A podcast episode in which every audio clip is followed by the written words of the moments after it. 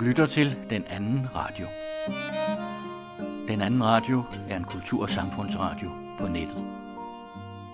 Du finder os på adressen www.den2radio.dk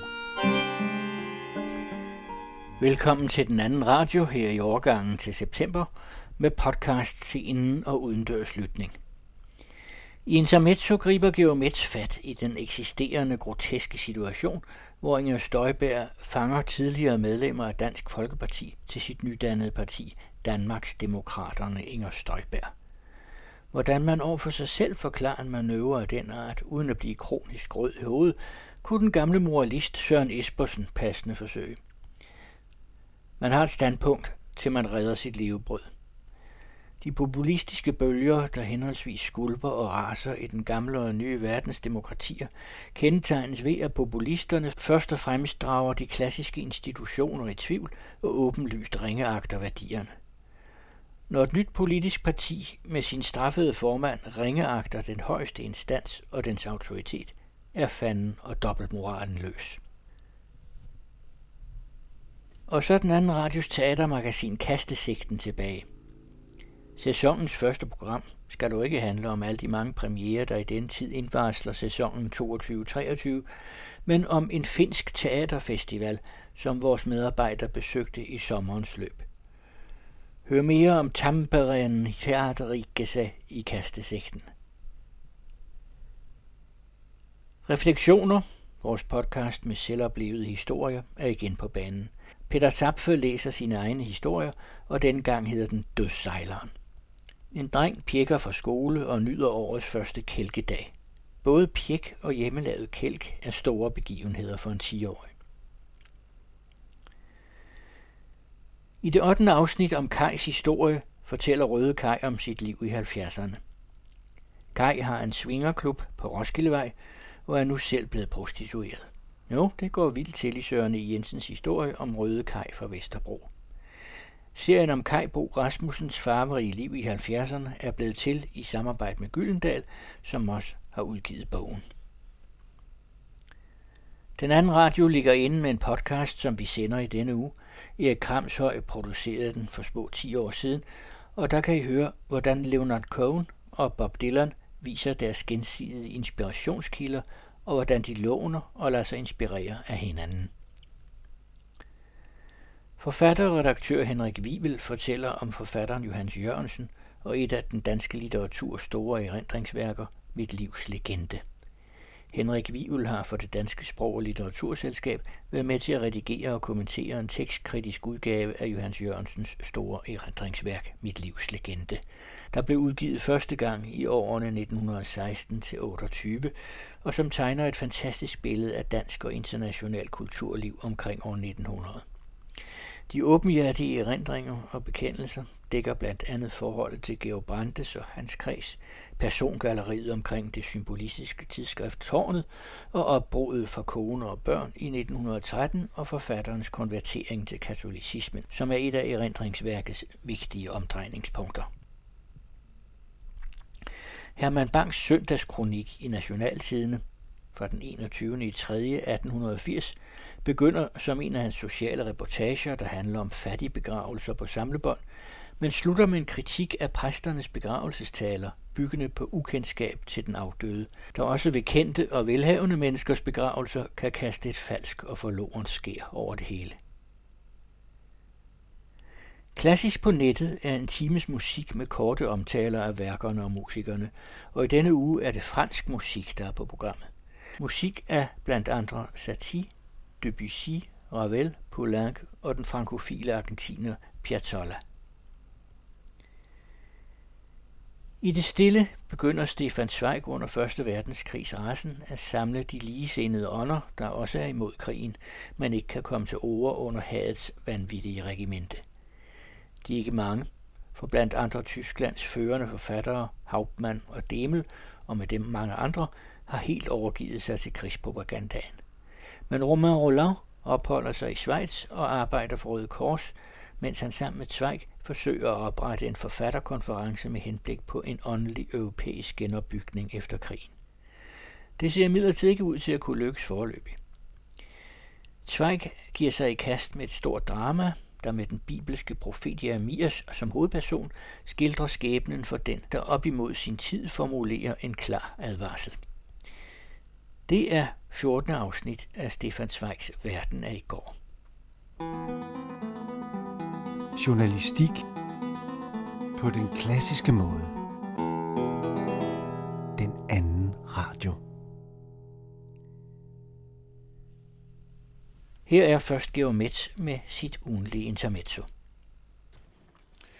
De fleste har måske fortrængt den historie, men hør nu her.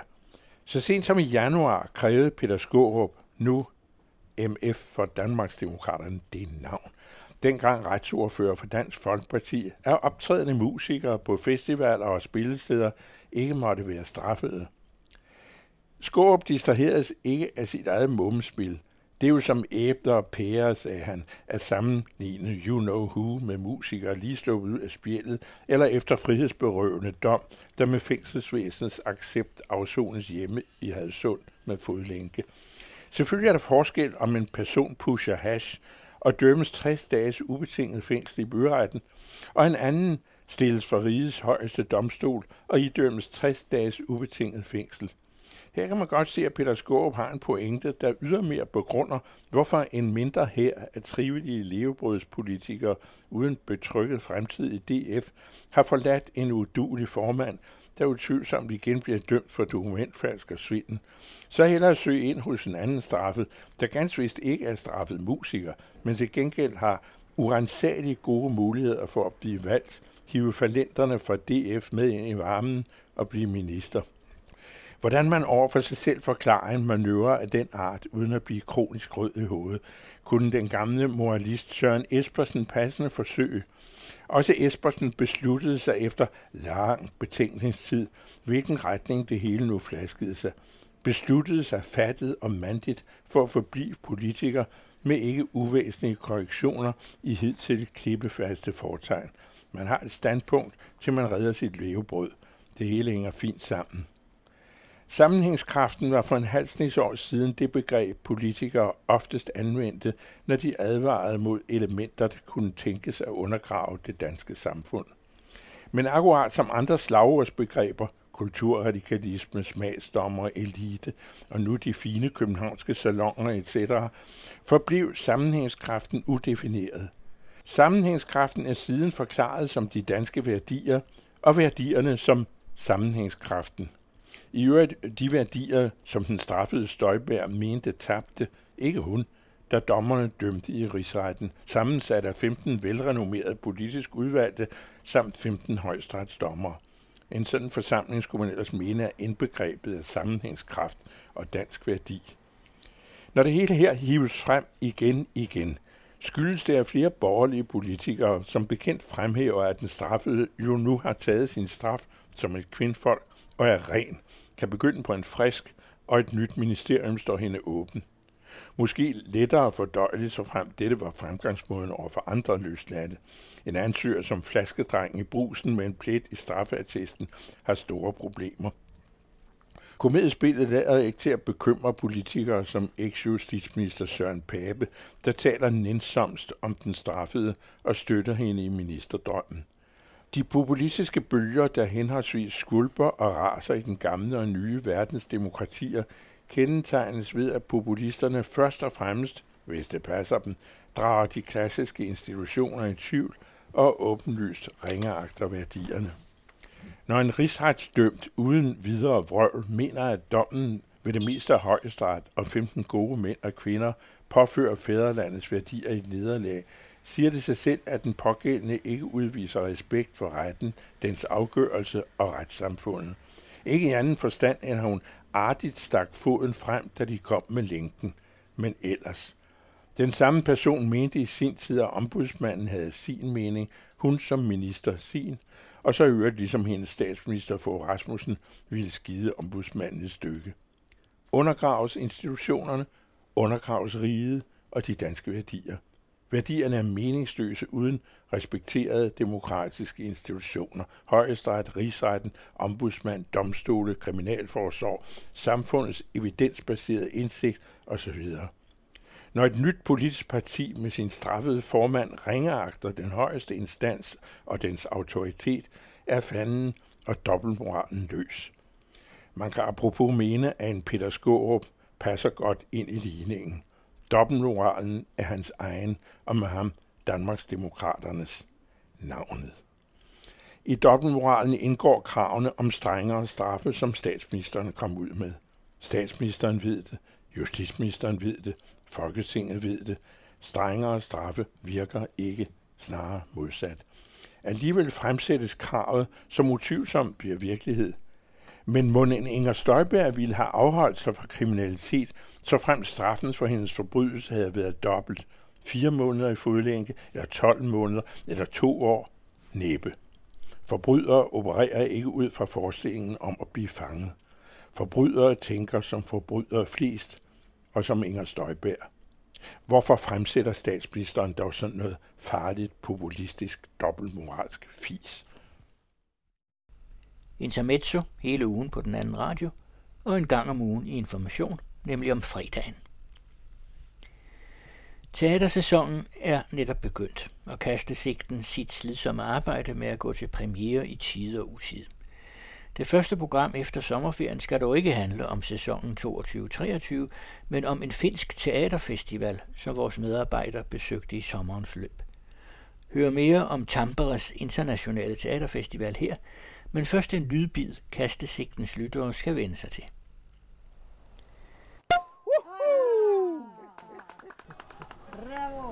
Kastesikten. Kastesikten. Kastesikten. Tervetuloa Kastesikteniin.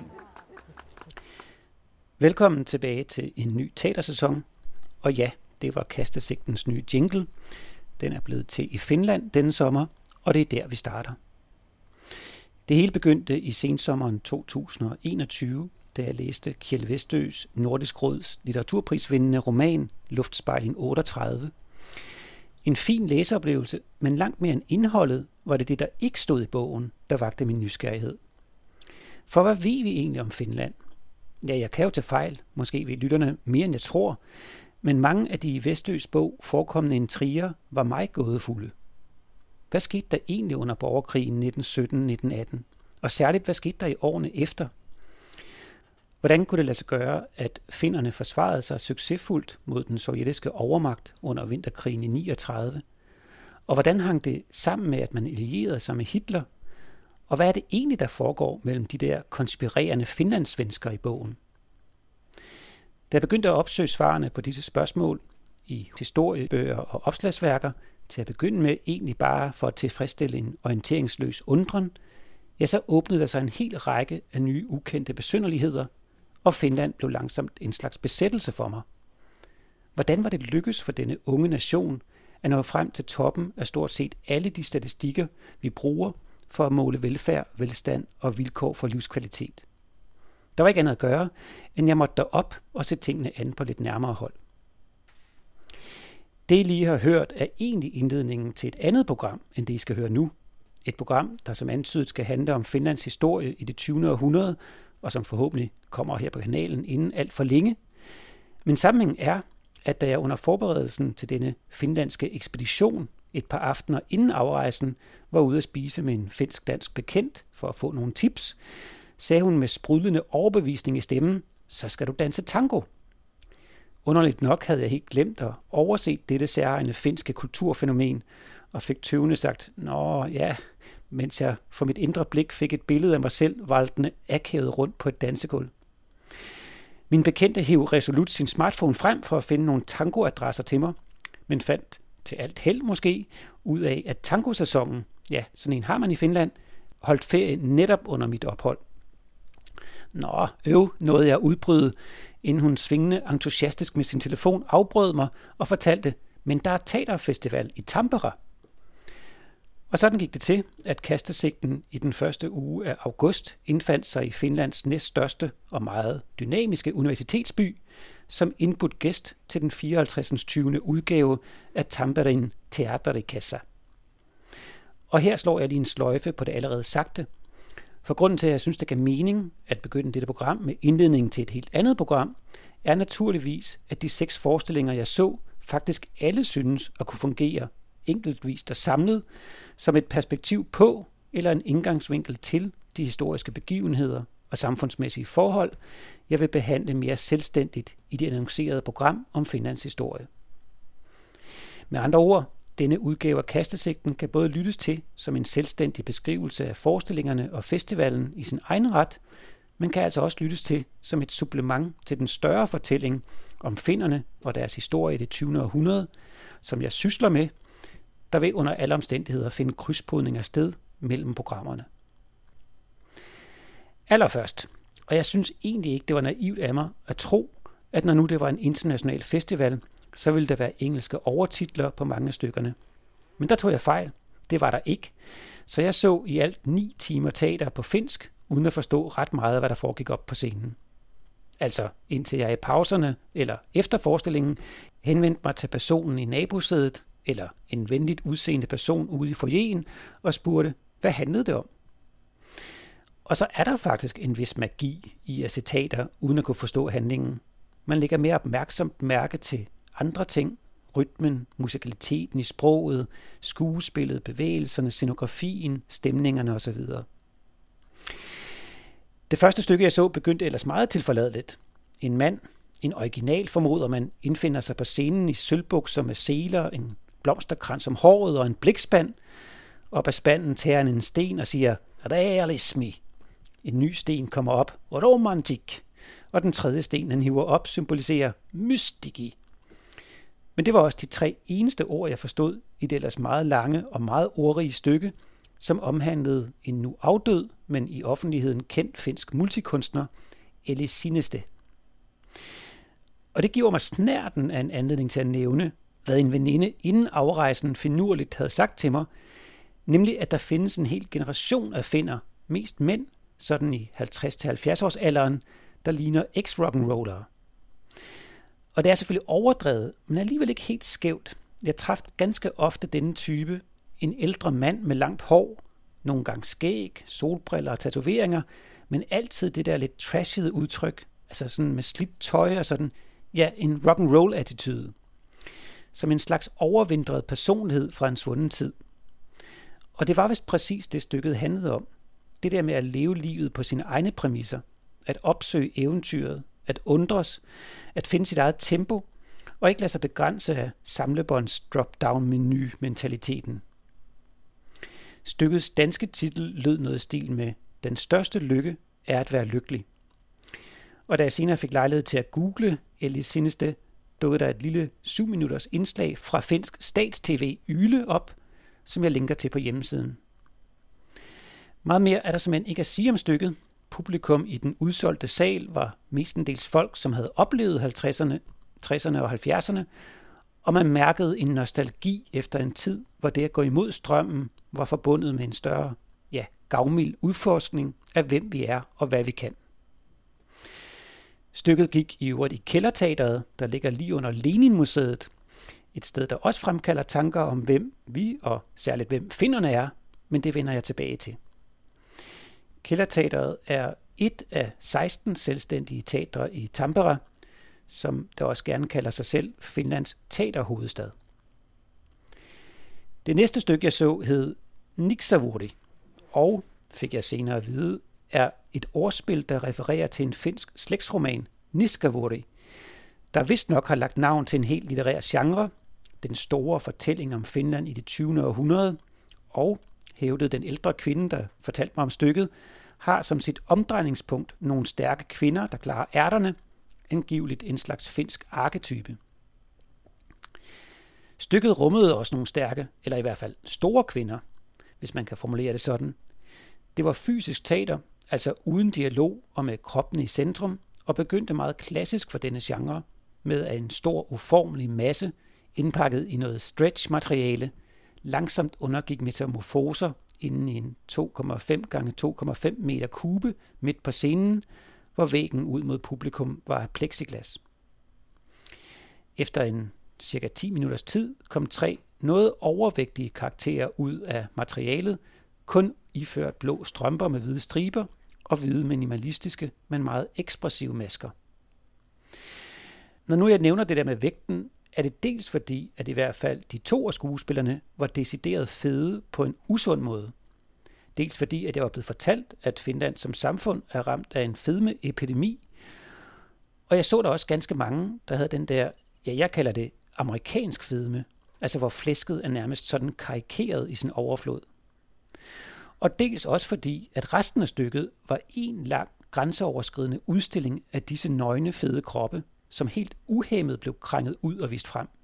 Kulminerende i en slutscene, hvor de tre figurer pumpede maling op i deres endetarme, for derefter at overskide hele kuben, hinanden og tre finske flag, der meget eksplicit blev kørt rundt i sølet. Alt sammen lige synet på publikum, og på en måde, jeg tvivler på, vil kunne lade sig gøre i lille nationalistiske Danmark. Stykket var som nævnt ordløst, men to tredjedel ind i forestillingen kom der en cirka to minutter lang sekvens, hvor en engelsk med sydafrikansk accent talende professoragtig stemme foredrog om betydningen af, og det ganske rimelige i, så vidt jeg forstod, det var virkelig kringlet akademisk engelsk, at bygge sin nationale kulturelle identitet op omkring skamløshed. Figurerne i kuben tog ikke det mindste notits af stemmen og fortsatte sine nøgne, på dette tidspunkt sadomasochistiske excesser. Truppen hedder Four Floors of Hordes, og da stykket var forbi, og de nu helt nøgne, uden masker, bukkede for publikums applaus, kom også instruktøren ind, fed og helt nøgen, og bukkede med. En detalje, jeg godt kunne lide. Jeg spurgte senere Teaterfestivalens ene kurator, om den kunstneriske ledelse havde haft nogen tvivl eller tøven i forhold til at programsætte et for mig at se temmelig kontroversielt stykke. I parentes bemærket er festivalen finansieret af offentlige midler, og den finske pendant til Dansk Folkeparti, de ægte finder, har mellem 16 og 20 procent af stemmerne. Hør hendes svar i interviewet, der kommer til sidste programmet. Jeg så jo et, at CPH Stage, eller Københavns Teaterfestivals internationale kurator, var til stede, så hvem ved, måske er vi heldige at få stykket at se til næste sommer. Det næste stykke, jeg så, hed Den Blinde Vinkel, og var af en art eller genre, som ikke står så stærkt herhjemme, dokumentarteateret. Vi har haft Jens Kløfts, mens vi venter på Irak-kommissionen, og Ina Miriam Rosenbaums Korridon, men ellers kan jeg ikke komme på flere eksempler i nyere tid. Altså som blander research eller dramatiseret genfortælling af en politisk skandale.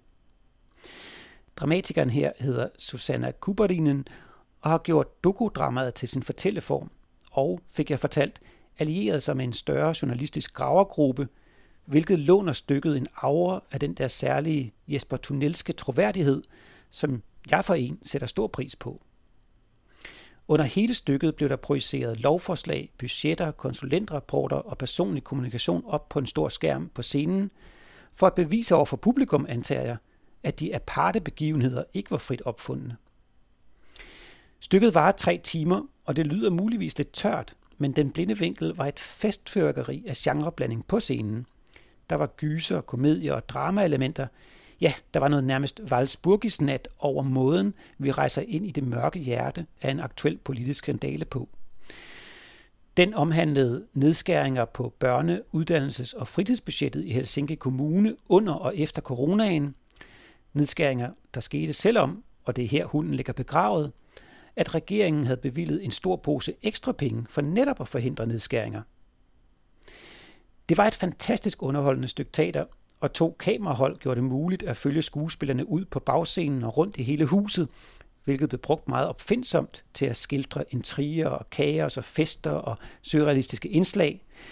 De otte skuespillere skiftede konstant kostymer og roller, og var trods de farseagtige indslag aldrig mere end et åndedrag for alvoren og de deprimerende realiteter, som stykket afdækkede. Den blinde vinkel havde jo et dramatikeren selv i hovedrollen, som en slags fortæller og jagttager, dog spillet af en skuespiller, som, fortalte naboen i teateret selv ensemble skuespiller, havde formået at kopiere Susannas kropsbog så godt, at mange troede, at det faktisk var hende op på scenen. Trods at jeg ikke forstod en disse, var jeg bjergtaget. Det var virkelig fremragende teater. Og bagefter tænkte jeg, gid vi dog havde noget eller nogen, der kunne det samme her i Danmark. Stykket sluttede med flere lidt lange tekstbider projiceret op på skærmen, som jeg selv sagt ikke forstod et ord af. Formodentlig noget holdet bag havde fået agtindsigt i, men meget virkningsfuldt nu tilsat musik, der egentlig ramte hele stemningen meget godt. Lad os høre lidt af den musik, inden vi begiver os videre.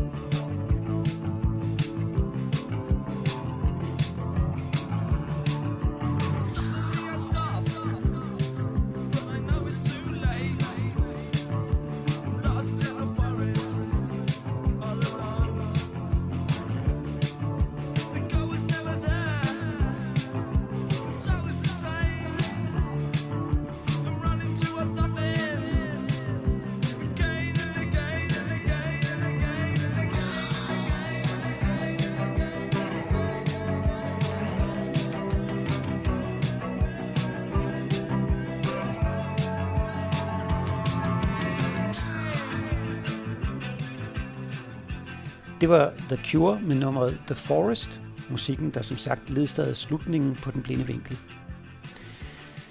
I parentes bemærket var det den før omtalte nabo i salen, skuespilleren, der i pausen hjalp mig med at forstå handlingen i stykket og samtidig udfoldede, rudimentært selvfølgelig, vi havde kun et kvarter, nogle tanker om, hvorfor at teateret står så relativt stærkt i det finske kulturliv og får så relativt gavmild en støtte fra kulturbudgetterne.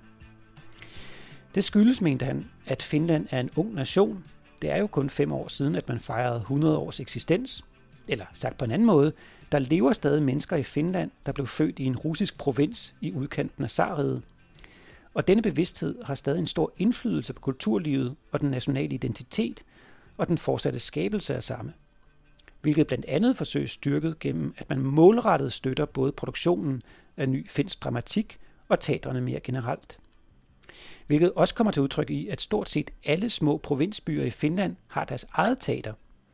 Kort sammenfattet, Finland værdsætter sit teaterfolk, og den kritiske eller selvkritiske brød i de to stykker, jeg lige har beskrevet, hører med til at være en selvbevidst og robust kulturnation. Jeg kommer tilbage til nogle af disse refleksioner i de annoncerede radioessays om Finland. Det sidste stykke, jeg her vil omtale, illustrerer, hvad jeg lige har sagt. Det kommer fra Oulu stadsteater, den nordligste af vestkystbyerne, og handlede om et andet mørkt kapitel i nyere finsk historie, nemlig det triste faktum, at Finland har europarekord i heroinafhængige. Jeg havde allerede hørt problemet nævnt af mine nye venner i Helsinki, hvor en diskussion, meget lige den vi har haft herhjemme, om offentlige fikserum rasede. Ifølge hvad jeg hørte, så dør der uforholdsmæssigt mange junkier af overdoser og beskidte kanyler i de finske byer, og det både diskuteres og dramatiseres. Stykket, der hed Min søn, der forsvandt, havde det der umiskendelige skær af provinsteater. Jeg ved ikke præcis, hvad det er, der gør, man straks fornemmer det. Men uanset var det et rasende godt og energisk stykke med fire kvinder, der spillede mødre, søstre og kærester til den ene unge mand i stykket, der hele tiden faldt ned i hullet midt på scenen. Scenografien, som bestod af en boksering med et hul i midten, var sparsom, men blev brugt med stor påhitsomhed.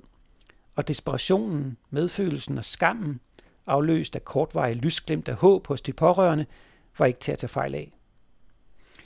Stykket tog livtag med et barst emne og endte, som det jo også ofte gør i virkeligheden, i det mørke hul midt på scenen. Og det, at stykket kom fra Olo, giver mig anledning til at nævne en sidste detalje ved festivalen, inden vi skal høre den kunstneriske leder selv fortælle, nemlig at festivalen først og fremmest er en national og kollegial begivenhed, hvor teaterensembler fra hele Finland og folk i omkring branchen mødes og netværker lige inden den nye teatersæson begynder. Men dette og meget mere fortæller Hilka Lisa om her i interviewet, som blev foretaget lige efter, at publikum havde forladt forjen efter min søn, der forsvandt. Og hvis vi lyder lidt trætte og rustne, er det fordi, at det er festivalens sidste dag, og vi havde været i røgsauna aften inden. Her introducerer hun sig selv. Hi, um, my name is Hilka Lisa Ivanainen. I'm one of the artistic directors of the festival, and I've been working here at Tampere Theatre Festival since September 2017. So the festival edition for 2018 was my first curation for the festival's main program. So actually, to be like very clear, when the, the, the folks of us who call ourselves artistic directors, uh, we refer to the main programming, which is about 20 theater, dance, or circus performances performed in a week's time here in the city of Tampere. And then, in addition to that main program, Tampere Theatre Festival has all other kinds of activities. For instance, Off Festival, which is mainly self-produced and um, with a more sort of lower threshold in the curating process and so the artistic directors don't um, curate for that. There's other uh, creative producers who do that. So so we have also sort of um, community engaged programming happening mm. alongside the, the what's called the main program. So the invitation only um, performance lineup. And you curate the program together with yeah, actually, uh, for the last two years, two and a half years, we were working as a as a duo with Daniel Ottaraika, who's a, an actor and director, and then now we're joined by Taya Helminen, a dramaturg and a playwright. Jeg tænker, at I godt kan forstå, hvad Hilga Lisa her fortæller, at festivalen nu har tre kuratorer, der står for hovedprogrammet, som i år indeholder 20 forestillinger, og at der derudover er et sideløbende program med ca. 100 mindre forestillinger og performances. Senere fortæller hun, at det er tre fastansatte, fem deltidsansatte og ca. 70 frivillige, plus de ansatte på de lokale teatre, som afvikler det hele, og at festivalen har en belægningsprocent på omkring 85 procent, og med alle programpunkter svarer det til næsten 90.000 publikummer. Vi fortsætter med at tale om processen med kurateringen, der begynder halvandet år før festivalstart, og for Hilka Lisa, der primært står for det internationale program, involverer det 3-4 måneders rejseaktivitet hvert år.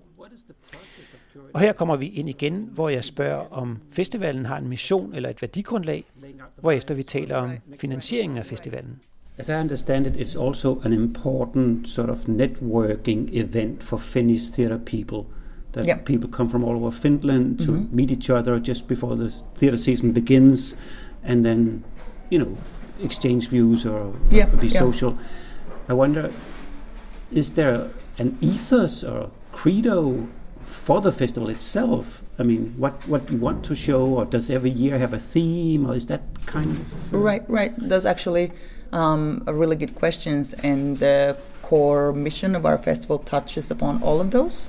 So, sort of from its foundation, very core value was to to be a gathering of professional theater makers in this country, being a long and narrow country with quite sort of lengthy uh, travel to get from, let's say, Rovaniemi in the north down to Helsinki, and then with people working especially in repertory theaters and such with quite tight schedules. The folks who initiated the festival and the companies in Tampere, the theater companies, felt that there needs to be a platform in, in the beginning of the season to that enables um, individuals seeing each other's work and getting inspired about that and talking about that, and also to reconnect and possibly you know dream up new new uh, work.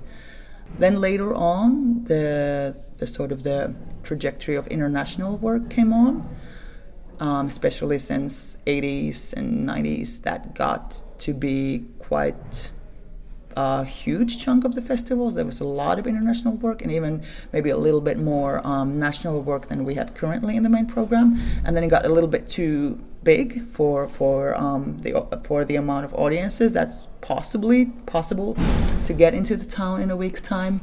So then then now um, we still value this gathering, of course, and the the collegiality or the, the way to sort of meet your peers in in in this art form. But also um, we want to as curators we want to make or, or, or, or sort of vocalize themes or or some other sort of topic an umbrella for the whole program so that that for all audiences because it's people's festival. We mm. do it for audiences, be they if if they're industry people, great. If they're if they're anybody, um, um, they need to sort of be able to to find reason why why the show is is at the festival, and we've found the thematic basis for curating to be one of the most effective and useful tools. So yeah, definitely themes are important. I guess it's good to say that we don't we very seldom produce new productions here at the festival. That means that we have to be sort of gentle and careful as to how we propose themes so that it works in favor of the artwork that we're presenting and it's still clear for the audiences and that we're clear in communicating what those themes are um, and sort of um, on an individual performances level and on in this whole uh, trajectory of the whole program because it's like it might be in a way more simple to offer a theme and then go ahead and produce work from artists mm. as an invitation okay there's something that we want to explore do you want to come and work with us and do it but when it's the other way around when we thematize already existing work it's a careful dialogue that needs to happen there too mm.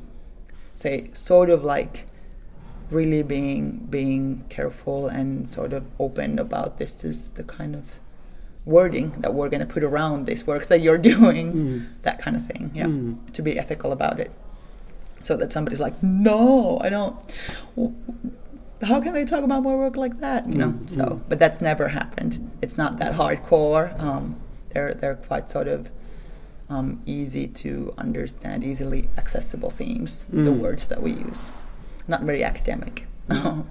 what are the themes or what are the words for this currently? Yeah, um, there's one particular English one that I like. Um, the the Finnish translation of that word is not great, so we don't use the exact Finnish word, but but um, but I like to use the, the word resilience for for the programming this year. Um, resilience in the manner that it's asking a question of how to survive psychologically and ecologically in the current um, society, especially sort of during this past year, year and years with very tumultuous and long-term affecting changes happening, um, like pandemic, like the ongoing invasion in our, um, Ukraine, Mm. these kinds of things, and and similarly, under that resilience topic goes mental health or sort of kind of tapping into psyche. Uh, what what, it, what is that? What what it is to be a a, a person or or a being with a psychology of a certain kind. Like some shows deal with very sort of clear urban and social issues, like My Son Who Disappeared, who revolves around the worsening uh, drug problem from the parents or the closed ones' point of view, also. Um, so some of them tackle these issues very straightforward, and then some of them are more like landscapes or mindscapes of of um, some psychological or psychoanalytical or uh, philosophical nature. As I understand it, the festival is publicly funded. Yeah, Money from the state and money from the municipality. yeah. City City of Tampere is one of our funder, and then the um, yeah the the state also. Mm. Are there also private partnerships? Um, uh, some, but but on a much uh, smaller scale in terms of um, sort of operational funding. So Okay. these these two that we just mentioned are the main funders um, for So, so you can actually run the festival on the funding you get from public funds. yes, You Yes. you- because I don't see any advertisements from I don't know a car maker or yeah, they, they're more like sponsorship deals. Um, and not s- and the, the sort of the operational budget comes from mainly from public funding and of course ticket sales um, play into our yearly budgeting a lot Speaking of public funding, I mean, I guess this is a cultural budget that pays for the festival. Uh, what, what's the development within the funding? Is it the same you've had for many years, or I, I, it's been it's been quite consistent. Um, there hasn't been there's no um, for the foreseeable future. There's no for festivals. We are not um, looking to face huge budget cuts, but uh, there's um, sort of key funding instruments have been changing, either uh, the way they allocate money or the amount of the money that they give out. So there may be sort of smaller cuts for a few more years to come, but it, from our end, it's looking that it's not going to be drastic because we're we can pretty easily adapt in terms of finding ways to, to have the sort of the key product, so festival going on for that week's time. Um, but for operators who either have longer festivals or produce festivals multiple times a year, um, it may be a little bit more. Um, they may feel more pressure in this, in, even in these circumstances, as to how how to uh, recover from the pandemic. If there are even um, sort of minor incremental cuts in the budgets. Hilka Lisa fortalte lidt om de forskellige prioriteter, der har præget festivalen gennem årene, og at der er en tematiseret rammesætning af hver udgave af festivalen, og at den i år handlede om modstandsdygtighed og psykologiske måder at takle de mange kriser, vi står i på. Vi fortsatte samtalen om, hvordan festivalen finansieres og udviklingen inden for kulturbudgetter mere generelt. Hun sagde, at den offentlige finansiering er rimelig stabil, og at der faktisk ikke er brug for større private finansielle partnere. Også fordi, at festivalen nyder godt af en stor popularitet, altså med andre ord et højt billetsalg, som er en væsentlig økonomisk faktor i budgettet. Efter at have talt lidt om kulturbudgetter og coronaens indflydelse på kulturlivet i Finland, og hvad den har betydet for kommende generationer af udøvende kunstnere, kommer vi ind på det stykke, jeg omtalte lidt tidligere, med tilsølingen af det finske flag. Jeg medtager hele vores snak om det, fordi jeg synes, det er interessant, at festivalen, og publikum selvfølgelig, har modet og rummeligheden, i mangel af bedre ord, til at lade os se denne tematik behandlet på en så provokerende façon. I saw uh, four floors of halls with this very, um, I don't know, uh, explicit show. Did you have any second thoughts about including that in the program, or is that? I mean, that would be a show that perhaps in Denmark would cause some people to say. I won't give my tax money Right, to right, people right, shitting on the Danish flag. Right, right. So Th- yeah, this was yeah. quite. Uh, I mean, uh, I, I really, really, really liked the show, but it was, you know, in, in a place where most people might feel of, affronted. Well, first I would have to say that to the to honor our audiences, they're really sort of open and interested and also vocal about how some performance makes them feel or what thought comes up. So they're they're sort of willing to go into it with the performances, and are maybe less directly sort of taken um, off guard by even provocative content. So that's great. Uh, we don't really have to be like uh, worried about people sort of disengaging from the from the performances or from the festival as a whole or from art as a whole. But I can understand. I can see your point about the question that it might be difficult for some folks.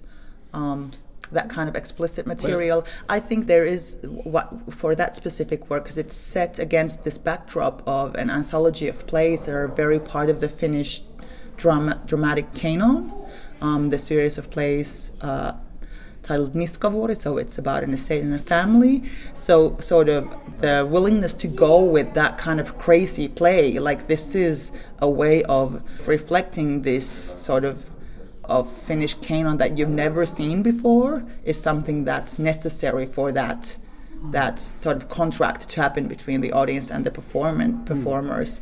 Mm. Um, and then I guess audiences that are not Finnish um, maybe look at it more like a contemporary art piece um, in itself mm. um, with the Finnish flag with these like symbols in there that are more maybe plainly representing the, the, nation or asking national things around national identity and the Finnish audiences always sort of balance it out with this notion of these plays and movies that are like highly popular still. So I, I understood yeah, as much, yeah. and I, I, I, can relate to that. Yeah. But I think uh, my question was more: Were you, as a curator, a little bit hesitant in not the audience response, mm-hmm. but rather that maybe politicians or people of a certain sort of notion of what Finnish culture should be yeah.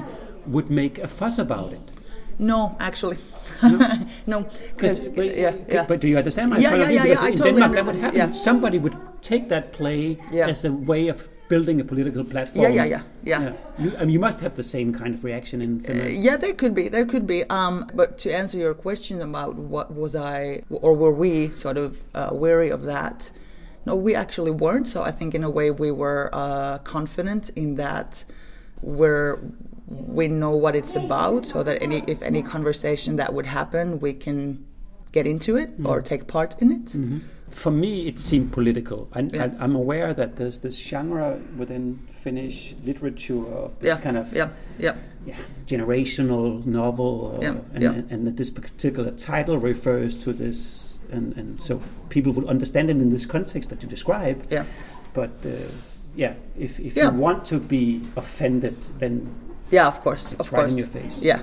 The flag going up against the. Yeah, yeah, yeah. Or them. Uh, uh and even the voiceover. I mean, yeah. there was just I think like thirty seconds of uh, narrative in the play, and it was about shame and yeah. Finland. Yeah, I can, I can, I can totally see how it could could be um, sort of taken as a like a crutch to to then um, and develop a political agenda um, on it in terms of what kind of arts are are we actually uh, supporting mm. and question that. I still come back to the fact that I, I um, not to say that we were expect we definitely were not expecting those kinds of things to happen, but I think that we were sort of certain that if they happen, we can open up that conversation. Mm. We don't want to avoid it if it happens, and we would take part in it. Yeah. Som I kunne høre, var festivalens kunstneriske ledelse ikke i tvivl om, at stykket skulle med. at de heller ikke forventede noget skænderi om det med populistiske politikere, men at de havde set hinanden i øjnene og været enige om, at en sådan diskussion var de parat til at deltage i. Datorerne for Tampere Teaterfestival 2023 er 7. til 13. august. I kommer som sagt til at høre mere om både Tampere og teater i Finlandsprogrammerne, men her slutter vi for denne gang vi når ikke at omtale åbningen af vores hjemlige teatersæson, som begyndte på det kongelige sidste torsdag med en repremiere af Anna Balslevs Et dukkehjem af Ibsen, med en fænomenal Cecilia Gadborg Hø i rollen som Nora. Ja, hele stykket er faktisk helt suverænt, og jeg kunne fylde en helt kastesigte med rokerner bare fra dukkehjemmet, som i øvrigt også åbnede sæsonen i Raumas stadsteater i Finland. Der hedder det Nukkekotti.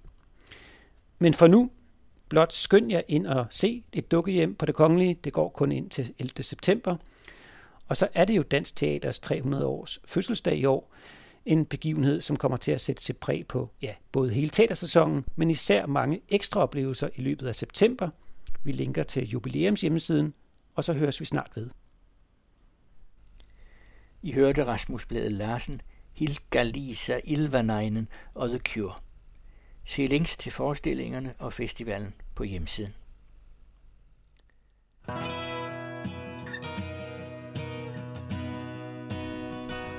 Dødssejleren kalder Peter Tap for sin refleksion. Det er en fortælling om både at pjekke og prøve at imponere de store drenge på Kælkebakke og komme med sin egen hjemmelavede kælk.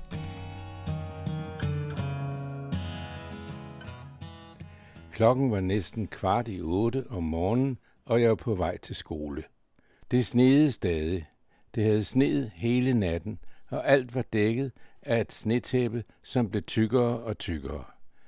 Det var næsten helt synd at træde på den nyfaldende sne, men jo mere jeg nærmede mig skolen, jo mere blev sneen snavset og fladtrådt helt ned til den sorte, våde asfalt, hvor man kunne skimte stykker af papir fra tygummi, karameller og andet slik. Der var to drenge fra den store klasse, der gik lige bag mig. De trak begge to på hver sin kælk, men da de gik videre forbi skolen, spurgte jeg, om de ikke også skulle i skole, ligesom os andre. De så forbavset på mig og grinede. Nej, det sner jo, svarede en af dem selvsikkert, og tog sin kælk op og holdt den lodret frem med et fast greb, som om at det her var det konkrete argument, der skulle til for at holde fri og komme ud og indtage de hvide landskaber, der lokkede længere fremme. Men du har jo ingen kælk, sagde den anden til mig. Det er synd, fortsatte han, og gik videre forbi skolen og tværs igennem den sidste flok skoleelever, der nu massede sig larmende igennem skoleporten, mens klokken ringede ind for sidste gang. Nej, jeg har ingen kælk, svarede jeg. Nå, det er synd, men vi tager over til tårnbakken. Den er god, for den er stejl, sagde han, og så gik han videre. Øv, øv, tænkte jeg. Jeg ville med. Jeg ville også kælke, og det skulle være i dag.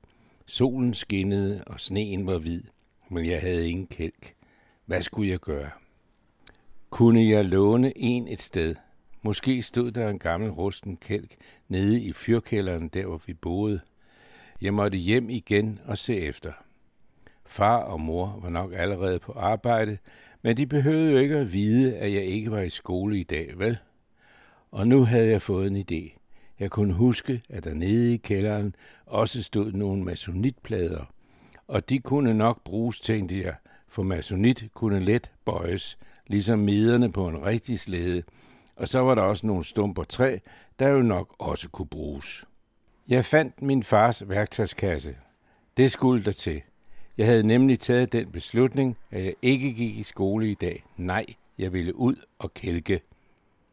Jeg planlagde mit projekt i detaljer. Jeg ville bygge min helt egen superkælk, og den skulle ræse ned ad den stejle tårnbakke, hurtigere end nogen af de andre, der kælkede på bakken.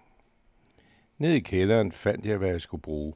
Jeg fandt en masonitplade, der var tilpas bred og lang, så man kunne ligge på maven og styre ved at trække i to snore forrest, der var sat fast i pladen i højre og venstre side. Dem satte jeg i. Snorene trak også på pladens forreste del en smule opad, så den buede, ligesom jernmederne på en rigtig kælk, der glider hen over sneen. Min kælk blev hurtigt færdiglavet, men den øh, var blevet noget tungere, end jeg havde regnet med, og masonitpladen eksede, fordi den var så lang og tynd. Men det var lige meget. Jeg havde travlt. Jeg bandt en snor til at trække med, og da jeg til sidst fik min hjemmelavede racerslæde ud på sneen, gled den fint, som den skulle. Afsted. Så skyndte jeg mig ud i sneen. Jeg skulle prøve kælken, mens de andre drenge stod oppe på tårnbakken. Tårnbakken. Det lød rigtig godt, og jeg skyndte mig afsted gennem sneen og endnu en gang forbi skolen, hvor der var helt stille nu. Nu sad de andre indenfor i klassen og længtes garanteret efter at komme ud i sneen og ud i solen. De torde ikke, men det gjorde jeg. Lige nu følte jeg mig mere fri end nogensinde. Det var min helt egen selvstændige beslutning at holde fri i dag. Der var nemlig ingen lærere, ingen far eller mor, der skulle blande sig. Jo længere væk jeg kom fra skolen, desto mere fri følte jeg det. Det med at være fri som en fugl, det forstod jeg godt nu. Og jeg forstod det for første gang på en helt ny måde, for snart skulle jeg stå øverst på tårnbakken, og snart var det mig, der skulle suse afsted og svæve fri som en fugl. Foran mig lå nu tårnbakken. Man kunne allerede tydeligt høre dem, der hudede og råbte, mens de drønede ned ad den stejle bakke. Men ingen af dem havde en kælk som min. Der stod de på toppen, alle de store drenge, der heller ikke var i skole i dag. De stod i kø med deres kælke og ventede på tur til at kælke ud fra toppen og videre ned ad den stejle tårnbakke. De holdt kælken tæt ind til kroppen og sprang så ud og landede glidende med et lille bump på den stejle bakke og susede så videre, mens de lå ind over kælken. Samtidig råbte de det navn, som de havde givet deres kælk. De råbte lige så højt de kunne, i fuld fart dernedad. De råbte navne som for eksempel Stormvind. Der var også to drenge, der kørte parallelt nedad, med kælkene ved siden af hinanden. Den ene råbte Tornado, og den anden råbte Tordenskrald. Ja, der var alle mulige spændende navne. Ned ad bakken drønede de så i susende fart og stoppede ikke, før de kørte lige ind i en høj snebunke, der lå for neden af bakken. Det så godt ud. Det var snart min tur, men derfra hvor jeg stod, kunne jeg se, at der alligevel var temmelig langt ned til den store snebunke, og at farten var højere, end jeg lige havde regnet med. Jeg var en lille smule nervøs. Jeg havde heller ikke fundet ud af, hvad min hjemmelavede kælk kunne hedde. Det havde jeg slet ikke tænkt over.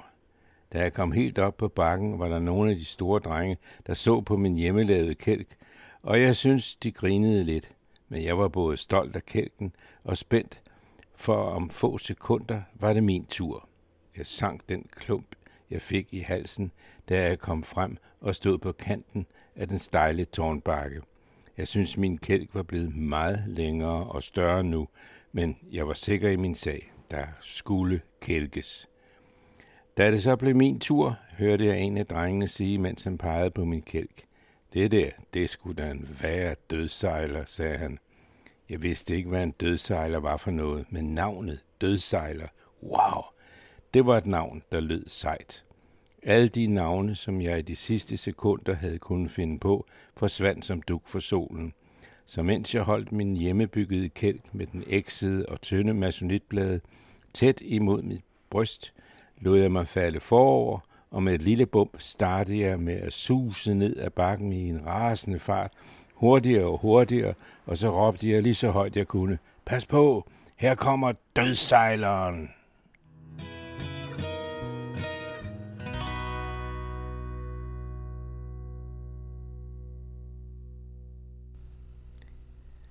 Det var Peter Tapfe, der læste Dødssejleren, som han selv har skrevet. Du lytter til Den Anden Radio.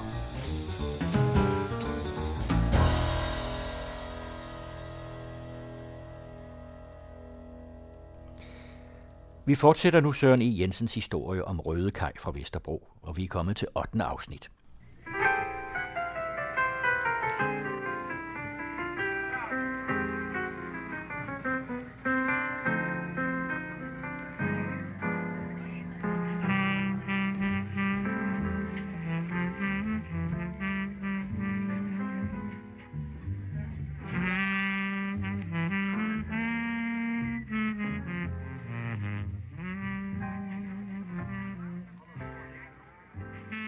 Gik det for sig første gang. Altså det her, det er jo en utrolig intim. Altså en ting er en swingerklub, men altså man lige pludselig møder et par, ikke? Jo, men altså, det var jo til en kop kaffe og en likør og en shoes og lidt øh, hyggemusik, og de vidste jo godt, hvad det var, der foregik, at der skulle foregå. Man er ude ved jer. Det var ude ved os første gang ude på Roskildevej, ja, da vi boede der. Hvem kom så? Jamen, det var et fransk ægtepar, at der kom. ikke? og kun, øh, kun dem. Der tog man jo kun et par af gangen, altså det var ikke sådan, at man inviterede flere til, til svingersmøder, eller det, det var et par, der kom, altså de kom som, øh, som turister her nu fra, fra Frankrig, og ville godt have noget sjov og noget sex, og, mens de var i, i København. Det, det kan jo være, at de har haft børn derhjemme og var ude på, på skæg og ballade, og København, det var jo pornografiens hovedstad, ikke? så der måtte man jo øh, simpelthen have noget ud af det. Ikke? Og der, der er det, som jeg siger, der kan det jo godt være, at det var manden, der var mest øh, ude efter det, og det viser sig jo her, at det har det jo været. Men det var det allerførste par simpelthen, hvor det gik galt? Det var simpelthen det allerførste par, at det gik uh, rivende galt med jer. Ikke? Og øh, der havde vi så et japansk par siden, som det gik udmærket øh, med. Vi havde et øh, svensk par, som også var nogle utrolig søde mennesker, og vi havde det skægt med flere øh, af de her øh, par. Men det allerførste par, det var det franske par her, dem glemmer jeg ikke. Hun var simpelthen så ked af det. Ikke? En smuk, meget, meget smuk øh, kvinde for øvrigt. Ikke? Det var, det var en af de ting, hvor jeg siger, der gik det fejl. Altså det der man mødes med nogen, og man boller med dem og alt det der, det er jo altid skide hyggeligt, og det kan jo være smadret sjovt, ikke? Men altså, hvis man først begynder at blande jalousi ind i det her, øh, modparten må ikke have det godt. Ikke? Hvis de har det for godt, så, så begynder man at blive jaloux. Og det må man endelig ikke. Altså, de skal have det lige så godt, som de overhovedet kan få det. Ikke? Det er jo det, der er formålet med det. Det er, at de skal få en oplevelse, altså, som giver dem juleløs i øjnene. Ikke? Det er jo ikke meningen, at de skal synes, at du ved, og så skal man ikke hovere over, ja, hun kunne ikke lide ham, hun kan bedre lide mig. Sådan må, sådan må det aldrig nogensinde være. Men det betyder også, at de langsomt begynder at rykke, indrykke annoncer, ikke? Jo, fordi så tænkte vi, så kunne vi skulle lige så godt få nogle bedre skillinger for det. Øh, nu når vi gjorde det, så vi satte en annonce i med ægtepar, der søgte øh, hjemmearbejde, eller andre ægtepar, eller whatever. Så tog vi ud og besøgte. Her besøgte vi så også enlige mænd, øh, der godt ville se et par sammen og være sammen. Vi lavede aldrig noget med, med homoseksuelt Altså, det højeste, at jeg overhovedet kunne strække mig til, det var at, at røre ved sjoveren på, på den anden. Men derudover, så de måtte ikke røre mig, altså. Det ville ikke have, de rørte mig vel. Så øh, derfra og så til, øh, hvorfor de gjorde det, det var i virkeligheden for at se øh, nogen være sammen. De kunne i virkeligheden lige så godt gå til live show og så øh, kigge på det. Men her, der havde de deres helt private live show. Men, øh, og det må, Øh, vi tog 1000 kroner for at, at tage ud og møde sådan en, en mand. Og det gjorde vi sådan set også, når det var par, at vi gik ud til. Det kostede lige så meget, fordi det var en forretning. Det havde ikke noget med swingers og klub at gøre. Det kunne være nogen, der sad hjemme og ringede og sagde, vi kunne godt tænke os til, at der var et andet par. Jeg kunne godt tænke mig til at blive bollet af en anden mand. Og øh, kunne kvinden jo tænke, og han kunne så tænke, jamen det kunne da være fedt, hvis der kom en anden kvinde, altså vi kunne få lidt sjov ud af det. Og havde de 1000 kroner på bankbogen til at bruge til sådan en gang sjov, jamen så mødte vi op. Hvor lå kundekredsen hen? Jamen, de kunne være hvor som helst. Vi har haft dem ude i Urbanplanen ude på Amager, og vi har haft dem i Hvidegårdsparken i Lyngby, og vi har haft dem i Holte, og vi har haft dem i Nærum, vi har haft dem i Søllerød. Uh, vi har haft dem uh, rundt omkring her i, uh, i Storkøbenhavn også. Det var ikke, fordi det var så voldsomt, og det var for det meste enlige mænd, der var på den her, ikke? dag en stor pornoproducent øh, ringede efter os en dag, hvor så opdagede lige, hvad fanden det var. Altså, jeg havde jo arbejdet for ham. Jeg har jo været pornomodel sammen med, med den her kone, jeg havde dengang. Ikke? Og været pornomodel i hans firma. Øh, og nu var det Leo Madsen, altså ham kan jeg godt øh, fortælle, hvem det var, for han svinede rundt med alt øh, på den måde. Ikke? Så øh, ham havde vi jo en, en ret sjov oplevelse med. Jeg blev ringet op nede på det telefonnummer, jeg så i, i avisen med det her ægtepar, af en mand, der spørger, om vi vil komme til, øh, til Lyngby. Og jeg sagde, jamen det vil vi da gerne, hvornår det skulle være, og han fik prisen på det, og vi lavede en aftale. På det tidspunkt, der, der lå jeg og kørte noget hyrevogn, og var i virkeligheden på arbejdet. Jeg kørte jo bare hjem, da tiden den kom, og så hentede jeg min daværende kone, og så kørte vi til Hvidegårdsparken i Lyngby, og bliver så lukket indenfor i den her kæmpe villa. Det var sgu en sjov oplevelse. For ikke alene så fik vi 1000 kroner for at, at ligge og bolle foran Leo Madsen, og jeg fatter bare ikke en bønne af, at han overhovedet ville give 1000 kroner for det. Han kunne stå i sit eget atelier ude i Teglværksgade og se på, at folk de bollede dagen lang. Og så kunne I hjælpe mig, om han ikke vil give 1000 kroner for, at vi skal komme hjem til ham og ligge på hans seng og ligge og bolle. Og så lå han og snakkede om, at jeg var en rocker, der bollede en rockertøs. Og det var, det var ligesom det, var det der, der gav ham øh, kigget. Ikke? Det var det, der gjorde det. Ikke? Han lå og fortalte, at læderjakken og læderbukserne, de sad stramt, og han lå i en øh, fantasi og glodede os lige op mellem benene. Ikke? Ja, det var lidt spøjs oplevelse, må jeg sige, ikke? men det var godt, vi fik noget for det, fordi han var en mærkelig mand, Leo Madsen. Han var delet med en mærkelig mand. Hvordan? Hvordan? Ja, men altså hans måde at være på, og han havde for mange penge, og øh, han, øh, han svinede med, med pengene, altså på øh, ved spil, og han, han tjente simpelthen så mange penge, så han, øh, han blev underlig i sit hoved af dem. Det var også lidt, lidt morsomt, den måde, at han betalte os på. I den ene side af det her soveværelse, der var nogle indbyggede skabe, og det var der så for enden af det her værelse, der var nogle andre indbyggede skabe. Før vi i gang skulle gå hen til de her skabe, og så skulle vi op på hylden der og have en kuvert, der lå deroppe, og åbne den, og deri der lå der 500 kroner. Og ikke så lå der 500 kroner til mig, og så lå der 500 kroner til, øh, til min daværende kone. Og jeg siger til ham, hvorfor det? Siger jeg til ham, hvorfor gør det sådan? Jamen, øh, så havde han betalt hver sit. Altså, han skulle ikke gøre forskel, vi skulle have lige meget, og jeg sagde, det vil vi få alligevel, selvom du vil give mig 1000 kroner, altså, så, så har vi jo fået vores penge. Ja, men nu var han sikker på, at det var gået ordentligt til. Vi havde fået vores penge. Ja, ja, så det var fint nok. Det var skide værd med det, ikke? Da vi så er færdige med det her sjov, der går, går der en lille time eller sådan noget lignende. Øh, så sætter vi os ud i hans pejsestue. Han har sådan en, en dejlig stue med klinker på gulvet og lædermøbler og en bar, og så øh, pejsen der lige midt i. Så sad jeg så, og jeg havde jo startet en øh, dyrehandel ude på Jyllingevej. Og der tænkte jeg, siger til ham, kunne det ikke være flot leve, sagde jeg så, henne på den der lange træmmevæg og have et akvarium. Hvad mener du om at have? Jamen for fanden, det var lige, hvad han skulle have. Sådan et skulle jeg sørge for at komme derud. Ja, men det, det koster jo så. Han var skide lille. Det, det var en rigtig god idé, og sådan et, det ville han have op lige med det samme.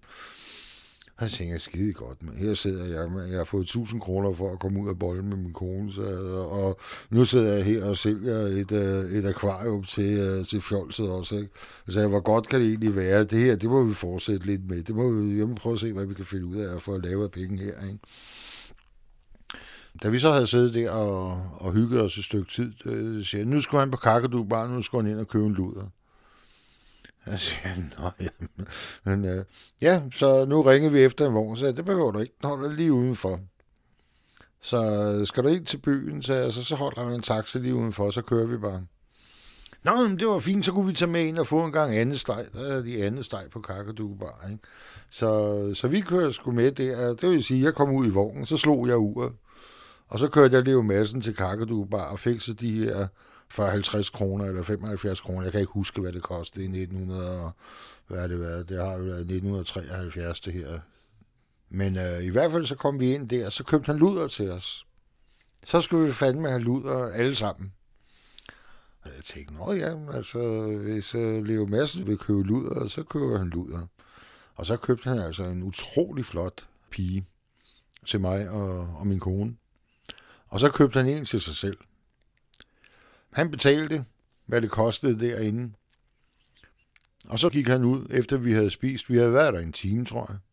Så havde vi spist det andet steg, og så havde han købt to luder. En til mig og en til ham selv. Og så gik han ud og tog en vogn og kørte til Hvidegårdsparken med hende, den her luder. Og så tog vi og ind i vognen, og så kørte vi øh, til Roskildevej med hende, som øh, han så havde købt til os. Og så havde vi en fin og en flot trekant sammen med hende. Så øh, det var en lidt af de lidt sjovere historier med, med det at være prostitueret som ægtepar. Det, det fik vi noget ud af. Hvad med akvariet så? Ja, akvariet, det blev til, at jeg ringede til ham øh, et par dage efter og snakkede med, jamen det, var, det mente han helt sikkert, det måtte han have, det der akvarium. Så jeg ringede ud til grossisten ude i Vandensbæk og spurgte, hvad sådan en 10.000 liter. Jeg havde målt op, øh, hvor, hvor, hvor stor den her øh, træmmevæg den var, og hvad der kunne være af akvariet der, og jeg skulle have et akvarie, jeg skulle have et bord, og i den størrelse, så det viser, at det bliver omkring 10.000 liter, at den skulle op på. Det er et ret stort akvarie. Mm. Og der skal bruges nogle planter, der skal bruges nogle fisk og noget grus og nogle sten, og sådan det, det ene med det andet. Øh, selve øh, prisen for det, det blev 10.000 kroner for at få det stillet op ude i Hvidegårdsparken. Og der må jeg nok igen sige, 10.000 kroner i 1973, det var mange penge. Det var en øh, utrolig omsætning øh, for den der lille øh, butik, jeg nu havde. Så øh, jeg tror, at jeg gav noget med 2500 kroner for akvarie og lys og bord. Og, øh, og så gav jeg noget af det samme for, øh, for indmaden, altså varmelæme, grus og fisk og planter og alle de der ting. Så der kom jeg vel af med 5.000 kroner alt i alt for det. Ikke? Så jeg kørte ud, og jeg, der kom en vogn, som han selv betalte, der kom ud med akvariet ude fra Vandelsbæk og blev stillet ind der, blev sat op og blev målt ud med vatterpasset, og, og det hele det stod i vage, og så begyndte vi at, at, at komme sand og sten og bygge det op på den måde, ikke? Og, Øh, begyndte vi at fylde noget vand i, og sætte planter og så videre, og så stille og roligt fylde det op. Og så skulle det jo så stå i en dags tid eller to og lige falde til ro og bundfældelser. Og, og der stod der altså, må jeg sige, et utroligt flot akvarium øh, med lys og, og, og baggrund og, og sten og planter og det hele. Altså, det var et utroligt flot akvarium. Men der var ikke nogen fisk i endnu. Det lægger du i, fordi der er noget med øh, pH-værdien i vandet og alle de der ting. Det skal man lige få til at fungere, for ellers så øh, ryger alle fiskene simpelthen. Ikke? Så den fik lige et par dage her, hvor den havde fået de her øh, anti-alge og øh, pH og de her ting, der skulle i vandet for at give den surhedsgrad. Og så kom jeg så ud igen, og der havde jeg sådan to spande med, hvor der var de her forskellige fisk i. Der var utrolig mange. Der var stimer af fisk, og der, der var mange rigtig, rigtig flotte fisk. Og de blev så lagt op i, i, i vandet der efterhånden, så blev poserne klippet op, og fisken lige kom ud i vandet, og han var som et lille barn, Leo Altså han var simpelthen så glad, så glad, så glad for det her. Ikke? Så øh, jeg kørte og havde fået mine 10.000 kroner, og tænkte så ikke rigtig mere over det. Så gik der en uge, så havde jeg Leo massen i røret. Akvariet, det ligger. Der render vand ud af akvariet. Og så nej, det er løgn, altså. Hold da kæft, hvad skal jeg gøre, ikke? Altså, så var jeg ude og kigge på det. Du, så det var ikke ret meget. Det drøbede fra det ene hjørne. Det var rigtigt nok ikke. Men det er alene det, jeg så trykke fra 10.000 liter vand. Og det var ikke skide godt. Så jeg prøvede at give det lidt med noget silikone, og så lægge noget udenpå, og få det til at stoppe, og tage op nede på hans klinkegulv. Ikke? Så gik der et par dage, så ringede han igen. Du har godt komme og hente lortet, jeg vil ikke have det, der er hul i det, det render ud af det, jeg vil ikke have det, det er grimt. Og så har han fået en af sine depressioner, og så skulle det væk lige med det samme. Ikke? Og jeg husker, det var en lørdag, jeg husker, jeg havde min onkel med. Var han manodepressiv? Eller? Ja, han var manodepressiv, han var bindegal. Han var simpelthen bindegal, den mand. Ud fra min betragtning. Altså. Mm. Jeg er ikke læge, jeg kan ikke stille diagnose, men som jeg så ham, så synes jeg, han var bindegal. Ikke? Men uh, det her uh, akvarie, det tog så ud sammen med min onkel, og så begyndte vi at tømme det. Uh, en lang slange ud i haven, uh, og så uh, hæver princippet, og så tømte vi det. Ikke? Og så fangede jeg fisken ind og op i spandene med fiskene, ikke? og uh, stenen og planterne, dem, de kom jo så ned i nogle plastikposer, og sandet det blev øh, gravet op, og vi fik det væk, og så fik jeg øh, 3x34 til at tage det, og så kørte ud til Vskov, ude i, i Vandensbæk igen. Så fik jeg 2500 kroner tilbage, fordi han fik alle fiskene, han fik alle planterne, og han fik, øh, fik akvarier og bord og det hele. Jeg fjernede ud fra levemassen. Så der fik jeg 2500 kroner tilbage der. Ikke? Og Leo Madsen, han var sgu ligeglad. Han ville ikke have nogen penge tilbage. Det var han fuldkommen ligeglad. Jeg skulle bare fjerne det lort, mand. Det var det dummeste, jeg nogensinde havde gjort, synes jeg. Jeg synes det var godt. Jeg synes at det var fint, det jeg havde gjort, altså på den måde. Ikke? Så skete det med Leo Madsen senere. Jamen, det ved jeg slet ikke, fordi jeg havde ikke noget at gøre med ham senere, men uh, han tog livet af sig selv. Han gik jo nedenom og hjem med det hele. Han spillede jo fandme alle sine penge op, ikke? Og han øh, tede sig jo ligesom om, at han var øh, konge over, over det hele, ikke? Og han, han, var, han var syg. Altså, hvis man ikke er, så tager man ikke livet af sig selv på den måde. Han var nok en meget festlig fyr til at starte med, men han blev øh, underlig af, af pengene, miljøet og, og i det hele taget. Altså i og med, at du begynder at lege med, hvor, hvor mange politiner var det, vi talte om? Det er de store partier, du får hjem, ikke? Ja, 100.000. 100.000, ikke? Altså på et tidspunkt, politiet får også ret hurtigt øjnene på dig, ikke? Nej, det gør, det gør de faktisk ikke. Ikke til at starte med, faktisk. Jeg snodede mig skuden om det øh, øh, nogle gange, selvom jeg havde fået mange øh, præludiner ind i, i landet, og havde fået dem distribueret, og øh, så var jeg utrolig forsigtig med, hvad det egentlig var, at jeg gik og foretog mig. Jeg var ikke den der meget frembrusende type. Jeg tog det sådan meget, meget øh, forsigtigt og meget, meget stille og roligt. Altså, jeg havde ikke mere travlt med at lave penge, end, øh, end jeg kunne tage det roligt. Jeg havde det ikke sådan, at jeg stod nærmest i panik og skulle af med nogle ting, og ligesom øh, ikke tænkte mig om, før jeg øh, kom de steder, hvor jeg øh, nu kom. Øh, et, øh, et lille eksempel, det er, at jeg der i, i starten af 1975, da jeg kom over og bo over på Flintholm Allé, og hvor jeg øh, får den her store, øh, første øh, store sending af øh, præludiner fra Italien. Der øh, havde jeg været ude og, og købe mig en, øh, en Buick Skylark fra 1964-65. En utrolig flot amerikanerbil. Og øh, den skulle jeg jo øh, ligge og, og futte rundt i. Og mm, en dag så, øh, min datter var så lige blevet født der i, i april øh, 75. Og øh, der skal jeg så op med en sending på øh, bare 5.000 præludiner til en mand i Østervoldgade. Øh, jeg har gemt præludinerne, dem har jeg så gemt nede i øh, fodenden af babyliften, hvor øh, øh, den helt nyfødte, hun ligger og øh, står i en rem øh, på bagsædet. Øh, og min kone, øh, daværende kone, øh, sidder på forsædet, og jeg kører hen, og jeg går op til, øh, skal møde Røde Per, og øh, ringer på, og der bliver sagt, ja, men kom indenfor, og der bliver trykket. Og jeg kommer så op på øh, tredje sal, hvor han boede sammen med en kæreste på det tidspunkt. Og så bliver døren åbnet, og så får jeg stukket en pistol i maven. Altså, jeg hoser, men hvad fanden, hvad sker der her? Øh, ja, hvad jeg skulle, og sagde, jeg skal snakke med Per. Jamen, hvad, hvad jeg skulle? Jamen, jeg skal snakke med Per. Jamen, hvorfor jeg kom? Jamen, jeg kommer, fordi jeg skal snakke med Per. Jamen, øh, øh, han var der ikke lige nu, øh, hvor jeg kendte Per fra. Så jeg ham kender jeg da fra, fra byen og fra, fra diskotekerne og fra, øh, fra værtshusene, og, og han øh, spiller, har discjockey og spiller musik, og øh, så jeg skulle bare høre, hvordan det gik. Jeg har ikke set ham et stykke tid, så jeg kunne ikke forstå, hvor han var henne, så nu ville jeg besøge ham. Jamen, det var et underligt tidspunkt at komme og besøge folk på. Så sagde jeg, det ved jeg ikke. Så altså, hvis folk de er vant til at arbejde på værtshus og vant til at være på diskoteker, så synes jeg ikke klokken halv 10 om aftenen var særlig. Han var jo dårligt begyndt, han var dårligt gået på arbejde endnu. Ikke? Så det synes jeg bestemt ikke var, øh, var særlig sent.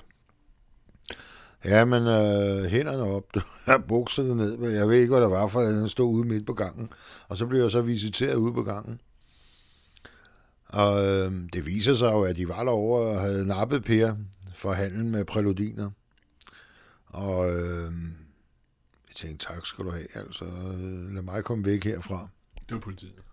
Ja, jamen, det var politiet. Det var narkotikapolitiet, Uropatruljen, der var oppe og lave en retsja, øh, på hans bogpæl.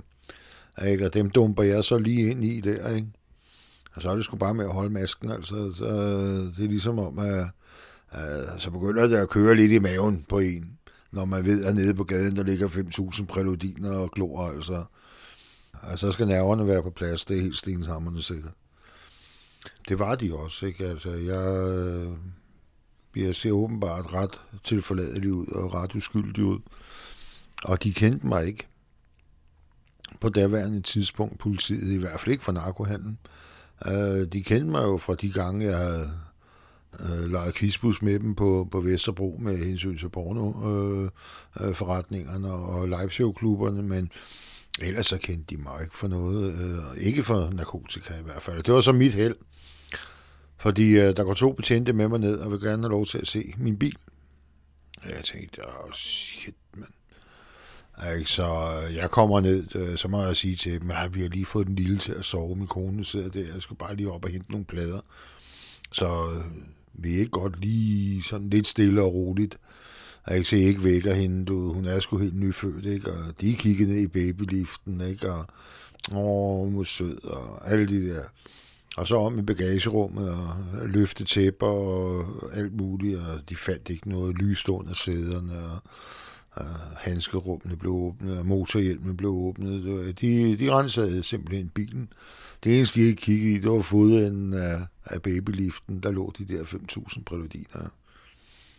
Så øh, jeg fik lov til at, at smutte derfra.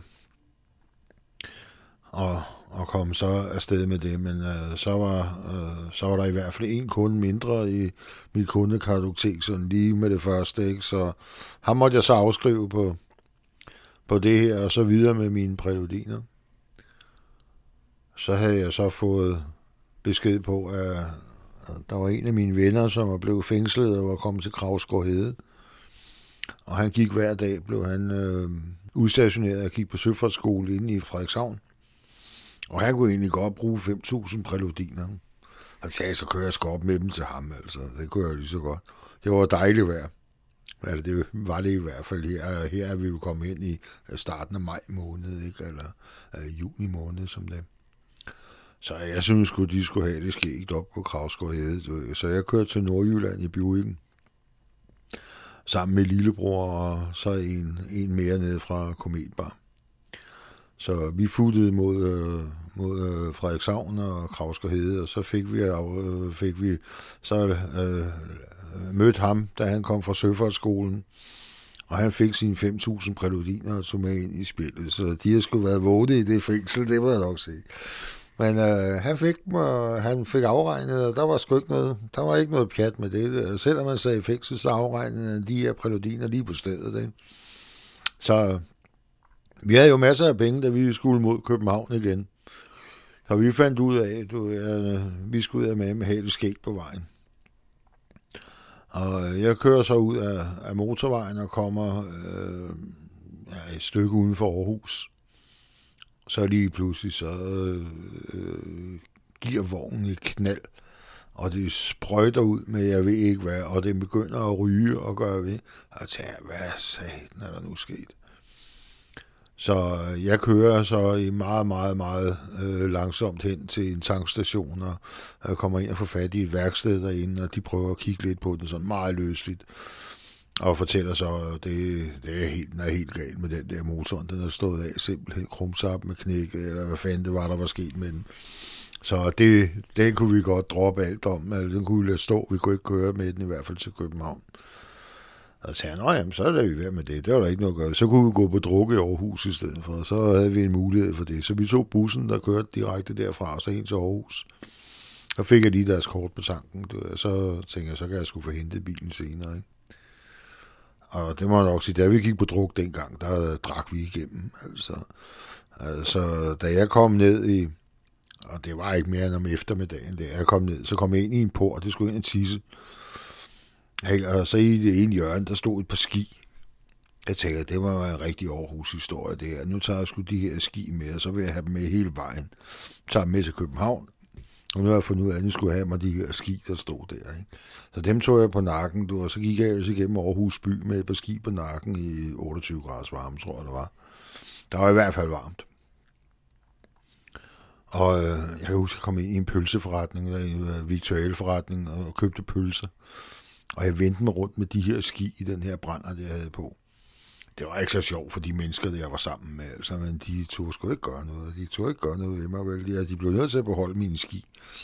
Der var en af dem, han havde formastet sig på et tidspunkt til at tage dem frem, og så kylede han dem over på en byggeplads. Jeg blev simpelthen så stik hammeren åndssvag, så øh, han fik lov til at kravle over hegnet og gå ind for at hente mine ski. så det, det, det, det blev han så nødt til, ikke? og det gjorde han også. Ikke, jeg havde dem med hele vejen igennem. Jeg havde dem med på værtshus, jeg havde dem med på, øh, på øh, diskotek om aftenen.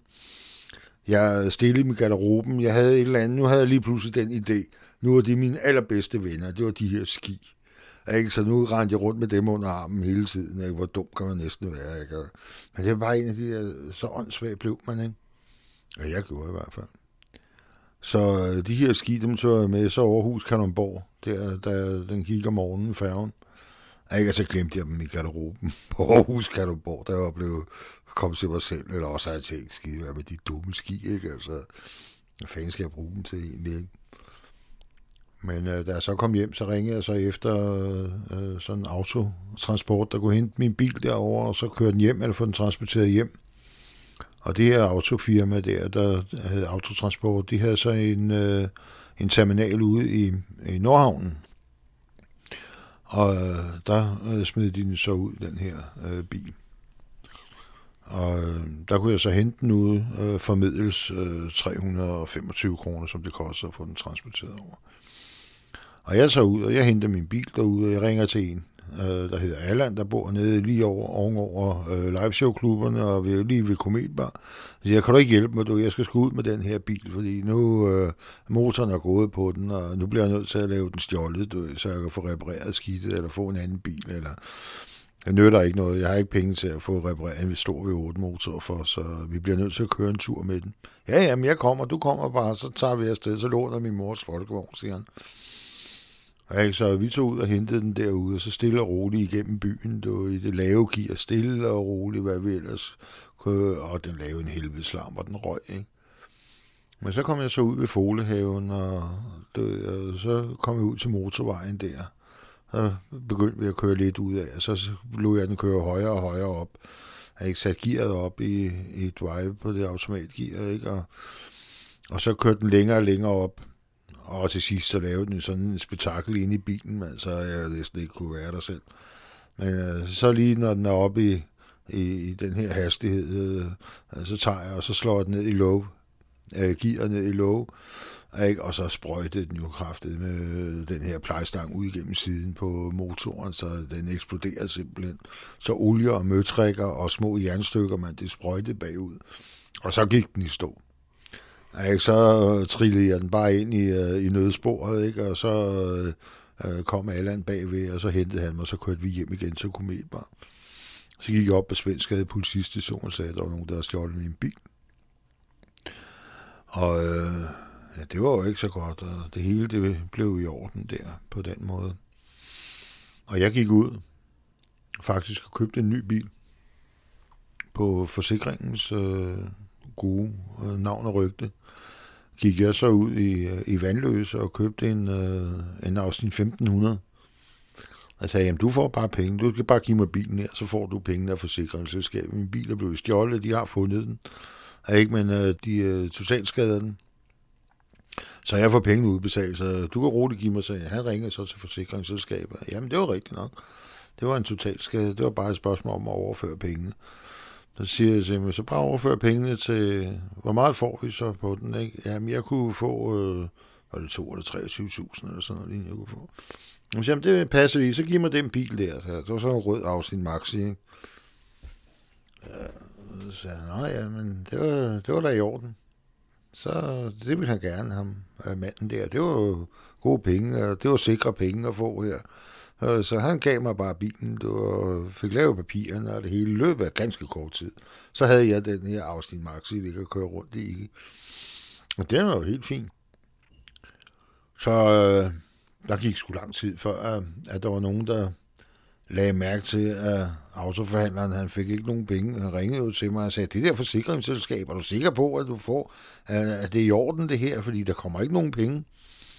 Så det kan jeg sgu ikke forstå, så jeg, så det, du har da selv talt med dem, altså det må da få, du må da få nogle øh, penge. Ja, men han havde ikke fået nogen penge, og det gik jo ikke, og øh, det, så når jeg kørte i den her øh, røde bil, ikke, så kunne jeg godt mærke, jeg kunne sgu mærke lige pludselig, at der var, der var nogen i nakken på mig.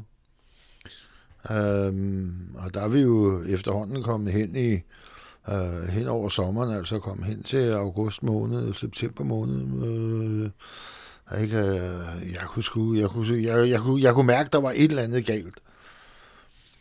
Ikke? Og øh, jeg tænkte, det, det var sgu øh, en lidt underlig, øh, en lidt underlig fornemmelse, det her.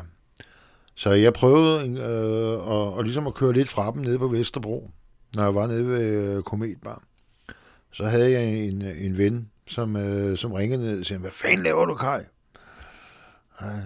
Så jamen, det ved jeg ikke. Hvad, hvad synes du, jeg laver? Ja, men de er helt op at køre, mand. du ligger og ræser rundt øh, med dem dernede i røven. De kan ikke finde dig. Nu kan de ikke finde dig.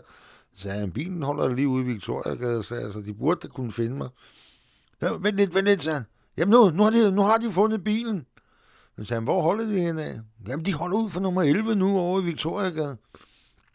Og så sagde han, nu går jeg, så skal du bare høre, så, så kan du ringe til mig igen. Så jeg, nu går jeg ned og tager bilen, så kører jeg dem sgu en tur. Ikke? Ja, jamen, ja, jamen, så gør jeg bare det. Så han, der var jo ikke mobiltelefoner dengang, vel, så jeg futtede ud fra Kometbar, og så kiggede jeg over, og jeg kunne godt se, så holdt der en Volvo, en hvid Volvo. Og jeg tænkte, nu skal vi med en fod, så han køretur på Vesterbro, ikke? Så jeg hentede, jeg gik bare over lå som ingenting, gik ind og startede bilen og kørte ud derfra. Og så hen og over øh, Victoria, eller over Istegade, og den anden og ned mod Halmtorvet. Og så kunne jeg godt se, så kom de, så kører, kom de ud, ikke? Og så ydermere, så kom der en, øh, en øh, hvid bil ud, der kørte ud fra skråparkeringen nede på Halmtorvet, da jeg kom ud der. Så jeg havde to efter mig. Jeg sagde, det bliver skægt det her, ikke? Så jeg kørte ned og ventede nede ved Skilbækgade, og så ræsede jeg tilbage, alt hvad jeg kunne, og ned ad Gasværksvej. Så kommer ned til Gasværksvej, så kommer den her Volvo. Han kommer imod mig nede fra den anden side af Gasværksvej. Jeg kommer ned fra Helmtorvet af Gasværksvej. Så, tænker jeg, nå jamen, så kunne jeg se, at du var ham, ikke? Jeg tænker, så øh, kommer han ned, så tror han, at jeg kører ned til Kometbar, så han lægger så ud, og så begynder han at blinke til venstre, men det gør jeg også bare, så blinker jeg også bare til venstre. Det vil sige, at vi kører lige op og ned af hinanden, så sidder jeg så vinker til ham inde i bilen, og så ræser jeg ud af, af Istegade mod Engeø Plads. Ikke? Og han bliver jo nødt til at svinge ned, han skulle så rundt for at få fat i mig. Ikke? Men øh, så fik de en tur op og ned af sidegaden, og så stillede jeg bilen frem og igen, og så gik jeg ind, og så ringede telefonen igen. Det tog ikke ret lang tid. Så det viste de igen. Hvad, kan du, hvad, hvad, hvad, hvad laver du? Nu er det hele op at køre, så altså, du, nu ligger du og driller dem. Så sagde jeg, gud driller dem, så altså, det ved jeg godt. Jamen, hold kæft, han kunne høre på deres kommunikation. Han øh, havde politiradioen, så han kunne høre, jamen, øh, er der, han er der nu, og øh, de er der, de er der, ikke? Og så, jamen, så kører jeg ned, så jeg, så det her, det er sgu da ikke sjovt mere. Så, så tænkte det her, så hvis I så tæt på mig, du, så var det ikke længe, så anholder de mig, så har de mig for et eller andet. Det var jeg næsten sikker på, de havde, ikke? Så øh, derfor så tænkte jeg, jeg lader bilen stå her. Jeg drak mig fuld om aftenen. Efter den her tur, så drak jeg mig fuld ned på, på Kometbar. Og tog så en vogn hjem til, til Flintholm Allé og lagde mig til at, at sove der. Og øh, min kone, hun var øh, taget til Norge op til sine forældre øh, med, med den lille, så jeg var alene hjemme. Jeg havde faktisk været alene hjemme i, i næsten 14 dage. Jeg savnede hende, jeg savnede min datter, og jeg synes, det var sådan lige op over. Der var for meget druk i det, og det hele det jo kørt af helvede så Jeg vil godt have min datter og min kone hjem. Men øh, men under alle omstændigheder, så ringer jeg efter en taxa. Fordi nu er jeg ned på Tordenskjold, ned på Gamle Kongevej. Ikke? Og jeg havde snork sovet, og klokken var over middag. Og, ikke? og jeg ringer efter øh, vognen, fordi som sagt, så står øh, min egen bil nede på, på Vesterbro. Og, ikke? og så kommer taxaen. Og jeg sætter mig ind i den på forsædet. Øh, han startede og siger, vi skal til Tordenskold på Gamle Kongevej. Ja, jamen, det er fint. Ja. Vi kører ned igennem øh, Flintholm og og så lige over på den anden side, så kører der en hvid granater ud. Lige røven af os. Og jeg kigger sådan over skuldrene og kigger efter den, og, og så siger han, ja, de kører ud af helvedes til. Så siger jeg, hvad, hvem, øh, Ja, politiet, men nu, prøv at se, nu er de efter her. Og før, der var jeg også en her, der kørte efter mig, og de, de kører helt vildt derude lige i øjeblikket. Så siger jeg, at det er sgu nok mig, de vil være fat i. Så jeg, så siger jeg sådan bare sådan... så det går jeg godt grine lidt af. Og så snakker vi om alt muligt andet. Han er der sgu nu, sagde så det, det er mig, han følger efter. Så jeg tror sgu, det er mig, han følger efter, så jeg. Så det må du undskylde, det tror jeg sgu. Hvad har du, har du lavet noget der, eller hvad? Har du været ude på narstreger, eller? Nej, han havde ikke lavet noget. Nå. Så blev vi så kørt igennem, og så ned til Bylåsvej. Så kører han rundt om Bylåsvej og kører ned af Gamle Kongevej, så ud for frisøren, der ligger. Der ligger en frisør, og så ligger værtshuset, det ligger så lige på hjørnet. Og siger, bare hold her ved frisøren, så. Og jeg betaler, og så stiger jeg ud. I det øjeblik, jeg stiger ud af bilen, så kommer der to mænd hen øh, fra, de står i opgangen, kommer de hen, og så tager de mig slam og lægger mig ned over køleren på hans, øh, hans taxi. Ikke? Og der ligger jeg med hovedet sådan her, så jeg kan kigge lige ind på ham. Ja, så blinker jeg til ham en gang, så griner jeg, så blinker jeg til ham. Og så, og så går jeg ligesom se, hvad fanden, hvorfor, hvorfor, hvad, hvad, hvad sker der egentlig, ikke? Og det var mig, de var ude efter. Det var mig, de skyggede og ville have skygget der, ikke? Og det var kl. 14.02. Og det var datoen står i bogen. Ikke? Men, øh, men øh, det, var, det var optakten der. Det var, det var det, der skete dagen før, og så øh, den dag, hvor jeg øh, blev anholdt for den her handel med, øh, med præludiner, som de sagde, jeg havde haft, ikke? hvor jeg påstod helt vildt, at det havde jeg bestemt ikke noget som helst imod. Jeg var på vej til at skulle ind til frisøren. Jeg var på vej til frisøren. Jeg skulle ikke ind øh, på noget værtshus eller noget. Jeg havde ikke. Jamen, jeg havde lige ringet derned og sagde, det kan godt være, sagde jeg. Jeg har ikke noget at gøre med nogen som helst mennesker derinde. Både Jesse og Tom og, og, og en mere sad og ventede på mig derinde. Ikke?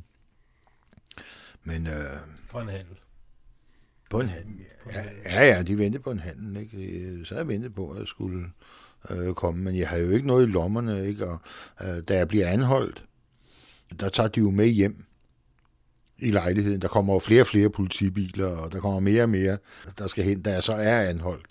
Der, der mødes de alle sammen der, og så kører vi i samlet flok ud på Flintholm Allé, ikke? og så bliver der lavet razzia øh, og rensning af, af lejligheden. Ikke? Men ikke så meget som en krumme fandt de her præludiner. Jeg har ikke noget med sådan noget at gøre. Vel, altså, det, det er jo en af de ting, som, som øh, jeg, jeg har, har været forskånet for i hvert fald. Det er, at de aldrig nogensinde har kunnet gå ind og ligesom at tage 100 præludiner, eller 20 præludiner for den sags skyld, eller 5 gram hash for den sags skyld. Aldrig nogensinde har de kunnet øh, tage mig med noget som helst. Det er jeg en lille smule stolt af. i dag, det, det er jo, at, at de absolut ikke har kunnet finde noget, når de har prøvet at lave retssager. Heller ikke uh, her, da de kom uh, sidste gang med hensyn til hassen. Og der kom de der trods alt og sagde, at jeg havde haft med 600 kilo hash at gøre. Aldrig nogensinde. De kunne ikke finde så meget som 5 gram, vel? Men de havde ret.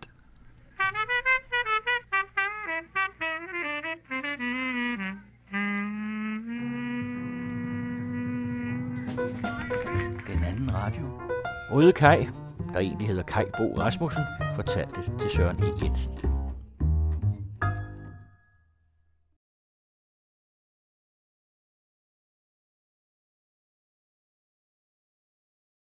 Nu giver Erik Kramshøj et musikalsk indblik i Bob Dylans og Leonard Cohns gensidige inspirationskilder. Det med at lade sig inspirere af og låne fra hinanden er nemlig slet ikke ualmindeligt.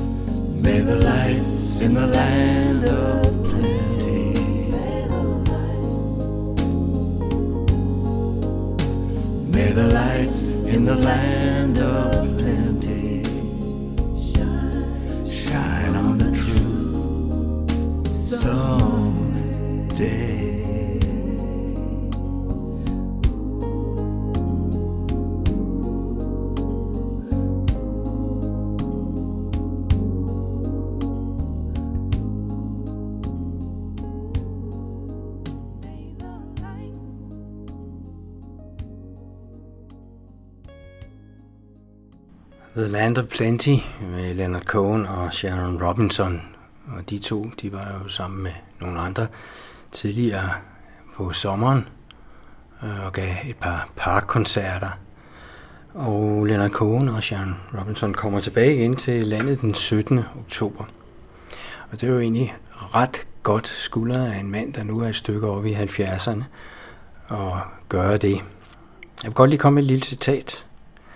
Leonard Cohen er enestående i rockens verden. På et tidspunkt i 90'erne, hvor reaktionen mod begrebet 68'erne var ved at manifestere sig kulturpolitisk, holdt Leonard Cohen skansen til fordel for f.eks. For Bob Dylan og Rolling Stones, som mere trendy popjournalister mente burde holde deres kæft. Citat slut, og det er der faktisk aldrig nogen, der har bedt Leonard Cohen om at gøre, og det er der formentlig heller ikke nogen, der tør for eftertiden. Citatet var fra min egen bog, som udkom sidste efterår. Og øh, jeg vil godt øh, citere lidt mere fra den, fordi øh, en ting er, at han nu fylder parker og kan komme her tre gange om året, men sådan var det ikke første gang, da han kom. Det var i Tivoli i 1972, i april 1972. Det var en ret besynderlig koncert. For, som jeg så rigtig skriver, manden havde knap sunget halvanden sang, før lydanlægget brød sammen, og det lykkedes trods ihærdige forsøg ikke at få det til at fungere igen. Nu var Leonard Cohens publikum jo gennemført civiliseret, så man tog det med ophøjet ro. Jeg tror ikke engang, der var nogen, der forlangte pengene retur. Og på den måde kunne en ødelagt koncert blive til en begivenhed. Leonard Cohen formåede også at gøre sig selv til aftens vinder ved at udstille sin egen skrøbelighed. Help me, Help me, råbte han til publikum med sprukken røst, og de gjorde deres bedste. Mens en af reparationerne stod på med lydanlægget, opfordrede han publikum til at fordele sig i grupper i den halvfulde sal, mere var der ikke, og eventuelt dyrke noget sex, mens de ventede. Det fik en vaks kvinde til at råbe, om han kunne tænke sig at være med, hvor til han ydmygt svarede, at det desværre slet ikke var hans stil, og han end ikke kunne masturbere uden at blive pinligt berørt. Citat slut. Vi skal lige høre Susanne, den har jeg også på om.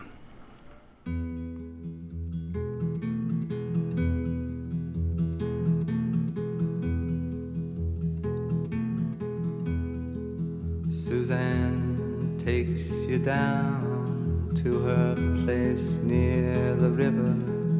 You can hear the boats go by. You can spend the night beside her.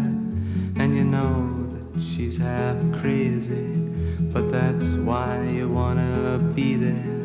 And she feeds you tea and oranges that come all the way from China. And just when you mean to tell her that you have no love to give her, then she gets you on her wavelength and she lets the river answer that you've always been her lover.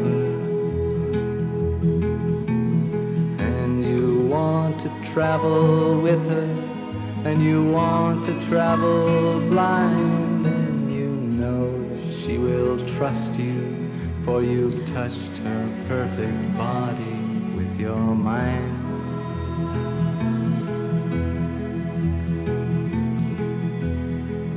And Jesus was a sailor when he walked upon the water, and he spent a long time watching from his lonely wooden tower. And when he knew for certain only drowning men could see him. He said, All men will be sailors then until the sea shall free them. But he himself was broken long before the sky would open, forsaken, almost human. He sank beneath your wisdom like a stone.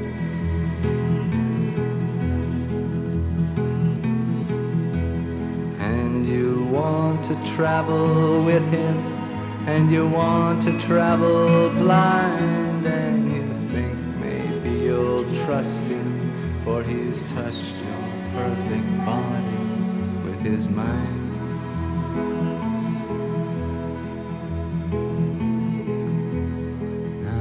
Suzanne takes your hand and she leads you to the river she is wearing rags and feathers from Salvation Army counters, and the sun pours down like honey on Our Lady of the Harbor. And she shows you where to look among the garbage and the flowers. There are heroes in the seaweed, there are children in the morning, they are leaning out for love. They will lean that way forever while Suzanne holds the mirror. And you want to travel with her, and you want to travel blind, and you know you can trust her, for she's touched your perfect body with her mind.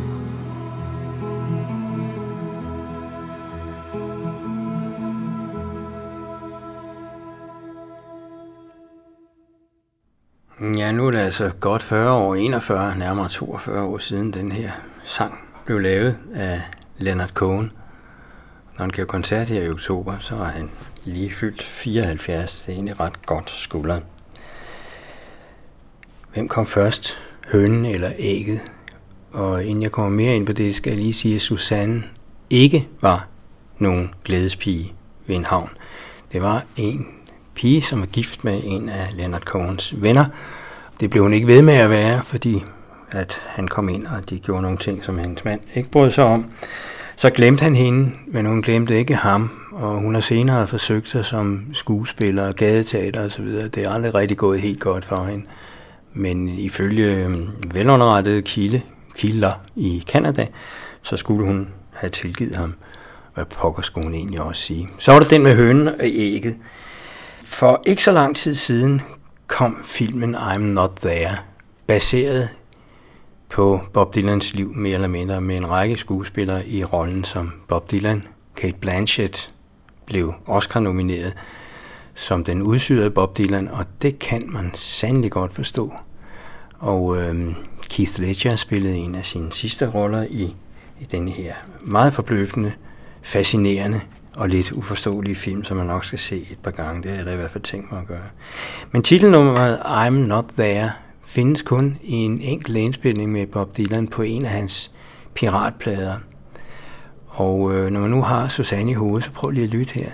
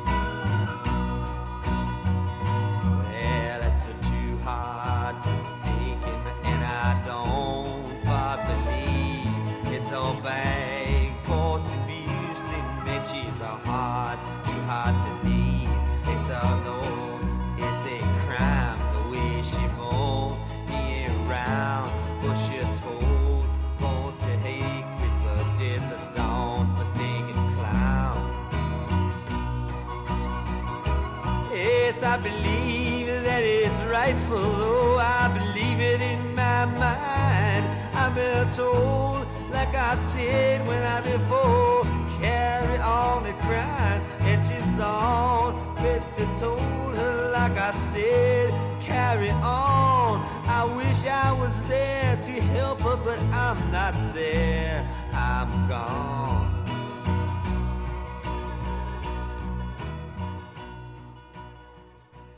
Titelnummeret fra I'm Not There, filmen, som mere eller mindre handler om Bob Dylan. Og det er så første gang, den kan fås på en officielt tilgængelig CD. Den kunne altså ikke engang fås på LP dengang, andet i piratudgave. Det var en sang, der blev lavet under Bob Dylans såkaldte Basement Tapes Sessions sammen med The Band i 1967.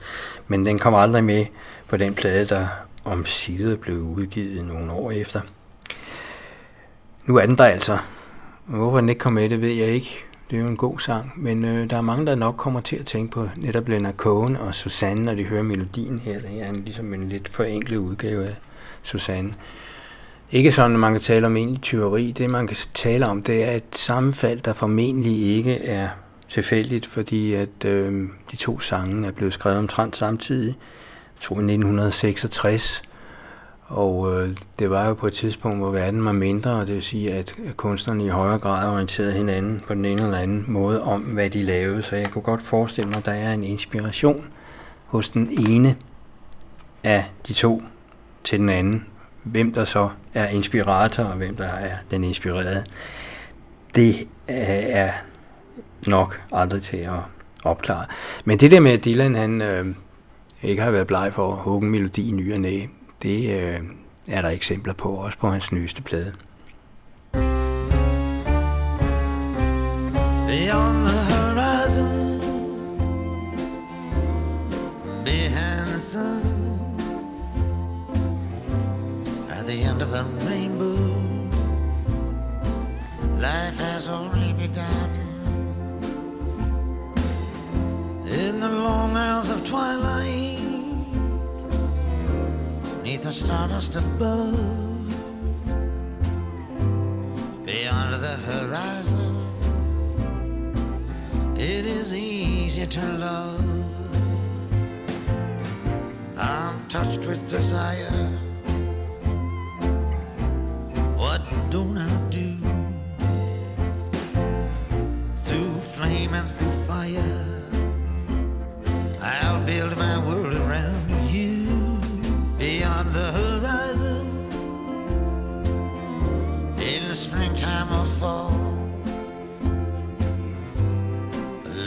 Waits forever for one and for all. Beyond the horizon, across the divide, around about midnight, we'll be on the same side.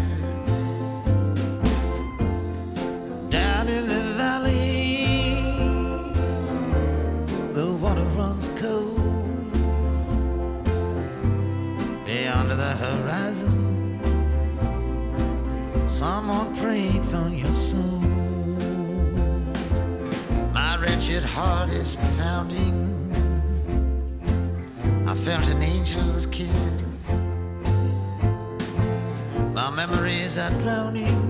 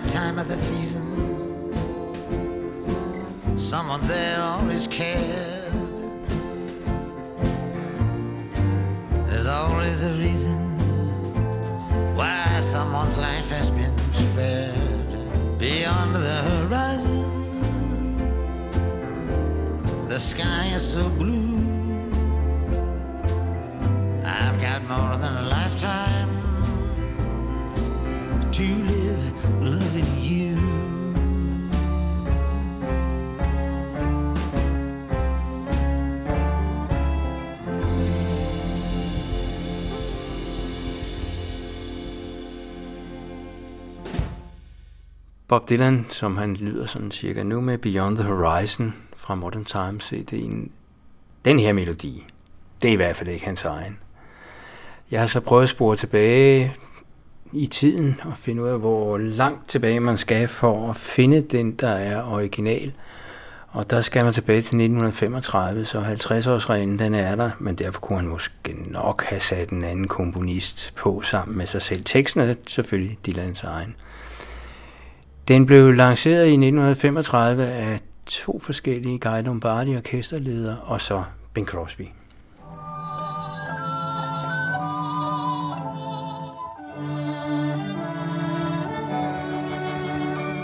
Was down where fisher folk gather. I wandered far from the throng.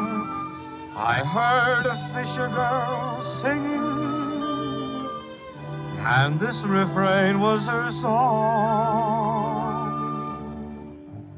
Red sails in the sunset, way out on the sea. Oh, carry my loved one home safely to me. He sailed at the dawning.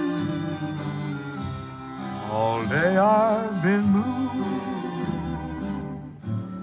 Red sails in the sunset. I'm trusting in you. Swift wings you must borrow. Make straight for the shore. We marry tomorrow. And he goes sailing no more. Red sails in the sunset. Way out on the sea. Oh, carry my loved one home safely to me.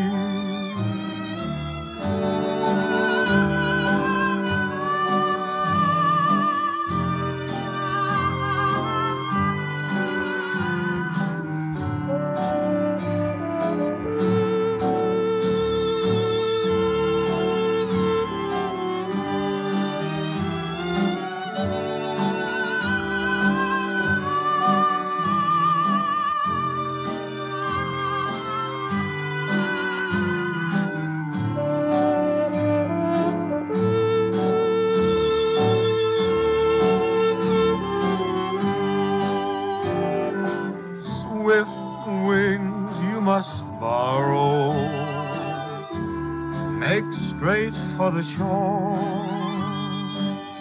We marry tomorrow. And he goes sailing no more. Red sails in the sunset,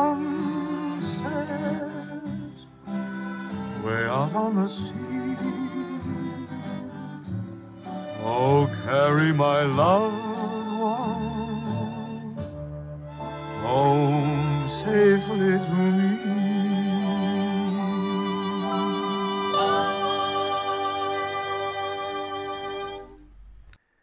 Det var Erik Kramshøj, der havde tilrettelagt. Den anden radio.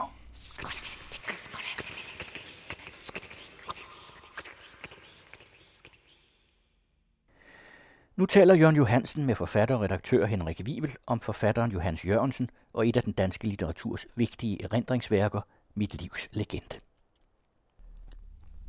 Henrik Wiel, du sidder i øjeblikket og arbejder med ja, en genudgivelse af Johannes Jørgensens erindringer. Hvorfor egentlig det? Det er fordi, at øh, jeg synes, det er et spændende stykke personhistorie. Altså, det er jo en selvbiografi, Mit livs legende hedder den, og den kom fra 1916 til 1928 i syv bind. Og Johan Jørgensen skrev den i den årrække for ligesom at gøre status over den første del af sit liv. Og på den måde er den spændende stykke selvbiografi, og også en ægteskabshistorie om et ægteskab, som, som opløses.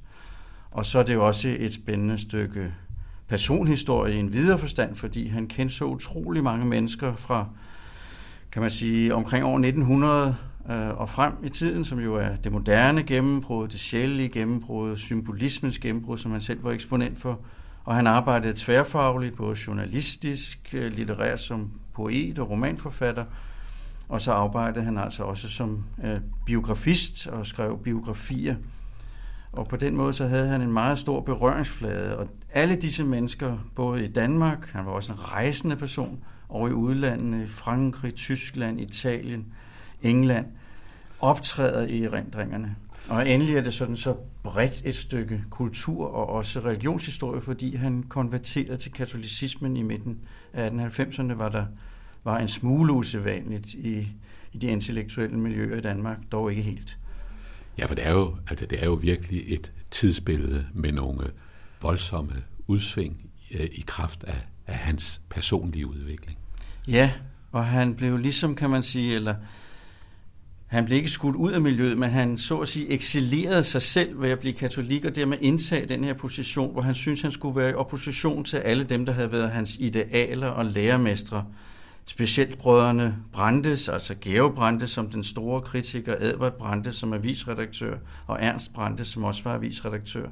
Og de havde taget hånd om ham, da han som fattig student kom fra Svendborg til København og prøvede at slå igennem øh, som, som kritiker. Så var det det første sted, han blev ansat, og de kunne alle tre se hans kolossale talent og skrivetalent og begævelse, og tog ham under deres vinger. Og så forventede de jo også på sigt en form for loyalitet over hele det projekt med det moderne gennembrud, de selv havde sat i værk. Og der er det, han midt i 90'erne begynder at bryde med dem og stille sig i opposition, specielt til øh, Edvard og Georg Brandes, og også til hele den kreds af venner, han havde fået i kraft af dem. Øh, dem, øh, dem begynder han at opponere mod og, og, og bringe sig selv i, kan man sige, en yderposition, hvor de også bliver nødt til at reagere. Og Georg Brandes kalder ham den perverse eller modbydelige lille renegat, altså en, der har frafalden. Og så må han så søge nye venner, specielt uden for Danmarks grænser. Han har nogle forbundsfælder, maleren og designeren Mogens Berlin, som selv konverterede til katolicismen og var hans forbillede i den henseende.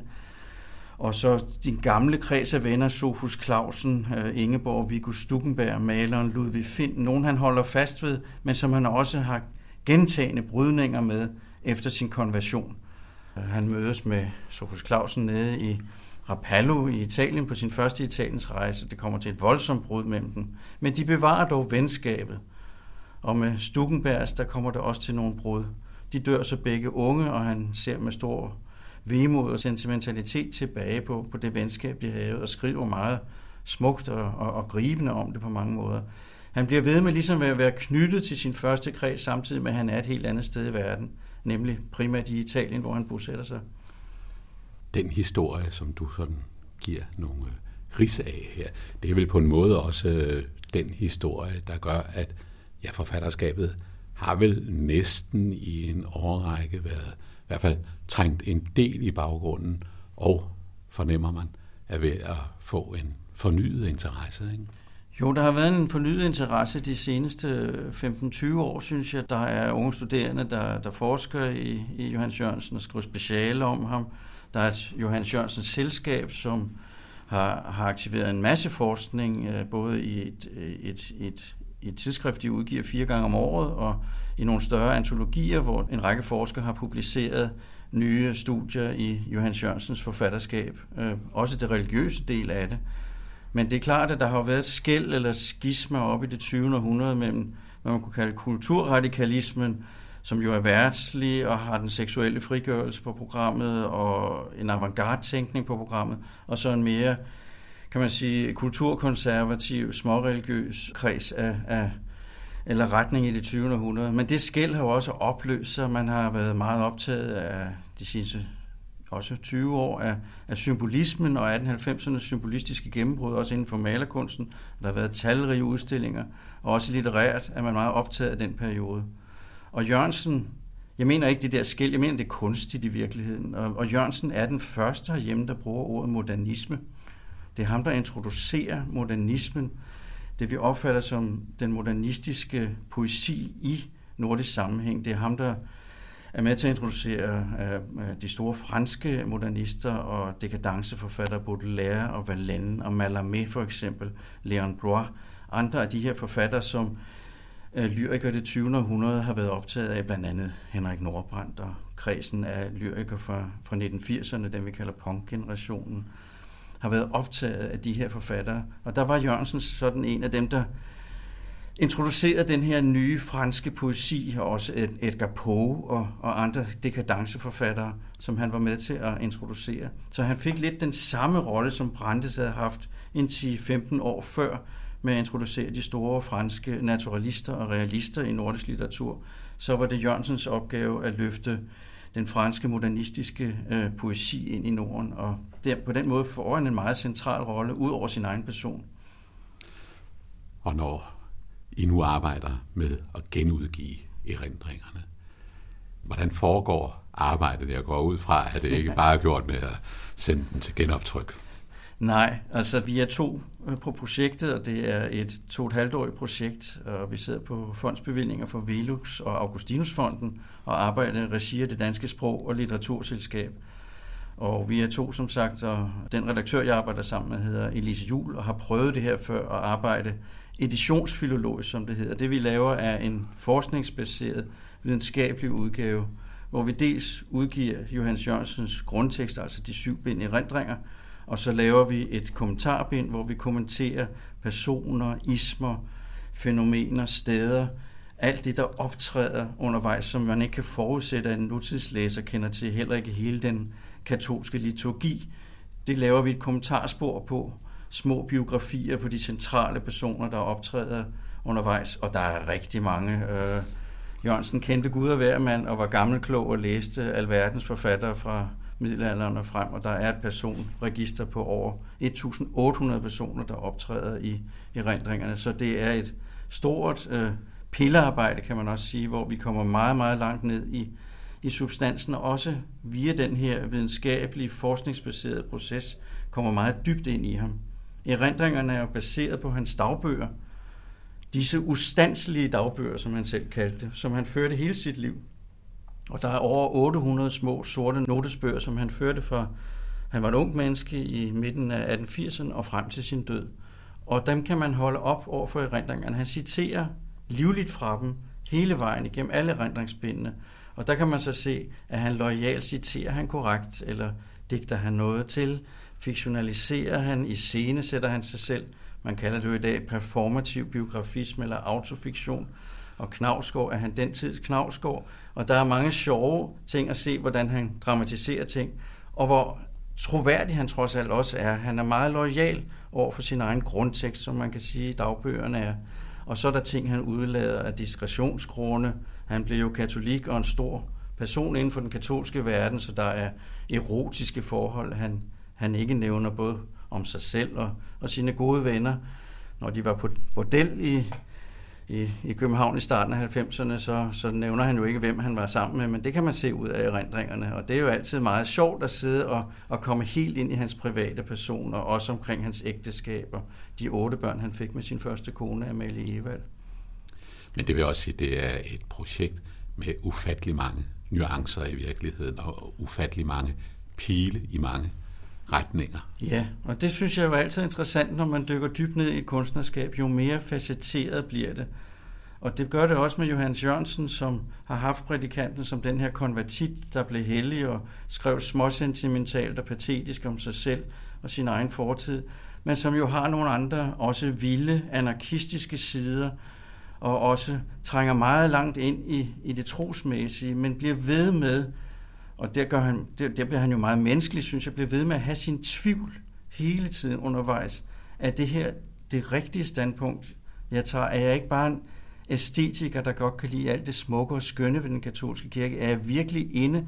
Har jeg haft en åbenbaring? Nej, det har jeg ikke. Jeg, jeg er ikke helt inde i det her. Tror jeg på stigmata og alle de her mirakler, der findes i den katolske verden?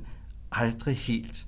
Og han bliver også ved med at være en meget forfængelig person, og skriver meget åbenhjertigt også i, erindringerne om, hvordan han medbringer små fine stofservietter for, at hans sommerhabit ikke skal blive smusset, når han falder ned på knæ ind i den, de katolske kirker og er til gudstjeneste. Så han er meget åbenhjertig omkring sin tvivl, og at det han indimellem føler sig som en forræder eller bare en æstet, der betragter hele det her scenarie udefra, uden rigtig at være dybt grebet. Hvordan trænger I ind til tvivlen i hans øh, syn på det religiøse.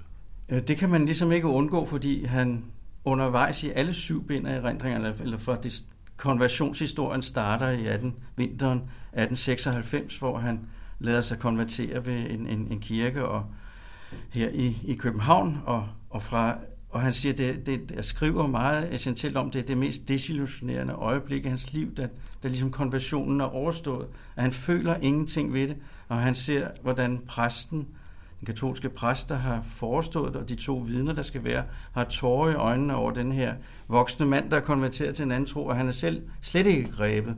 Og det er meget chokerende at læse, men han er utrolig ærlig om det, så man behøver ikke at lede meget, for han er hele tiden ærlig, og så kan man yderligere få det her, tage et spadestik dybere ned i dagbøgerne, og hvor, hvor tvivlen kommer endnu mere til syne.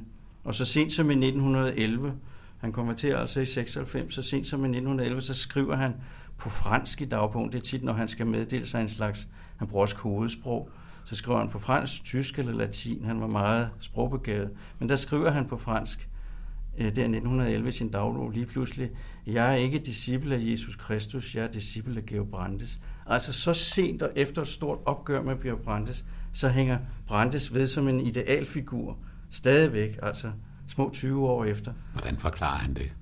Han forklarer det ikke, han skriver det bare. Det står lige pludselig, og det står på fransk, altså som om det er sådan noget, der skal blive mellem mig og, og jeg ved ikke hvem. En, en tekst bag, en tekst bag ryggen på... på... Ja, eller sådan en palimpsest, altså hans tekst er dobbeltbundet hele tiden. Og, det, og hele det der personlige drama, synes jeg har været meget interessant at dykke ned i.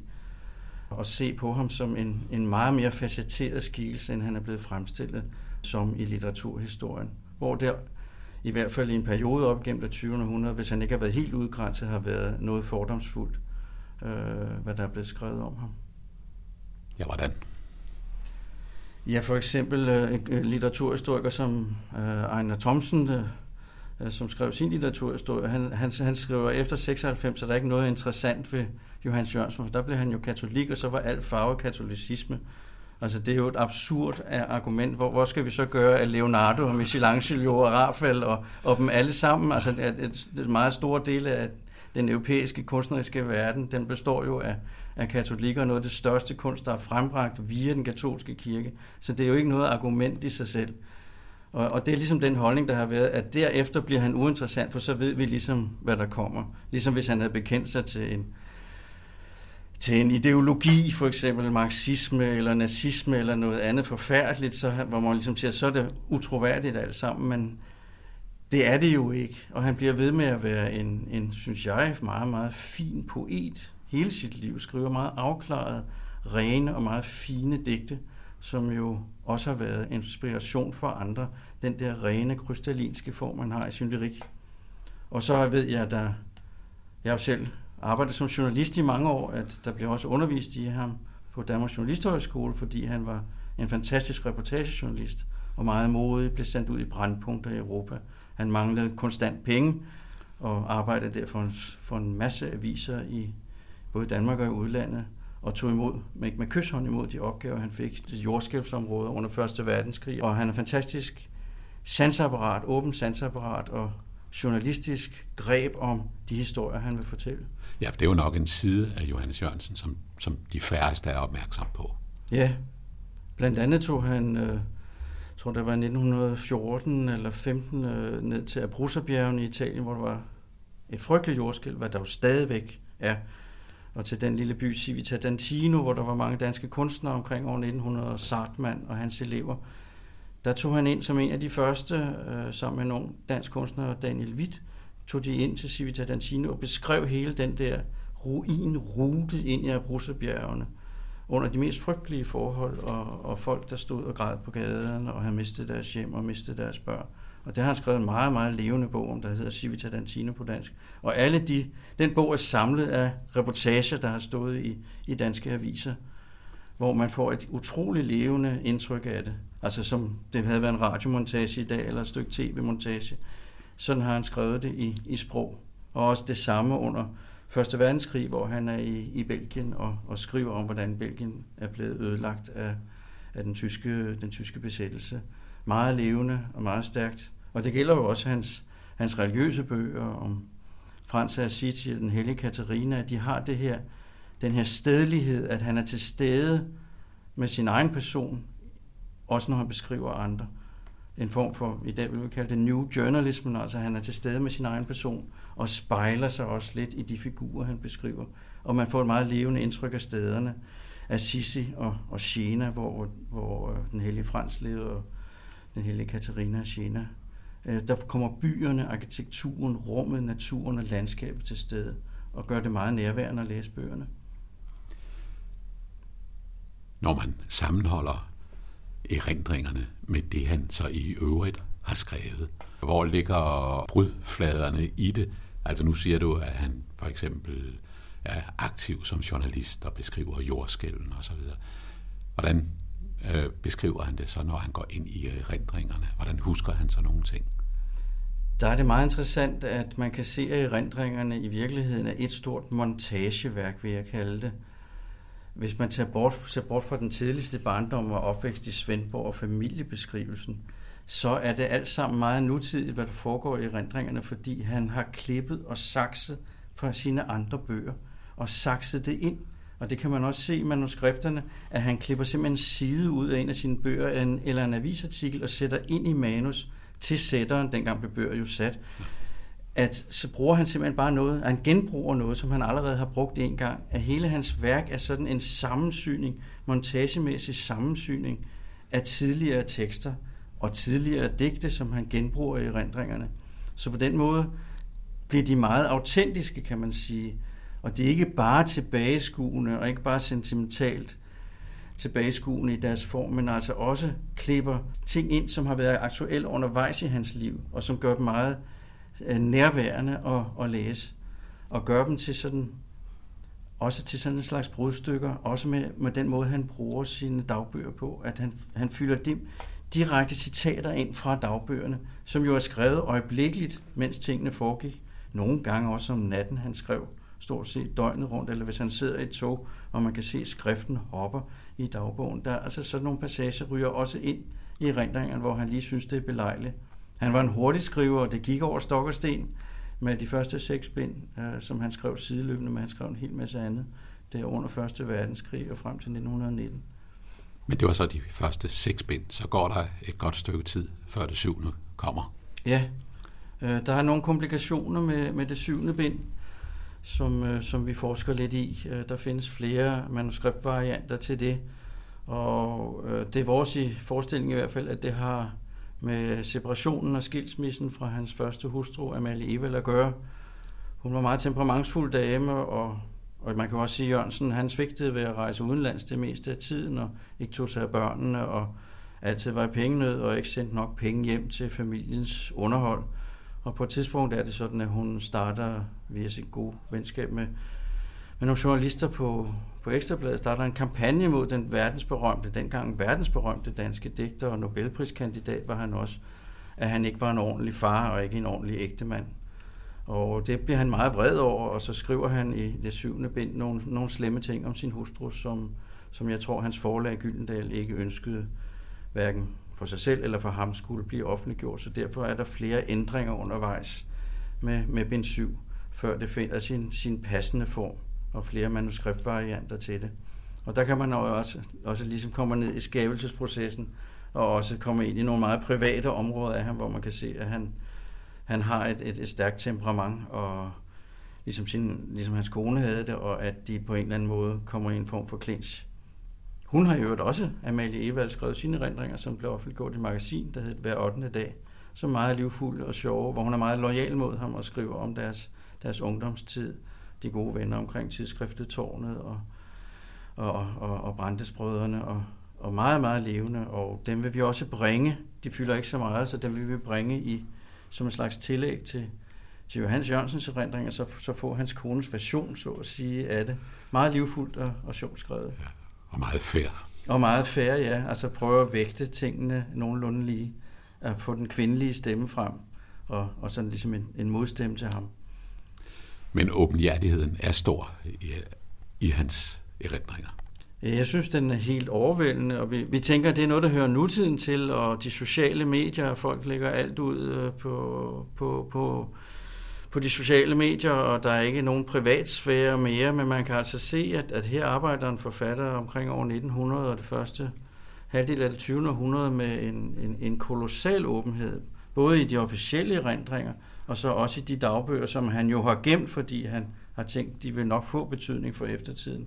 De har været båndlagt en årrække, indtil han kunne være sikker på, at han selv var død, og, og, og, og alle de mennesker, han kendte, heller ikke var i, i verden længere. Men nu er de så frigivet efter den der 50-årsregel, der har været. Og nu kan man, nu man, kan man jo frit tilgængeligt gå ned i dem, og, og de er kolossalt åbenhjertige omkring både trosforhold og erotiske forhold og ægteskabelige forhold og venskaberne. Men den åbenhjertighed og den brug af sådan de personlige øh, relationer og de personlige oplevelser. Det, det gør ham jo så også til en meget øh, moderne litterær skikkelse i virkeligheden. Ja, det synes jeg. Hans store ideal, øh, det var Strindberg, August Strindberg, den, den store svensk forfatter, som han beundrede grænseløst og skriver meget, meget smukt og indsigtsfuldt om i sine erindringer. Og så Knud Hamsun, som han var nær ven med i sin ungdom.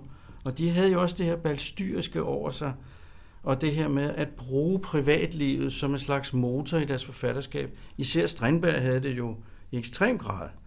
Og han, han beundrer Strindberg meget for, for, for de her ting, og for Strindbergs mod i det hele taget til at gå så hudløst frem, som han gjorde med sine ægteskaber, og også med sin tvivl og sit forsøg. Han forsøgte jo også at konvertere til katolicismen, uden stort held, og det varede ikke mere end to dage eller sådan noget, så var han væk igen fra klosteret. Men, øh, det er en af hans idealer. Jeg tror, han, han, han, øh, han vil gerne være lige sådan, være lige så åben og ufiltreret i sit, sin approach til verden.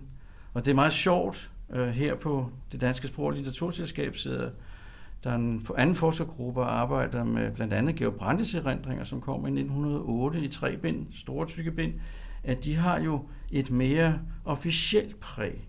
De er ikke har ikke den, de, har, de er mere filtreret, synes jeg, når man læser dem, hvad vi jo også har gjort, fordi Johannes Jørgensen har omtalt dem i Jørgensens, end Jørgensens erindringer. Han er ligesom, han har ikke den der bremse i virkeligheden, som Georg Brandes er i stand til at etablere, den her fornemhed omkring, og den aura omkring sin person. Jørgensen er mere, et mere øh, ustyrligt menneske, det er den der ustyrlige side, synes jeg, har været, været sjov for fat i, fordi man har billedet af en mand, der bliver afklaret i kraft af katolicismen, men i virkeligheden aldrig rigtig bliver det, selvom han gerne vil.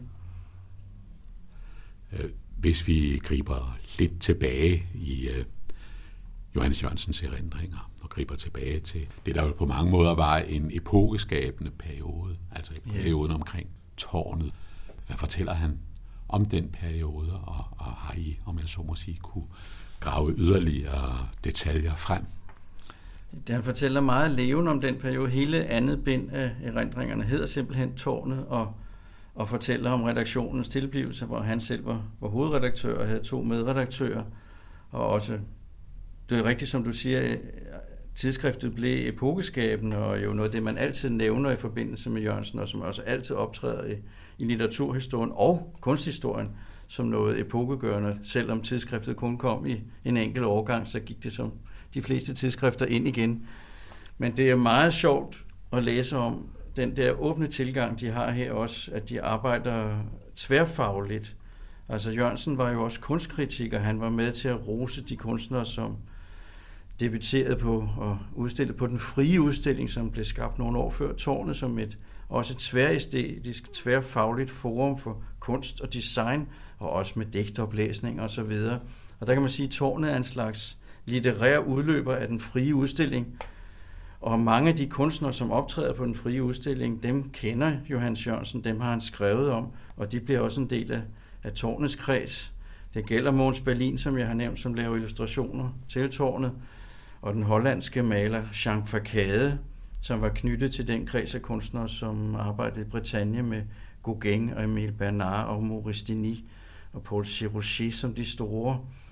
Og så også Ludvig Finn, Gade Clement, nogle af de danske kunstnere, som blev tilknyttet Nabi-bevægelsen i deres ungdom, og, og som, som illustrerede og, og lavede ting til tårnet. Den unge Willumsen og Svend Hammershøj.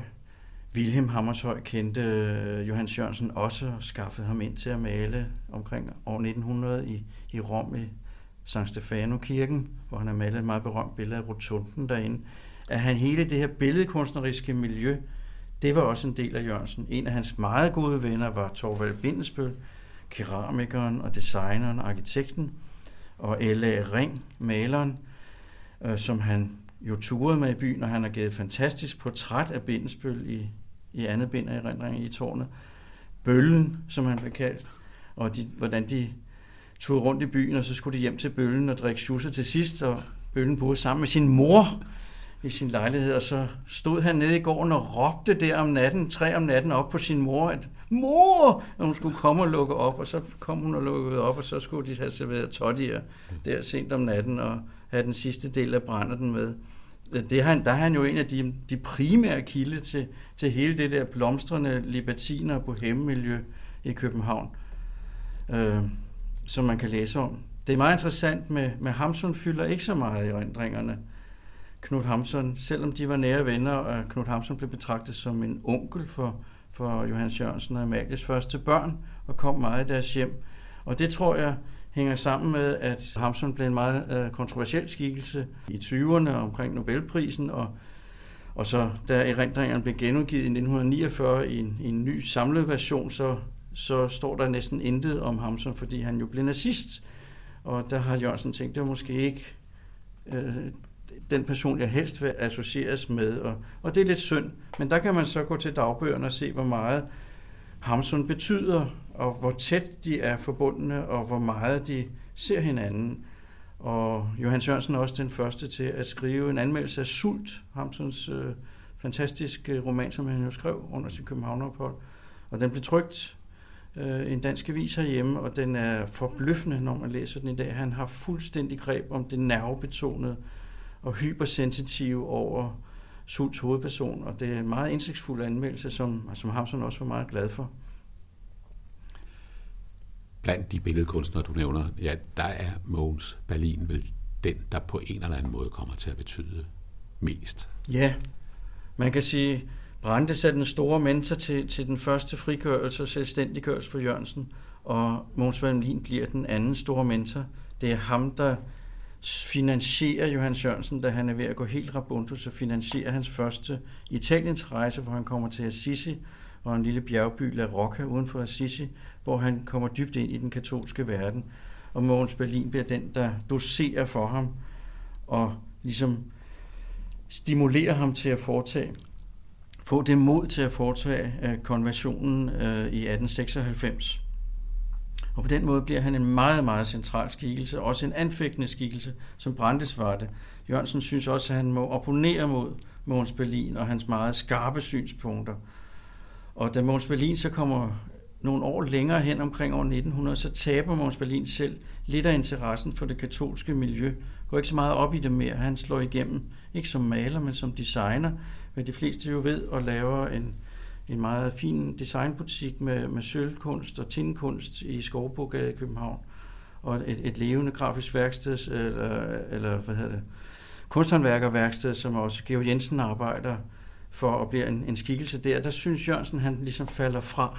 Men så får de et tæt venskab senere hen omkring 1910-1912, øh, før Mogens Berlin han dør en alt for tidlig død, og hvor at han igen bliver utrolig central for Jørgensen, og tager ned til Jørgensen i Tyskland og skælder ham huden fuld og siger, at du er blevet en tigger i Europa, der bare tager rundt til rige katolske kvinder og blokker dem for penge. Nu må du til at tage dig sammen. Og det er noget af det sidste, han skriver og refererer igen meget lojalt fra i, i det sidste bind af erindringer, den samtale, de har nede i Tyskland, hvor den syge Måns Berlin er rejst helt derned for at sige de her ting til ham, at nu bliver du nødt til at gøre her, hanke op i dig selv, hanke op i dit liv, sørge for at blive separeret fra den kone, som plager dig, og sørge for at få styr på dig selv igen. Og det slutter erindringerne ligesom med, og man kan sige, at Måns Berlin bliver den egentlige årsag, tror jeg, til at erindringerne overhovedet bliver skrevet af Jørgensen, ligesom lægger det her livskapitel bag sig ved at skrive erindringerne, og så har han dem der, og så starter han på en, en ny tilværelse, hvor han synes, han får mere styr på sit liv. Så Måns Berlin bliver en afgørende central person for ham. Det der vel er Johannes Jørgensens store internationale gennembrudsbog, og som skaber altså vel også grundlaget for, at han kunne rejse rundt som denne tigger i Europa. Øh, det er Frans af Assisi øh, skildringen, bogen, den store helgenbiografi. Ja. Hvad, hvad siger han om den i uh, sine erindringer? Den siger han jo en del om, fordi at hele den proces fra konversionen i 96 og op til 1906 hvor han skriver bogen, det er den centrale indføring i den katolske tro og den katolske liturgi. Og også i, så at sige, hans egen personlige pilgrimsvandring mod Assisi og dermed mod den hellige Frans og hele franciskaner idealet om fattigdom og at tjene andre og være tæt på naturen, og lige så gerne prædike for fuglene som for, for menneskene. Og hele den der naturbegejstring, naturlyriske begejstring, som Johan Jørgensen har haft helt for sin ungdom, binder han bekræftet hos Frans af Assisi. Så han bliver en central person, også i kraft af de, øh, de munke, han møder i Assisi og i La Rocca, som er franciskanere. Så det bliver, det bliver en central størrelse for ham. Og det er rigtigt, hvad du siger, at bogen bliver jo hans gennembrud til den katolske verden, og er jo stadigvæk en bestseller. Den, den er kommet oversat til over 20 sprog, og gør jo Hans Jørgensen til en af de mest oversatte danske forfattere ved siden af H.C. Andersen, Søren Kierkegaard, Martin Andersen Næksnø og Jussi Adler Olsen. Øh, der er han jo en af de mest oversatte øh, forfattere, vi har, i kraft af specielt Frans Assisi-biografien, som han får penge til af Statens Kunstfond og af Carlsbergfondet til at skrive øh, dengang og får, får en del penge til at gennemføre det her projekt. Og det er en næsten videnskabelig bog med kæmpe kildeapparat, men samtidig har den den her levende fortællemodus, som, som kendetegner Jørgensen, øh, at han bringer ind til stede i Frans Assisis tid og i Frans Assisis by og ind i hans personlighed. Og samtidig så bruger han jo også Frances omvendelseshistorie fra at komme fra en rig, velstående familie i Assisi med drømme om at være ridder, leve et libertinerliv og et udsvævende liv, til den her omvendelse til fattig tiggermunk. Det er jo ligesom Jørgensens egen historie genfortalt. Egen historie fra 1890'erne og 1900 genfortalt som en middelalderlig biografi om den hellige Frans, som han kan bruge som, som spejl på sin egen forsøg på at, at foretage en religiøs omvendelse. Men det er den store bog, som gør ham international, og stadig gør han i den katolske verden, er, en stor skikkelse. Og den følges jo så siden op af det, man kalder helgenbiografi eller hagiografier. Han skriver om den hellige Katarina af Siena, som han færdiggør i 1916, lige da han også påbegynder erindringerne. Og så skriver han om den hellige Birgitta af Vartstener under 2. verdenskrig, hvor han sidder i Vartstener op i Sverige og, og, og, og gør den bog færdig. Og så er der ansat sig til flere andre helgenbiografier i hans forfatterskab. Øh, mindre ansatser. Nogle bliver, forbliver ufuldendte, andre er, har essayistisk præg.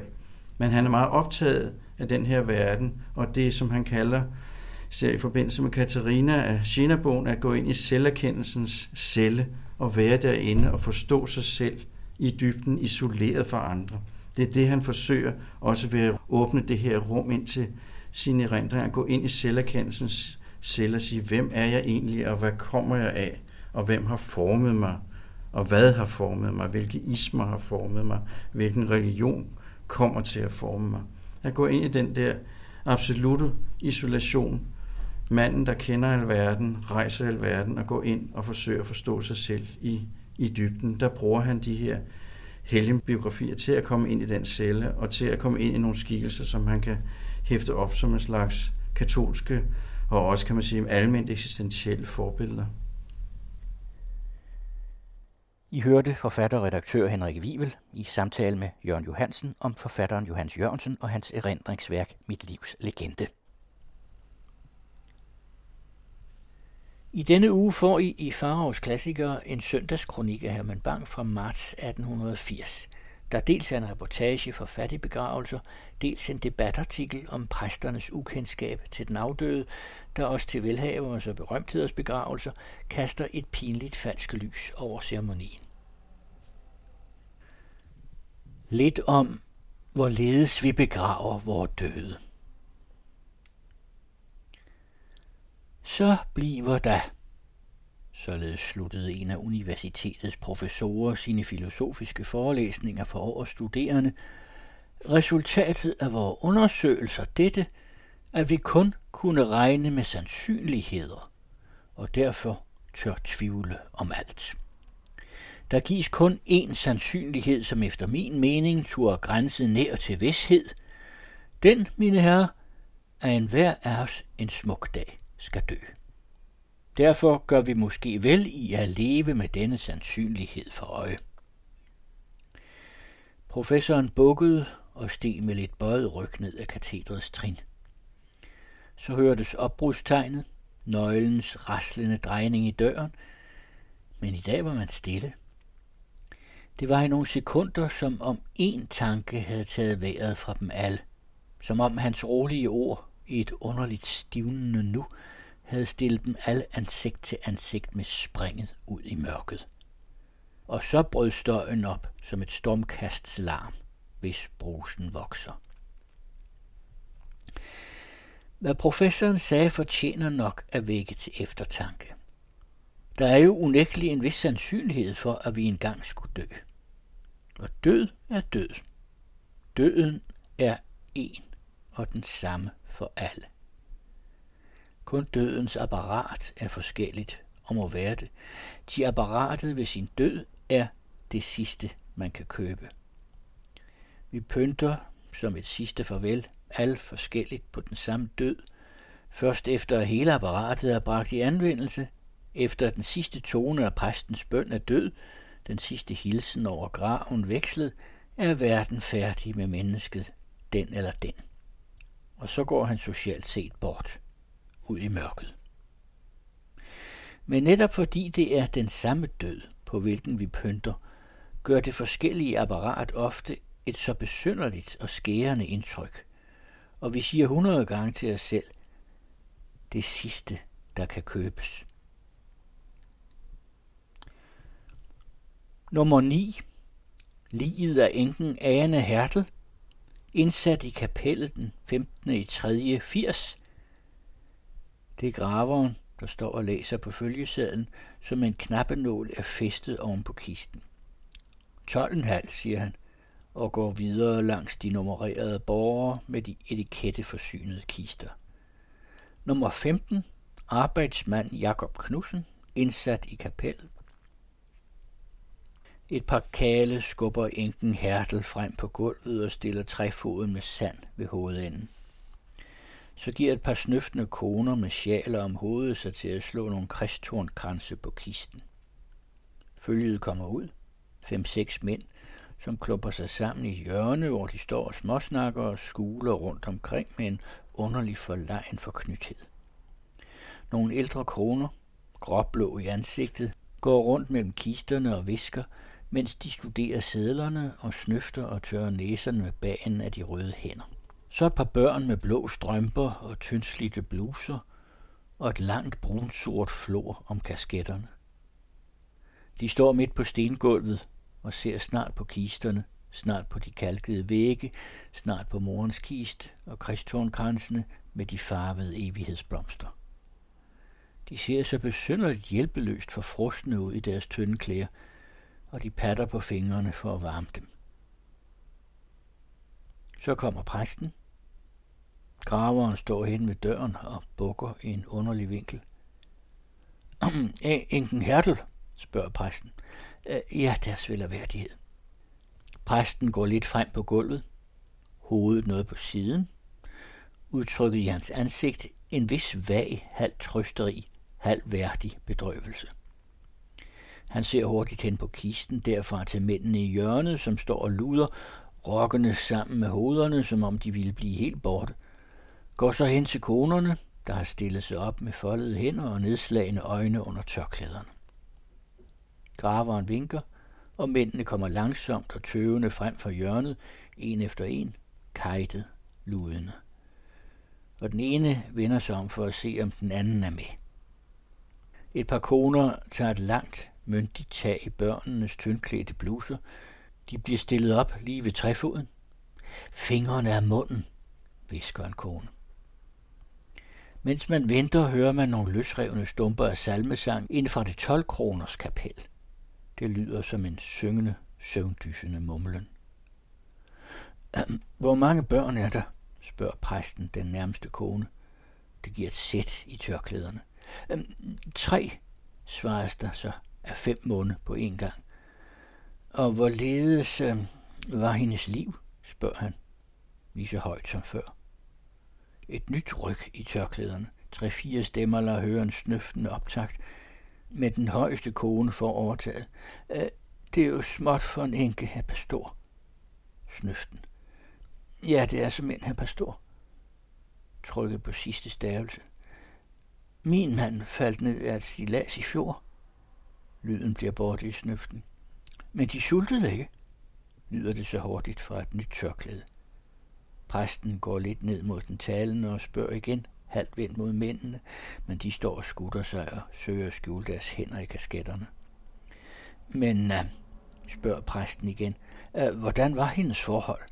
Hans stemme får en dybere, ligesom hemmelighedsfuld, tilslørende klang. Til Gud Fader og vor Herre Kristus. Tørklæderne tiger. Der går som et elektrisk ryg tilbage i alle hoveder. Derpå bryder den høje kone ud en lang, plaskende ordskvaller. Præsten er blevet meget opmærksom. Men det havde dog været godt at kalde mig, siger han så til sidst. Og efter at have påbudt tavshed med en ligesom dæmpende håndbevægelse, går han to skridt frem foran kisten og begynder så i et halvt smægtende, halvt salvelsesfuldt, noget grådukket tonefald at tale over enken Hertel. Fladen af hænderne er i ivrig bevægelse mod næserne. Så er præsten færdig. Han trykker et par koner i hånden, ser med lidende på de tyndslidte bluser og går. Følget bærer kisten ud. De seks mænd traver ned ad kirkegårdsgangen i en hænkende luntetrav. Bagefter kommer den høje kone trækkende af med to drenge, som går og græder. Mest af kulde. Det er verdens farvel til enken Hertel. Og når konerne kommer hjem, har de dog lov at sige, at det var en pæn begravelse. Til fire kroner.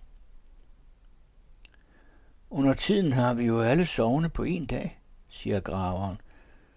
Så er det noget andet. Ja, det er rigtig nok noget andet. Når nummer 11 skal begraves kl. 12, og nummer 5 kl. 12.30, og nummer 7 kl. 12.30. når to præster må tale på samme tid, når man må indskrænke enkens gråd til minutter, når det ene følge beglor det andets sørgedragter og tårer, og når man slår kransene på den ene kiste, mens man taler ved den anden. Når præsten har lige så travlt som graveren, og graveren lige så knap tid som kalene, når man haler nummer 13 frem, før man har båret nummer 12 ud, når præsten i skyndingen taler om en pige, når han taler over en dreng, ja, så er det noget andet, som graveren siger. Så er der livligt i kapellet til 4 kroner. Men der er måske for livligt derinde. Der er måske under denne hæsblæsende travlhed født for mange harmtanker i dette nøgne, kolde og fugtige rum, der har huset så meget sorg og så meget smertesåret kærlighed. Her, hvor manden har måttet æde sine tårer, især fordi fremmede øjne vogtede på ham, hvor enken ikke har kunnet finde en eneste krog, hvor hun kunne græde alene, og hvor moderløses hjerter under udeltagende blikke er blevet til stene i deres bryst. Hvor døden er blevet en forretning, som må afgøres helst i sekunder, hvor en utålmodig graver måler en datters sorg, og hvor den fattige ikke har lov til at være ene med sine døde. Man siger, det er farlige tider. Når man ser et skuespil som dette, skulle man ikke tro det. Til det er i øjeblikke som disse, hvor vi kan få menneskene i tale, hvor selv den sløveste vågner, selv den mest forstenede er modtagelig for indtryk. Det var måske derfor også ganske klogt at vogte noget på, hvilke indtryk samfundet skænker sine individer i et sådan øjeblik. Og disse indtryk er måske i det tilfælde lidt for farligt blandet. Vi ved jo, hvis vi har haft nogen sorg, at vores smerte trænger enten til ensomhed eller i det mindste til venner. Den bliver til forstenende bitterhed. Fremmede menneskers kulde isner os, glaserer vort hele væsen – Sorgen trænger til tavshed, for at vi kunne tænke den ud, til stillhed, for at vi kunne fordybe os i trøst, til ro, for at vi kunne græde. Sorgens gudinde har tilhyllet ansigt, og det er umenneskeligt at afrive hendes sørgeslør midt på torvet. Og den fattige for fire kroners kapellet føler samme sorg som vi. Han trænger lige så fuld til ensomhed, lige så fuld til stillhed, lige så fuld til at kunne sørge uset. Og når han så ikke kan det, når den sidste time, han lever sammen med sine døde, hverken er rolig eller ensom eller helt hans egen, må han ikke så kunne fristes til at misunde den lidt rigere, som har kunnet betale 8 kroner for kapellet, og som derfor kan være alene med sin sorg og sine venner. Må man har betænkt dette, da man byggede det store kapel med dets tre afdelinger. Den ene til 4 kroner med mange kister og meget larm, den anden til 8 med en kiste og nøgne vægge, den tredje til 12 kroner med klæde klæde og stor plads. Mange fattige, hvis kiste stod udenfor, uden sang og uden blomster, har måske knyttet hænderne mod det store kapels salmesang og visket, men det er dog det sidste, de kan købe. Det burde man dog betænke. Til den bitterhed, som fødes i et menneskes bryst i et sådan øjeblik, den yngler. Der må jo være forskel. Den fattige kan ikke begrave sin døde, således som den rige, men man kunne måske dog gøre et eller andet for at lade forskellen blive mindre i øjnefaldene. I det mindste tillade, at den sørgende blev alene med sin sorg. Det kan selv den fattigste fordre, selvom man kun har givet fire kroner for kapellet. Og det er som sagt den samme død, vi pynter på, den samme jord, vi skænker alle lemer. Lad os huske det og søge at gøre forskellen og forarvelsen så ring som muligt. For 8 kroner får man altså lov til at være ene med sin kiste. Rummet er koldt, væggene nøgne, det hele uhyggeligt, men det er dog mit. Ellers er det det samme skuespil. En kiste med nogle fattige blomster, nogle få venner, nogle sand og meget en hyggelig deltagelse. Ved kisten en præst, der her som der taler om et liv, han som oftest ikke kender. Der fortælles anekdoter nok, som viser, at ikke alle præster, og hvorledes skulle de vel kunne det, siden de dog kun er mennesker, har tid til at holde eksamination, således som han, der talte over enken Hertel. Den præst har sagt om en ung pige, at hun faldt på ærens mark. Den om et ungt menneske, at han havde været sin forældre en dydig datter. Den har om frøken D's brødre, hvoraf den ene var skaldet og den anden hvidhåret, udbrudt. Disse ynglinge, uerfarne i livet, nye i sorgen, som begræder din død. Vi kender alle dusinvis af sådanne historier, som hende, og som må hende, når en fremmed skal tale om fremmed. Men slidt er dog kun sjældent. Det er dog ikke hyppigt, at ligetalerne bliver rene farser. Som oftest skaffer præsten sig nogle oplysninger om den afdøde, og han holder så sin tale på grundlag af disse oplysninger. Vi har set, hvorledes han skaffede sig disse oplysninger ude i kapellet. Ved de store begravelser går det også i den henseende anderledes til. En sådan naiv offentlig eksamination ville måske støde en eller anden, og tænk så, hvis alle gav sig til at tale i munden på hverandre. Det ville ikke kunne gå an. Gråmørkt lys i den blændede kirke, flå om kandelaberne, sorte tæpper på de hvide trin, foran dåbens engel, der smiler koldt i grågul skær for gassen, kisten palmedækket som et alter, man har smykket med blomster. Nede i kirken en sky og viskende tavshed over de fyldte stole. Kirkebetjenten lister hilsende rundt med sange. En sabel klinger mod flisen, og alle ansigter vender sig rygvis. Man mumler videre, spejder mod pulpituret. Man ser nogle blege ansigter dukkende frem af bølger af sort tyld. Orlet intonerer. Man er ganske glad ved at høre sangen. Den tunge melodi, det slæbende i tonerne. Man sidder og rocker betagen af en vag følsomhed. Under tiden skræmmes man op af en skratten for orglet. Så træder præsten frem, værdig med ridderkorset på præstekjolen, han gør en underlig bøjning frem mod kisten, dukker ned med foldede hænder mellem knæene, ser så ubestemt ud i rummet, mod noget fjernt, hinsidigt, tørrer sig i mundvigene med lomterklædet og taler. Her, som der, om et liv, han sjældent kender.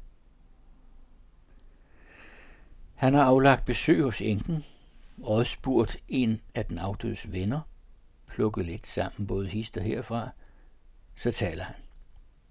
Men det ligger i sagens natur, at en ven bestandig i et sådan øjeblik giver et meget ensidigt billede og ikke tegner med nogen fast griffel. Derpå fantaserer præsten over dette løse udkast til en karakteristik, og når man mødes i kirken for at bringe det sidste farvel, kender vennen sjældent den, han er kommet for at hilse. Selv det løseste billede kan på denne vis, mod præstens vidne, til naturligvis er en god tro, blive en parodi. Ubekendtskabet skænker måske den døde dyder, hvor han snarere besad laster, og tiger muligt der, hvor man kunne rose. Ikke sandt? Vi har alle været til stede ved sådanne lejligheder. Man siger jo vel, at man vil indskrænke sig til at bede en bøn, at man hverken vil veje eller dømme, men der er dog få præster, som ikke knytter et par ord til de menneskes liv, ved hvis borgere de taler, og de par ord, som tales, kunne alt for ofte blive sandhedsfordrejende misforståelser. Det er så svært for en fremmed at tale om en fremmed. Derfor bliver i præstens tale alt for ofte den afdødes karakter fordrejet. Og det er ikke det eneste. Men hvorledes Hvorledes var hendes forhold til Gud Fader og til vor Herre Kristus? spørger præsten de rokkende tørklæder ved enken Hertels kiste. Og med dette spørgsmål når vi til det vigtigste punkt ved den nuværende kristelige begravelse, det punkt, der giver adskillige af de velhavende forarvelse. Hin præst var i sin gode ret, når han gjorde dette spørgsmål. Ud fra sit standpunkt må han gøre det. Og de fleste, til hvem han retter det, vil vist nok svare ligesom konen, med udflugter. De vil gøre det af flere grunde. Der er noget ved døden, som ryster op i indifferentismen. Døden, set i nærheden, ængster de fleste. Selv den, som til daglig er ikke blot irreligiøs, men endnu uden religion, vil ofte blive religiøst bevæget ved dødsleje. Den vantro, i hvert fald den er vane vantro, vil ofte for et øjeblik tvivle om sin egen vantro, og han vil så at sige skygge med hånden over øjnene for at skimte ud i mørket. Når så præsten spørger denne for øjeblikket rystede om den dødes religiøse standpunkt, ja, så vil han og præsten i foreningen let finde tegn på tro i den afdødes liv.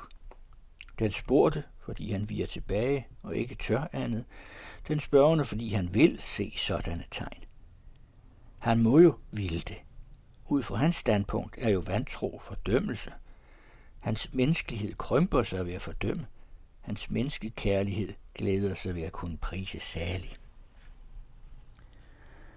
Denne dobbelte årsag afføder al den slumrende tro, som påduttes så mange, som vel ikke taler om de himmelske ting, men som dog sikkert tænkte på dem i deres stille timer. Præsten må ud af de ædleste bevæggrunde føres til at voldtage hundredes livsførelse, levede ud fra andre synspunkter og på andre standpunkter. Han må gøre det for at redde en kristen baggrund for deres liv, en baggrund, som han må ønske dem, hvis han er en sand kristen. Således opstår der disse hundrede af ligtaler, hvor i præsten, for ikke ud fra sit standpunkt at måtte fordømme, drives til mod sin vilje at fordreje. Helt fra et andet standpunkt, måske et synspunkt til med, som i mere end et tilfælde flertallet af de tilstedeværende deler, ville dette liv, hvorom der tales, måske være sympatetisk, i hvert fald forklarligt, ærligt. Nu, under fordrejningen, hen imod et indhold, der lå det fjernt og var det fremmed, forrykkes det, bliver uærligt, usandt. Noget inden i os skriger uophørligt op imod denne fordrejelse af sandheden, denne usandhed, som ubekendtskab og den religiøse iver debiterer, men som vi ved er en usandhed, og denne usandhed forarver. Ved enken Hertels begravelse gør det mindre. Denne snes mennesker er måske religiøst ligegyldige til daglig.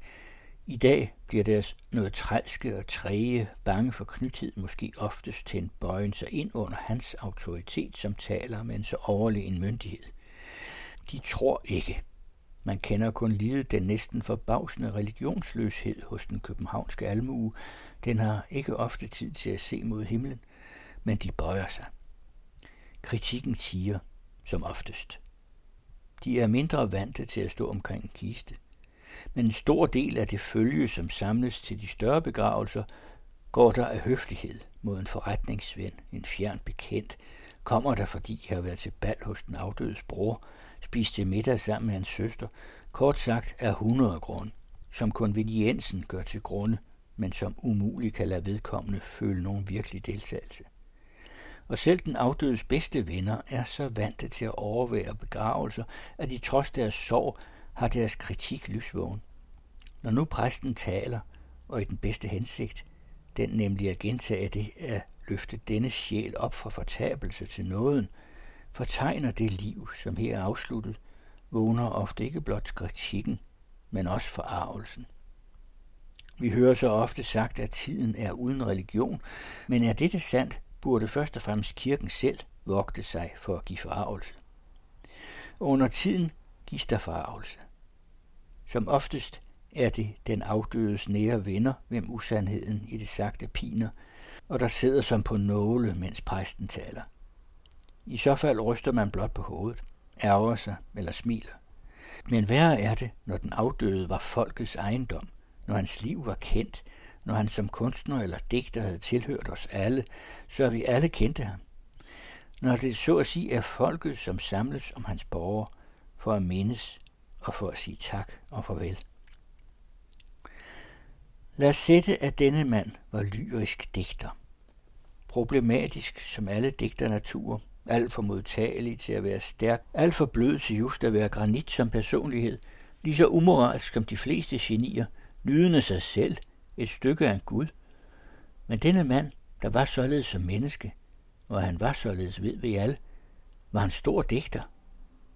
Hvad skal nu den præst gøre, som skal tale over denne mand? Kun berører hans vær som digter. Hans samvittighed vil forbyde ham det. Han tør i dødens stund ikke glemme det for ham vigtigste, digterens menneskesjæl. Kun bed for mennesket. Menneskets betydning som digter kan ikke tillade det. Og så er vi inde på de halve fortielser og de hele usandheders hvide marker. Præsten har besøgt den syge digter i hans sidste dage. Han var plaget af dødsangst, der netop stærkest griber en natur som hans, betaget af sygdommen. Hans kraft er knækket. Præsten taler til ham om religionens trøst, om nåden, om Kristus, som døde for os alle. Stemningen vinder herredømmet over digterens syge sind. Dette budskab om noget er så mildnende, når dødsangsten magter os. Nådebudet er et satte ekko fra hans barndomshåb. Præsten beder, den døende visker bøndens ord. Og så i dag er den livsglade digter blevet til en troende kristen, der hele sit liv længtes mod noget. Præstens iver gør ham til en nådetørsten af sket, til en mand, der engang var ung, og som i ungdommens hede tid har skrevet nogle atroende sange, men de var ikke del af hans væsen. Ikke blod hans blod, eller kød hans kød, kun børn af den unges værslige febersyge drømme. Menneskesjælen er reddet, men vi, som er kommet for at hilse digteren til afsked, ja, vi forbavses. Vi ved jo dog bedre. Det var jo netop hans væsen. Hans sang var jo netop hans liv. Derfor kunne vi ikke tro på, hvad man nu fortæller os. Vi kunne ikke tro det, og så forarves vi. Derfor er det da ved sådan lejlighed, at vi stærkest føler savnet af den større frihed ved vores begravelser – så længe præsten skal tale ved kisterne, så længe det ved en afdøds borger skal tales ud fra et helt andet standpunkt end det, hvorpå den afdøde stod, må der komme til at klæbe mig en usandhed ved det talte. Til selvom præsten ikke dømmer, må man jo dog måle med sin overbevisning. Og både hans ubekendtskab og hans mildhed vil forvrænge sandheden af hans udsagn. I andre lande taler venner ved de dødes borgere. Selv den følelsesløseste er mere end almindelig modtagelig, når han står ved en borger. Men netop, jeg siger endnu en gang, fordi døden vækker os og giver os stærkere indtryk, må vi sørge for, at dødens apparat, hverken hos den rige eller hos den fattige, hos hver på sin vis, vækker nogen slags forarvelse. Til forarvelse kan spire. Ja, sådan er det da heldigvis ikke nødvendigvis længere. Nu må venner og andre gerne tale til begravelser og bisættelser. Jeg fortsætter med flere af Herman Bangs vekslende temaer i de kommende uger. Du lytter til den anden radio. Og nu præsenterer Kirsten Røn Klassisk på nettet.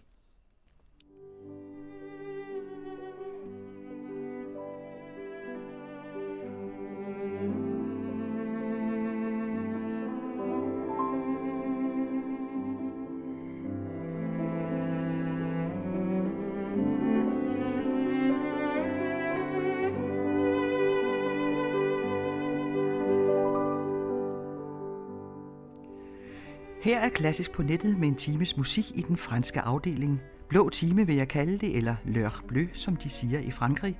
Og der kommer udelukkende musik af franske komponister eller frankofiler. Først en af de sære. Okay, dem var der mange af. Men Erik Satie bærer nok prisen. Ikke så lidt af en særling var han. Ekscentriker, der boede alene i et værelse, som ingen anden fik adgang til. Han samlede paraplyer i hundredvis og gik sommer og vinter i stribede bukser og jaket. På den anden side var han i en lang periode i tæt kontakt med Rosenkreuzerordnen, et hemmeligt broderskab, og til dem komponerede han et vanvittigt klaverstykke, der består af 840 gentagelser af en enkelt frase. I det hele taget har han givet sine kompositioner de mest bizarre titler. Tre pæreformede stykker for eksempel, og slappe præludier for en hund, eller nogle kig til højre eller venstre uden briller. Han spillede det meste af sit liv på et værtshus på Montmartre. I de første mange år for at tjene penge, siden fordi han ikke kunne undvære det miljø, og det tog nu også livet af ham. Men inden da komponerede han endnu nogle stykker med en højst speciel titel, Indtørrede fostre, Embryon desséché.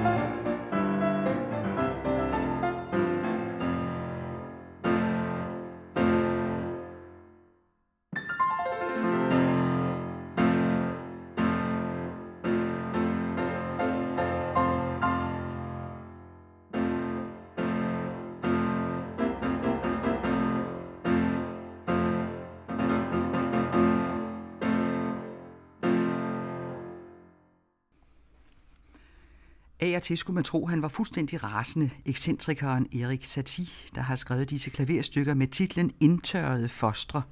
Og den slags titler var han specialist i. Også de tre satser har han individuelt kaldt højst besynderlige titler, latinske. Den første hedder Dolotyri, hvilket er et havdyr, der hedder en havagurk, og den har ingen øjne. Det næste er Detriophthalma, som er en krebsetype med ubevægelige øjne, og den sidste, Depodophthalma, også et krebsedyr med øjne på stilke.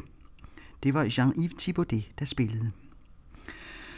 Og her i den franske blå time bliver vi i Paris og skal møde Francis Poulenc, nu i en noget anden verden. Vi skal høre to af hans kompositioner. Det andet, som kommer senere, hedder Rhapsodie Negra, og det har sanden også en morsom historie.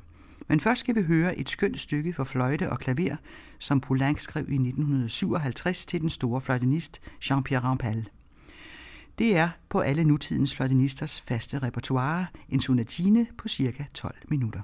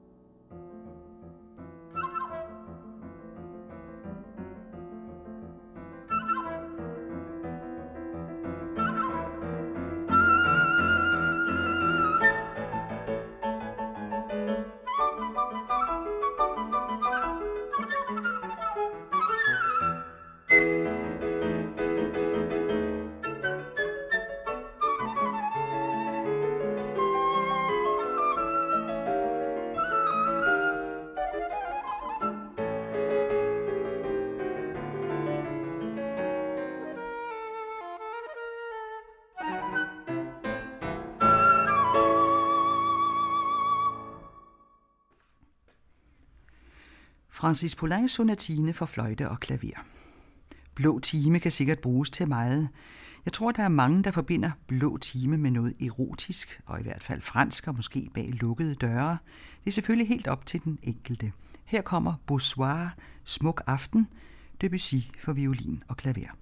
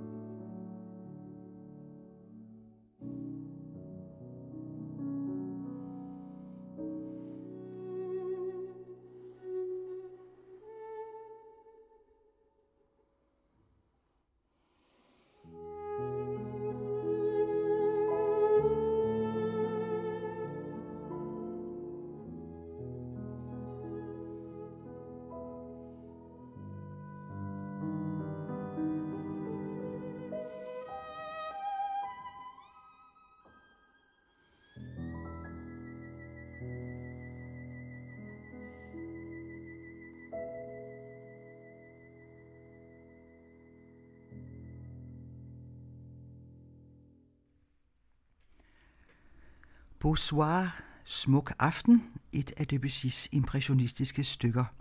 Og Debussy er totalt vokset sammen med Frankrig og det impressionistiske, både blandt malere og musikere. Debussy var en af de første, der beskrev vand og dufte i musik. Det vender vi tilbage til i Klassisk på nettet. For selvom det er en fransk blå time, kommer der her musik af en musiker, der ikke var franskmand, men vild med Frankrig, og det var Piazzolla.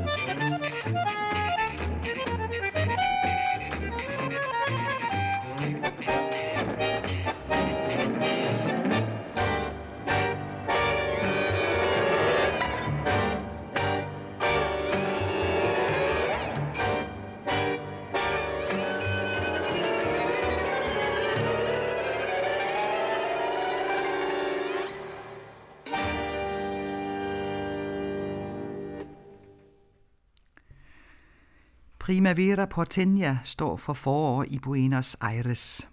Piazzolla, der selv spillede på den lille harmonika, der hedder bandoneon i Argentina, har skrevet sig ind i den moderne argentinske tangos historie med sine omkring 400 nye tangoer. Han er en musiker, der har sat sine spor i Europa også. Astor Piazzolla boede nogle år i Paris og fik undervisning i komposition af den legendariske Nadia Boulanger, for han ville være klassisk komponist – men en dag fortalte han hende om sin baggrund og spillede et af sine tangostykker for hende på sin bandoneon, og så sagde hun, Astor, dine klassiske stykker er vældig fine, men her har vi den virkelige Astor. Glem aldrig det. Så vi kan nok takke Nadia Boulanger for, at han droppede den rene klassiske musik og holdt sig til tangoen. Men her var vi nu også lidt over i det lettere vanvittige. Når vi taler om Frankrig og L'Heure Bleu og det sensuelle, der er over bare ordet og tanken om, hvad der kunne ligge bag, er Maurice Ravel ikke til at komme udenom. Mærkelig mand. Meget lille og spinkel. Han boede alene hele sit voksne liv og var et utroligt privat menneske. Ingen, der var i kontakt med ham, har nogensinde oplevet ham have nogen form for seksualitet, hverken til den ene eller den anden side. Han elskede sine pastelfarvede skjorter og sit elegante sølvcigaretrør, og så legede han med elektrisk tog derhjemme. Alt sammen udmærkede ting, hvis ikke det var for den sensualitet, der må have bulret rundt i hans krop. Han var en fabelagtig pianist og komponist og instrumentator, og hans mest fantastiske værk er balletten Daphnis og Chloé, musik jeg selv konstant vender tilbage til. Noget af det sidste, han skrev, var to klaverkoncerter inden for samme år i 1930, hvor den ene var fra venstre hånd alene. Men her skal vi høre den skønne, langsomme sats af G-dur klaverkoncerten, som er for begge hænder, og den spiller Marta Akaric.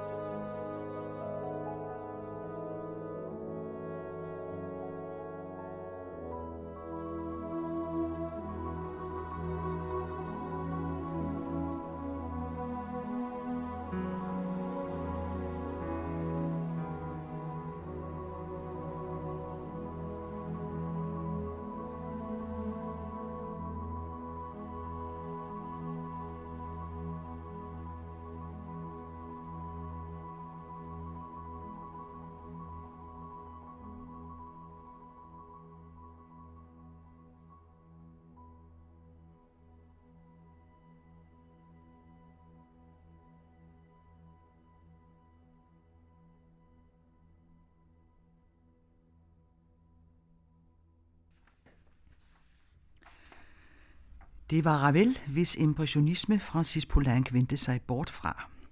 Sammen med fem andre komponister dannede han komponistgruppen Les Six, de seks, som netop ikke ville vide af hverken den franske impressionisme eller romantik.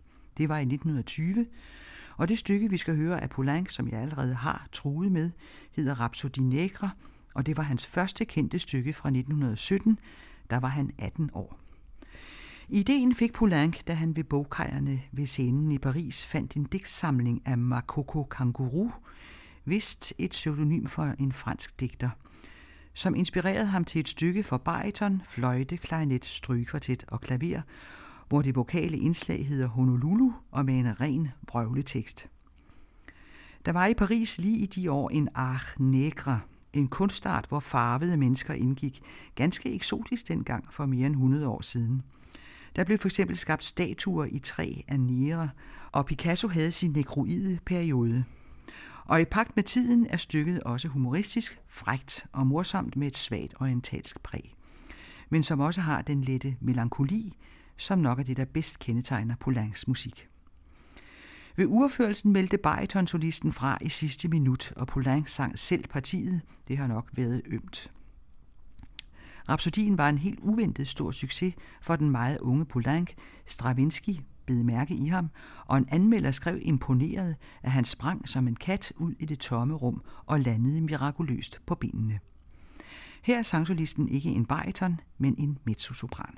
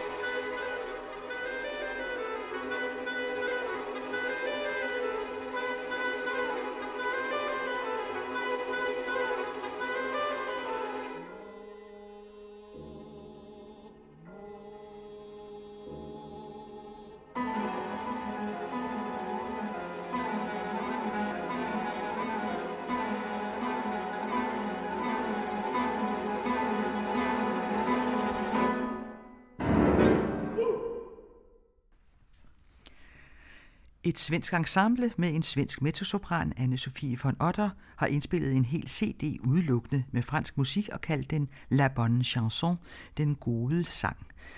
Denne her af Poulenc var temmelig speciel, men her kommer mere sang, meget melodisk.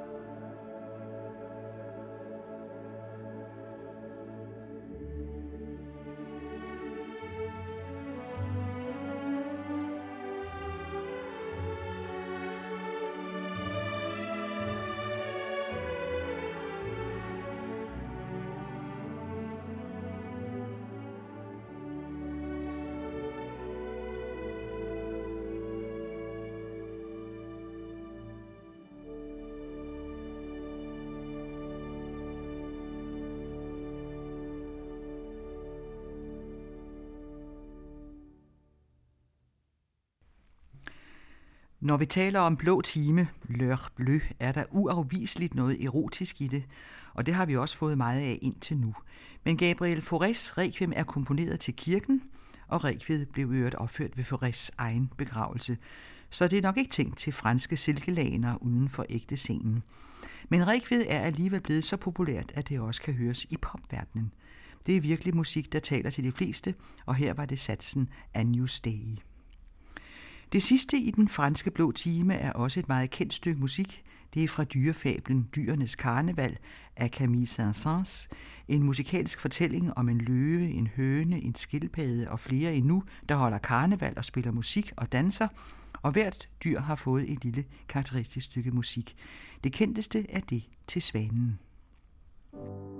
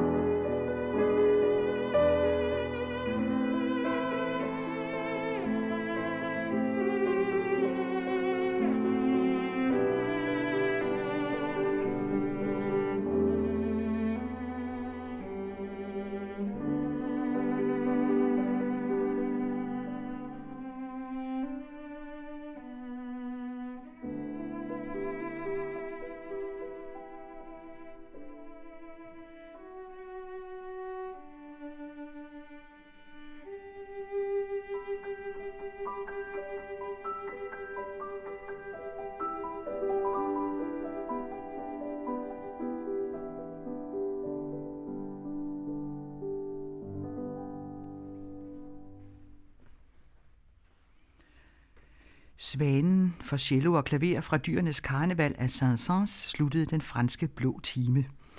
Vi har været omkring i det tidspunkt på dagen, som franskmændene kalder l'heure bleu, og der tænkes nok mest i det sensuelle, selvom vi her sluttede med en sang til en svane. Men først var det pianisten Jean-Yves Thibaudet, der spillede et af Erik Satis klaverstykker med mærkelige titler. Her var det indtørrede fostre, Un Brion de séché. Derefter spillede en af Jean-Pierre Rampals danske elever, Ole Bjørn Pedersen, Francis Poulains fløjtesonatine, som blev komponeret til Jean-Pierre Rampal. Og derefter Debussy's Bonsoir, Smuk Aften, som violinisten Janina Jansen spillede. Så fik vi et forstykke af argentineren Astor Piazzolla, der boede i Paris i nogle år. Det var ham selv, der spillede på bandoneonen og vi blev lidt hos de mange argentinere, der har været så fascineret af det franske, for det var den argentinske pianist Marta Argerich, der spillede anden sats af Ravels klaverkoncert. Så fik vi endnu et stykke af Poulenc, Rhapsody Negra med et svensk ensemble med mezzosopranen Anne-Sophie von Otter i spidsen. Agnus Dei-satsen Favoris Requiem var med Ambrosian Singers og Philharmonia Orkestret, og her til sidst var det den franske cellist Gauthier Capuçon, der spillede svanen fra Saint-Saëns dyrefabel Dyrenes Karneval. Klassisk på nettet var med Kirsten Røn. Den anden radio.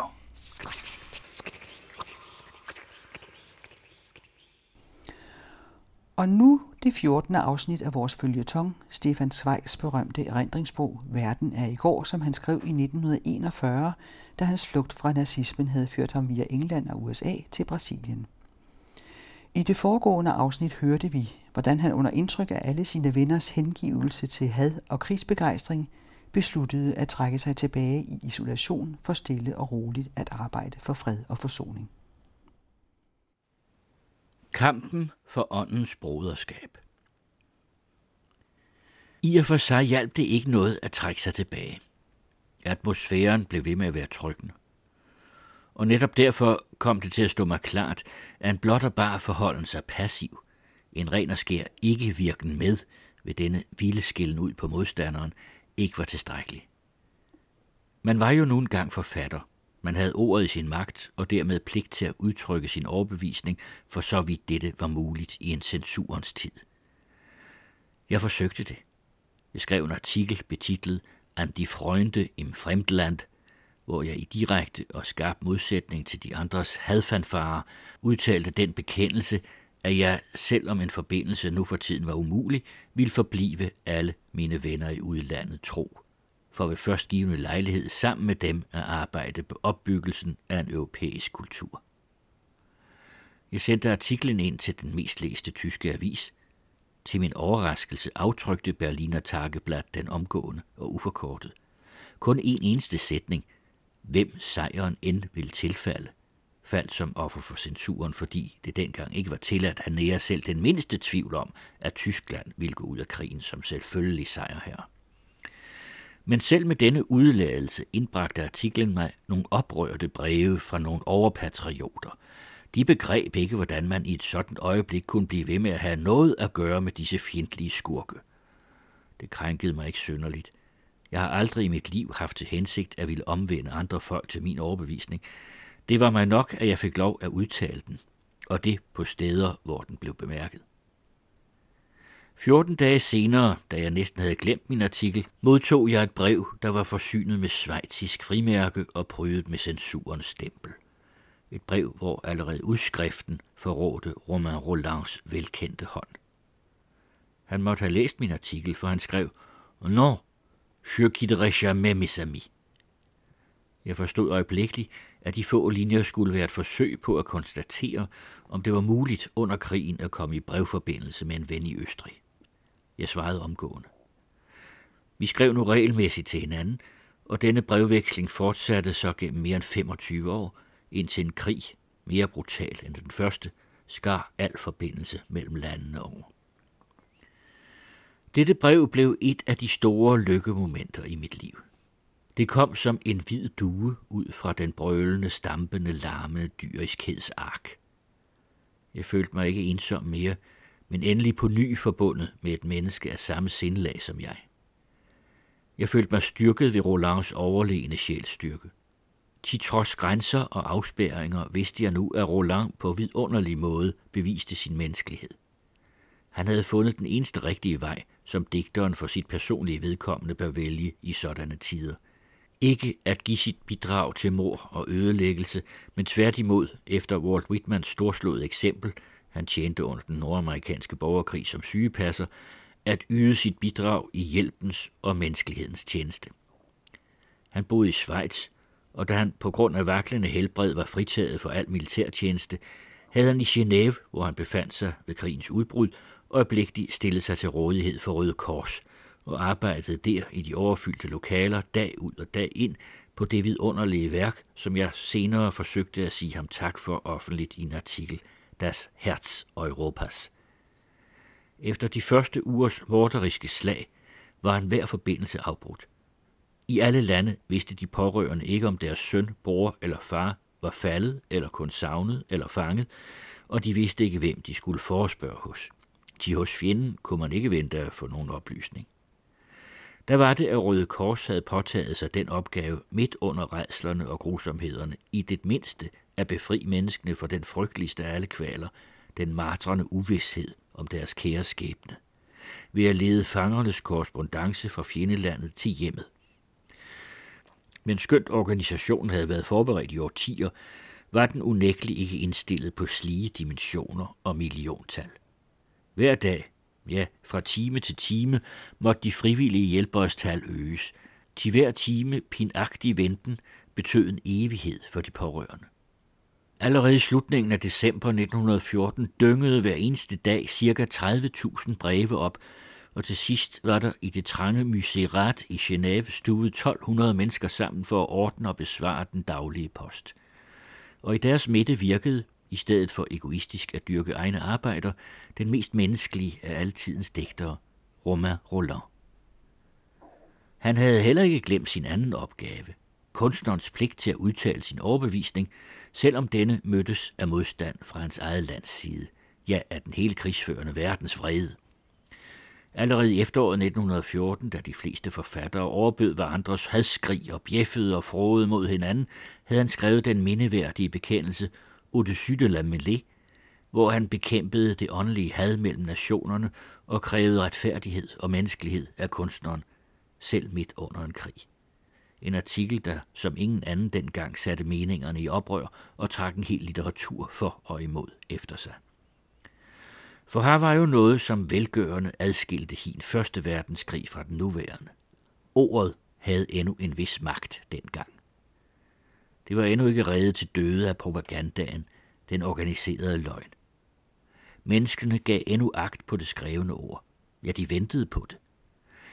Mens det i 1939 var sådan, at ikke en eneste digterudtalelse, det være sig til det gode eller det onde, frembragte ringeste virkning, og fra dag af og indtil vore dage ikke en eneste bog, brochure eller artikel, og ikke et eneste digt har bevæget massernes sind, end sige påvirket deres tænken, formåede i 1914 et 14-linjet digt som Lisauers Hasgesang, de 93 tyske intellektuelles tåbelige manifestation, og på den anden side en ottesidet artikel som Rolands Au-dessus de la Mêlée og en roman som Barbysses Le Feu at blive begivenheder. Sagen var jo den, at verdens moralske samvittighed ikke var så overtræt og udblødt som nu. Den reagerede over for enhver oplagt løgn, over for enhver krænkelse af folkeretten og humaniteten voldsomt med en århundrede gammel overbevisnings hele styrke. Et traktatbrud som tyskernes indmarsch i det neutrale Belgien, noget som i vore dage efter Hitler har ophøjet løgn til selvfølgelighed og antihumanitet til lov, næppe mere ville blive alvorligt dadlet, formåede endnu dengang at bringe hele verden i oprør. Henrettelsen af sygeplejersken Edith Cavell og torpederingen af Lusitania blev på grund af den universale moralske forarvelse mere skæbnesvanger for Tyskland end et tabt slag. Det var altså på ingen måde håbløst for en digter eller forfatter at tale på hin tid, da øre og sjæl endnu ikke var overskyllet af radioens uafladeligt bølgende ævl. Tværtimod – en stor digters spontane manifestation havde tusindfold mere virkning end alle statsmændenes officielle taler, om hvilke man vidste, at de var taktisk politik, der var beregnet på øjeblikket og i bedste fald kun indeholdt den halve sandhed.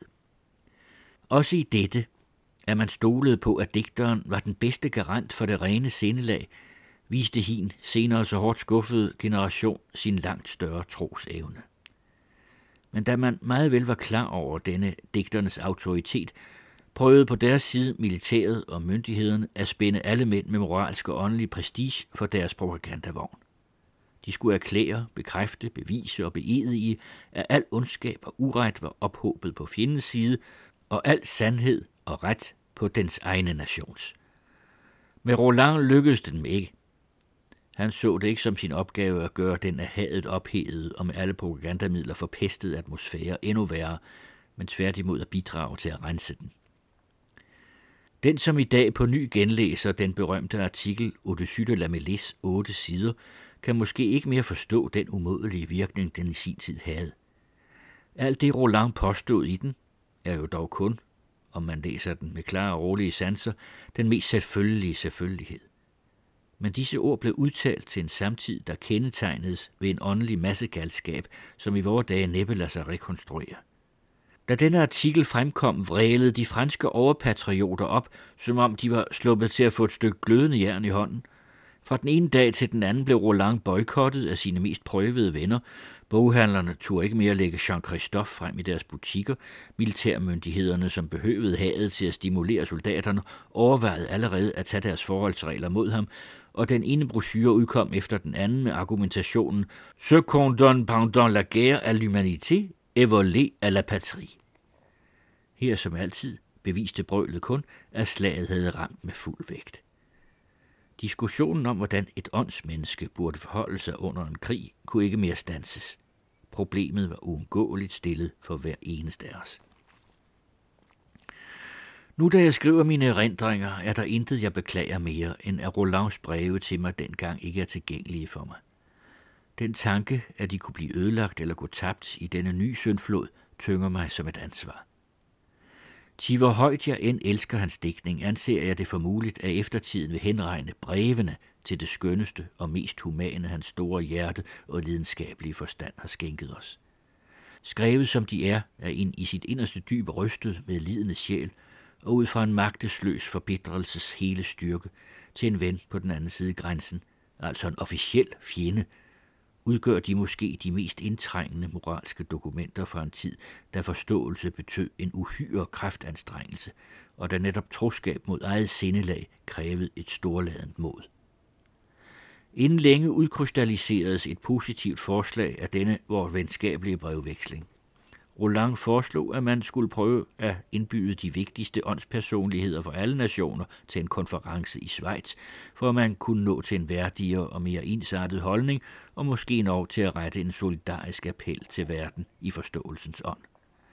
Han ville fra Schweiz selv påtage sig at indbyde de franske og andre udenlandske intellektuelle til deltagelse. Jeg skulle så fra Østrig sondere vores egne og de tyske digtere og videnskabsmænd, for så vidt de ikke havde kompromitteret sig ved at deltage i den offentlige hadpropaganda.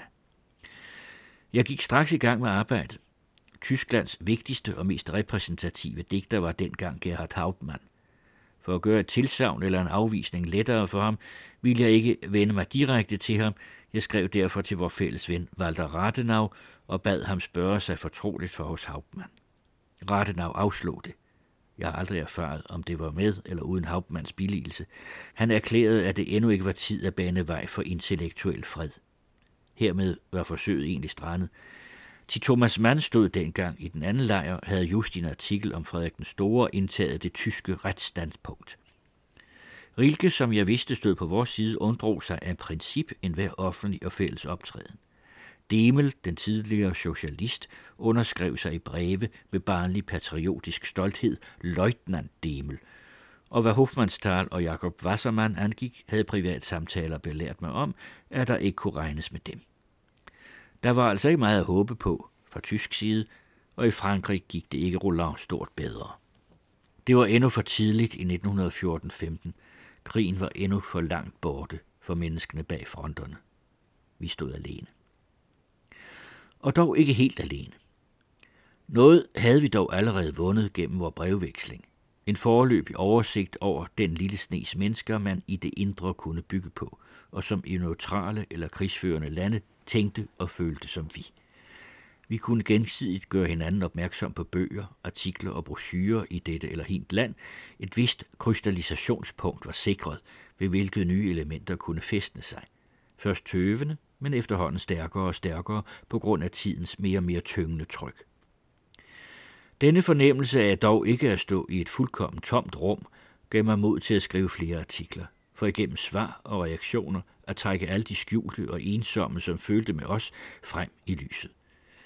Jeg havde jo i hvert fald Tysklands og Østrigs store aviser til rådighed, og dermed en vigtig indflydelsesfære, og en principiel modstand fra myndighedernes side behøvede jeg ikke at frygte, da jeg aldrig greb over på det aktuelle politiske felt. Respekten for alt litterært var under påvirkning af den liberalistiske ånd meget stor, og når jeg nu gennemlæser de artikler, som det dengang lykkedes mig at smule ud i den bredere offentlighed, kan jeg ikke nægte de østriske militærembedsmænd min respekt for deres kulance. I kunne faktisk midt under verdenskrigen begejstret prise Bertha von Suttner, der brændemærkede krigen som den største af alle forbrydelser. Og en østrisk avis udførligt berette om Barbysses Le Feu. Ganske vist måtte vi indrette os på en vis teknik, så længe vi i krigens tid ville bibringe videre kredse vores utidssvarende anskuelser – for at fremstille krigens gro og baglandets ligegyldighed over for den, var det naturligvis nødvendigt i Østrig i en artikel om Le Feu at fremhæve en fransk infanterists ledelser. Men hundrede breve fra den østriske front viste mig, hvor tydeligt vores egne soldater havde genkendt deres egenskabne. Eller vi valgte det tilsyneladende gensidige angrebsform som et middel til at få udtalt vores overbevisninger. En af mine franske venner polemiserede således i Mercure de France mod min artikel, til vennerne i udlandet, men i det han i den foregivende polemik i oversættelse aftrykte artiklen i hele dens længde, havde han lykkelig og vel fået smuglet den ind i Frankrig, og alle der i landet kunne læse den, hvilket var hensigten. På denne måde gik der lyssignaler, der var som løsen og feltråb frem og tilbage over grænserne. I hvor høj grad de blev forstået af dem, de var bestemt for, fik jeg senere bevis for ved en lille episode. Da Italien i maj 1915 erklærede Østrig sin tidligere forbundsfælde krig, brød en bølge af had frem hos os. Alt italiensk blev bekæmpet.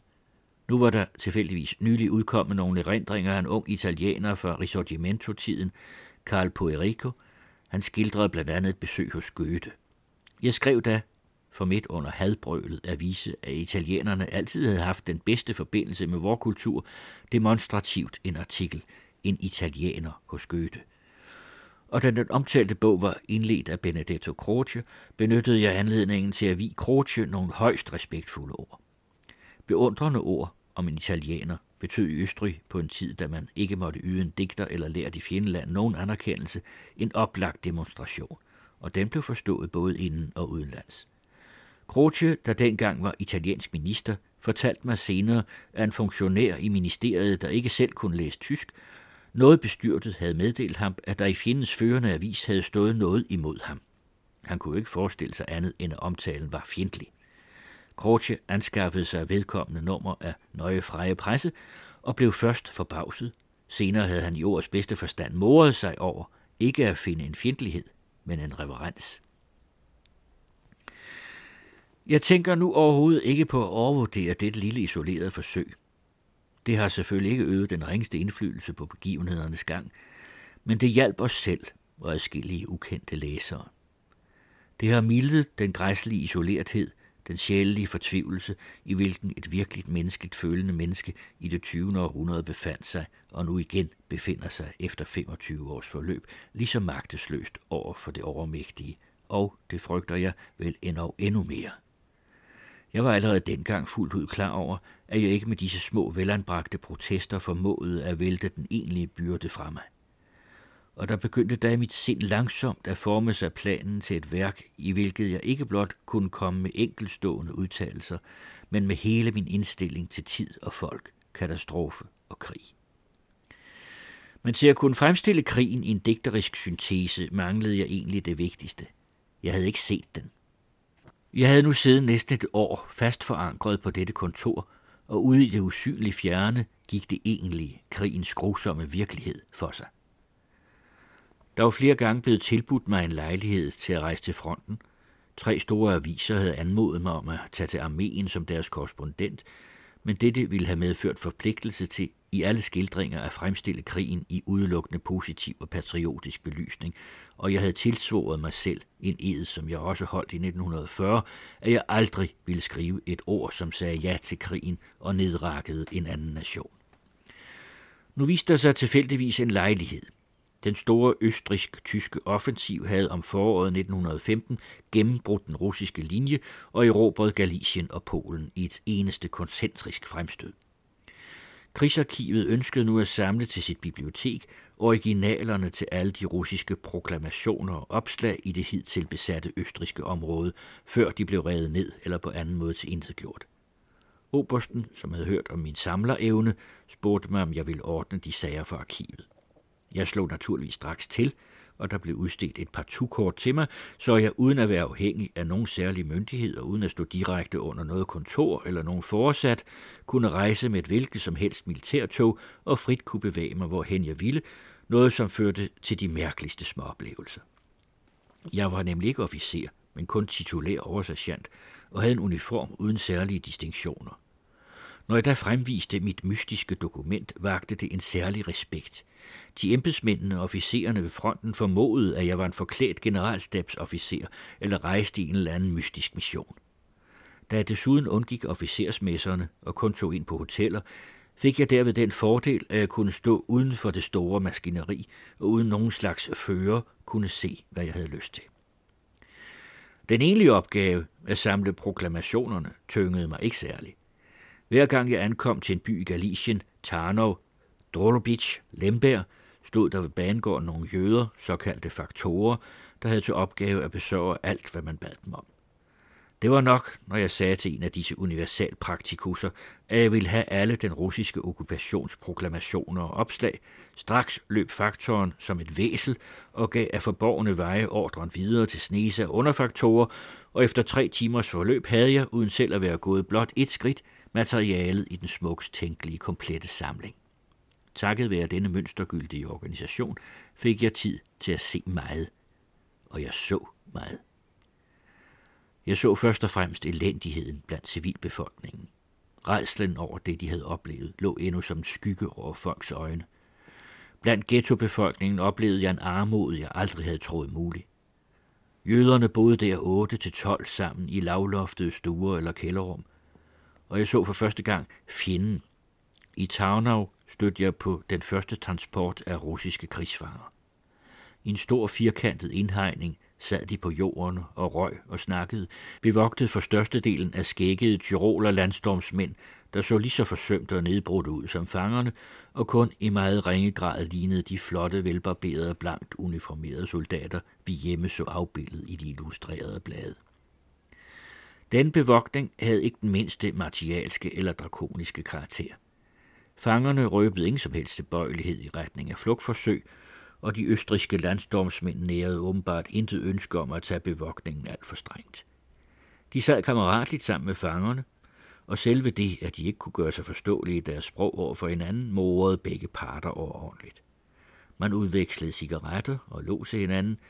Netop som jeg kom til, trak en tyroler landstormsmand en meget gammel og snavset tegnbog frem og tog fotografier op af sin kone og sine børn, som han viste til fjenderne – der efter tur beundrede billederne og med fingrene spurgte, om det barn der var tre eller fire år gammelt. Udmodståeligt følte jeg, at disse primitive, jævne mennesker opfattede krigen meget rigtigere end vores universitetsprofessorer og digtere, nemlig som en ulykke, der var kommet over dem, og som de ikke kunne gøre for, og at hver eneste, der var gerådet i den malør, var en slags bror.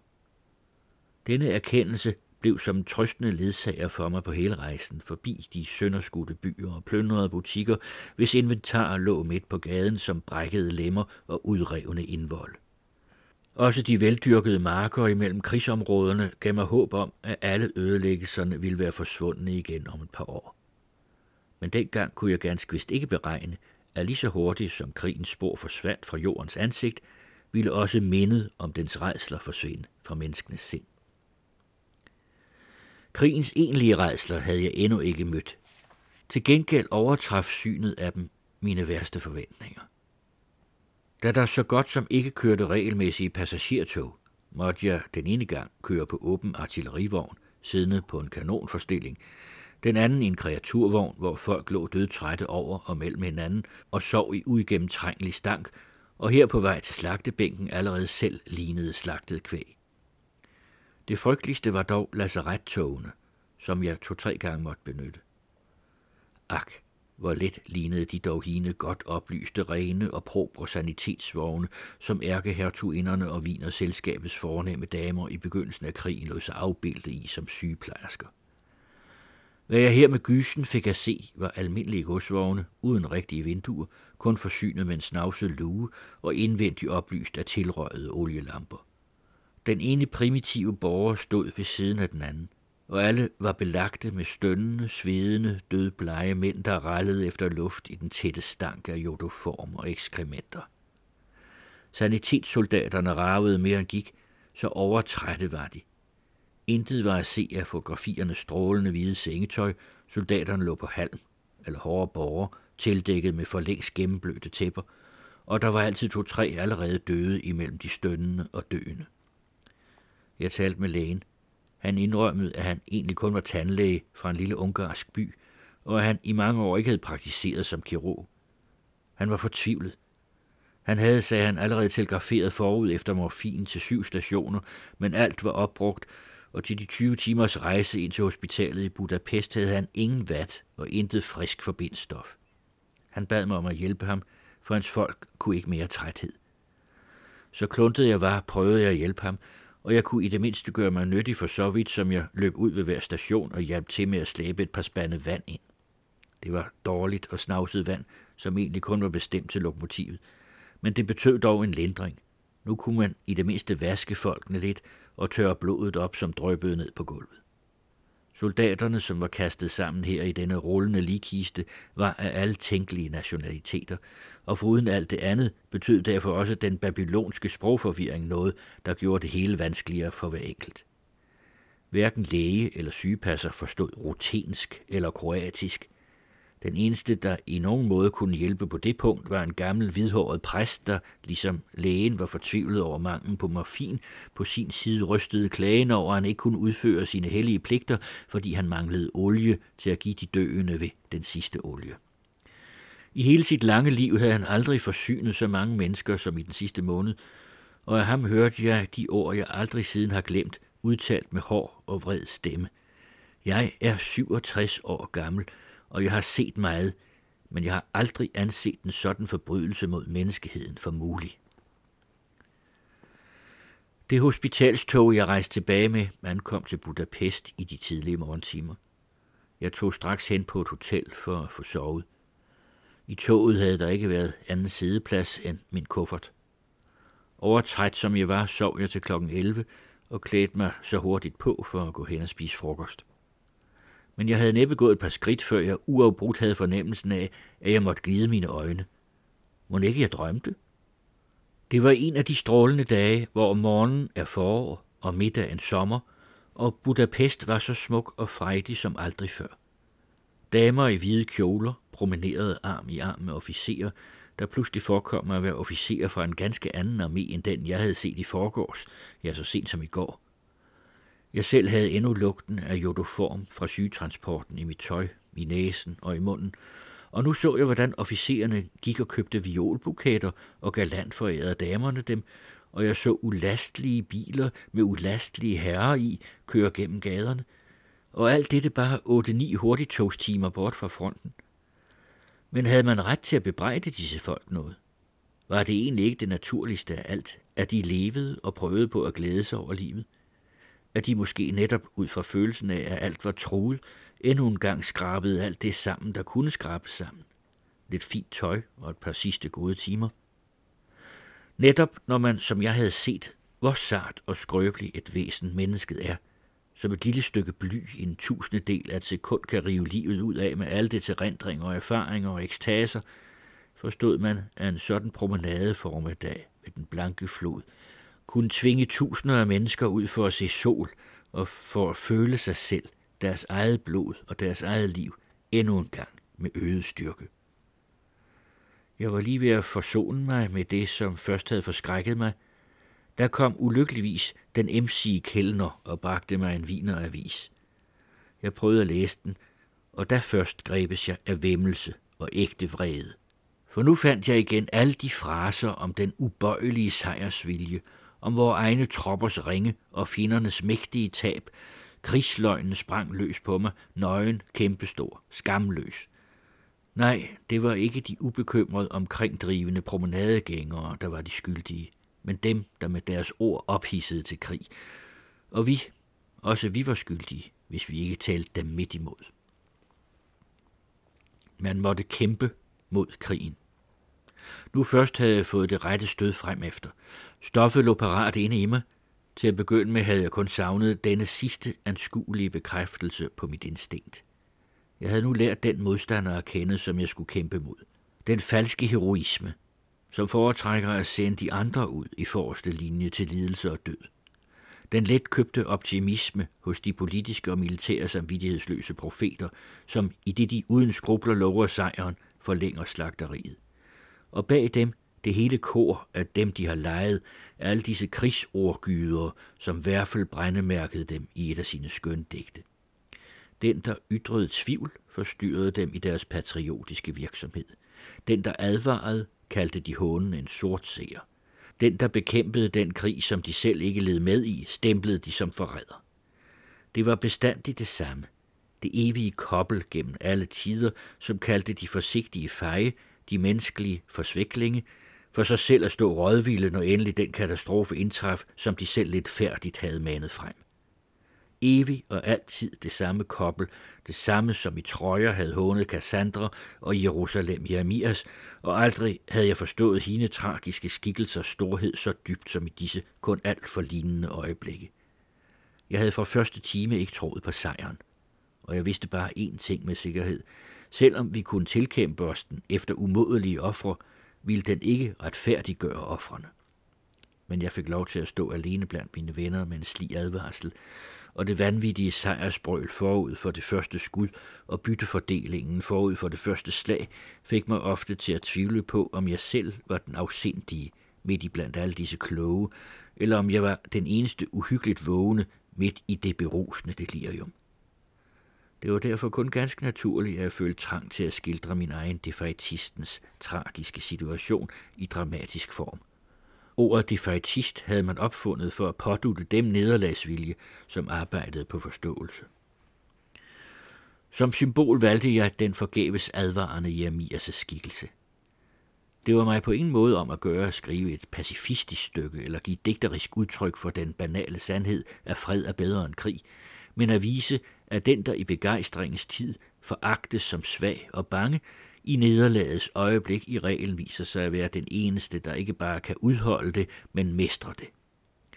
Lige siden mit første stykke, Tercites, havde problemet den besejredes overlegne sjælstyrke atter og atter optaget mig. Det fristede mig stadig at vise den åndelige forgrovelse, som enhver form for magt skaber i et menneske. Den sjælelige stivnen, som sejren bevirker hos hele folkeslag. Og op imod den er stille den nederlagets iboende kraft, der smerteligt, men samtidig frugtbargørende pløjer sjælen op. Midt under krigen, mens de andre endnu forhastet triumferende overbød hinanden i forsikringen om den usvigelige sikre sejr, kastede jeg mig allerede ned i katastrofens dybeste afgrund og søgte vejen opad. Men i det jeg valgte et tema fra Bibelen, havde jeg, uden at vide af det, rørt ved noget, som hidtil havde ligget unøttet i mig. Det i blod eller tradition dunkelt begrundede fællesskab med det jødiske folks skæbne. Var det ikke netop det folk, mit folk, som atter og atter var blevet besejret af alle andre folk, igen og igen, altid og altid, og som dog overlevede dem alle ud fra en mystisk indre kraft. Netop kraften til gennem viljen at ændre nederlaget, atter og atter at komme igennem det. Havde de ikke forudsagt, vores profeter, at vores skæbne skulle blive de evigt jagedes og fordrevnes, den skæbne, som nu i dag igen kaster os som avner langs vejene, og havde de ikke bejaget denne undertrykkelse under magt og vold, og endnu velsignet den som en vej, der førte til Gud?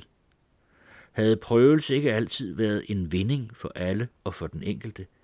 Jo, lykkelig følte jeg dette, mens jeg skrev på det nye drama, den første af mine bøger, jeg lod bestå for min egen kritik. Et ved jeg nu. Uden alt det, jeg dengang under krigen medfølende og forudfølende led, ville jeg være blevet ved med at være den forfatter, jeg havde været før krigen. Let bevæget, som det hedder i musiksproget, men aldrig grebet og ramt i mit inderste. Nu havde jeg for første gang følelsen af at tale på en gang ud af mig selv og ud af tiden. I det jeg prøvede på at hjælpe andre, hjalp jeg mig selv. Jeg hjalp mig selv til at skabe mit mest private og personlige værk, ved siden af Erasmus, hvor jeg i 1934 i Hitlers dage kæmpede mig selv op fra en lignende krise.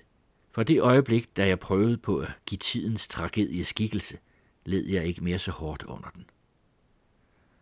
At dette værk skulle få en synlig succes, tænkte jeg mig ikke et øjeblik. Ved så mange problemer, det profetiske, det pacifistiske og det jødiske, mødtes i denne dækning, og ved slutscenernes udformning til kor, der hævede sig til den besejrede hymne til sin skæbne, var værkets omfang vokset i den grad ud over et dramas normale størrelse, at en korrekt opførelse egentlig ville kræve to eller tre teateraftener. Og desuden, hvordan skulle et stykke, som varslede nederlaget, og til og med priste det, kunne komme op på en tysk scene, alt den stund aviserne dagligt udgjaldede deres sejre eller gå under. Jeg måtte jo kalde det et under, om man bare turde så meget som trykkebogen. Men selv i værste fald, at jeg ikke engang kunne få den trygt, havde den i det mindste hjulpet mig selv gennem den tungeste tid. I digterværkets dialog havde jeg fået sagt alt det, jeg havde måttet fortige under samtaler med menneskene omkring mig. Den byrde, der lå på min sjæl, havde jeg slynget fra mig og var på ny blevet skænket til mig selv. Just i det øjeblik, da alt i mig var et nej til tiden, havde jeg kunne sige ja til mig selv. Carsten Farao læste fra Stefan Zweigs Verden er i går, der er oversat til dansk af Helge Kærgaard. I det kommende afsnit skal vi følge Stefan Zweig på en rejse til Schweiz.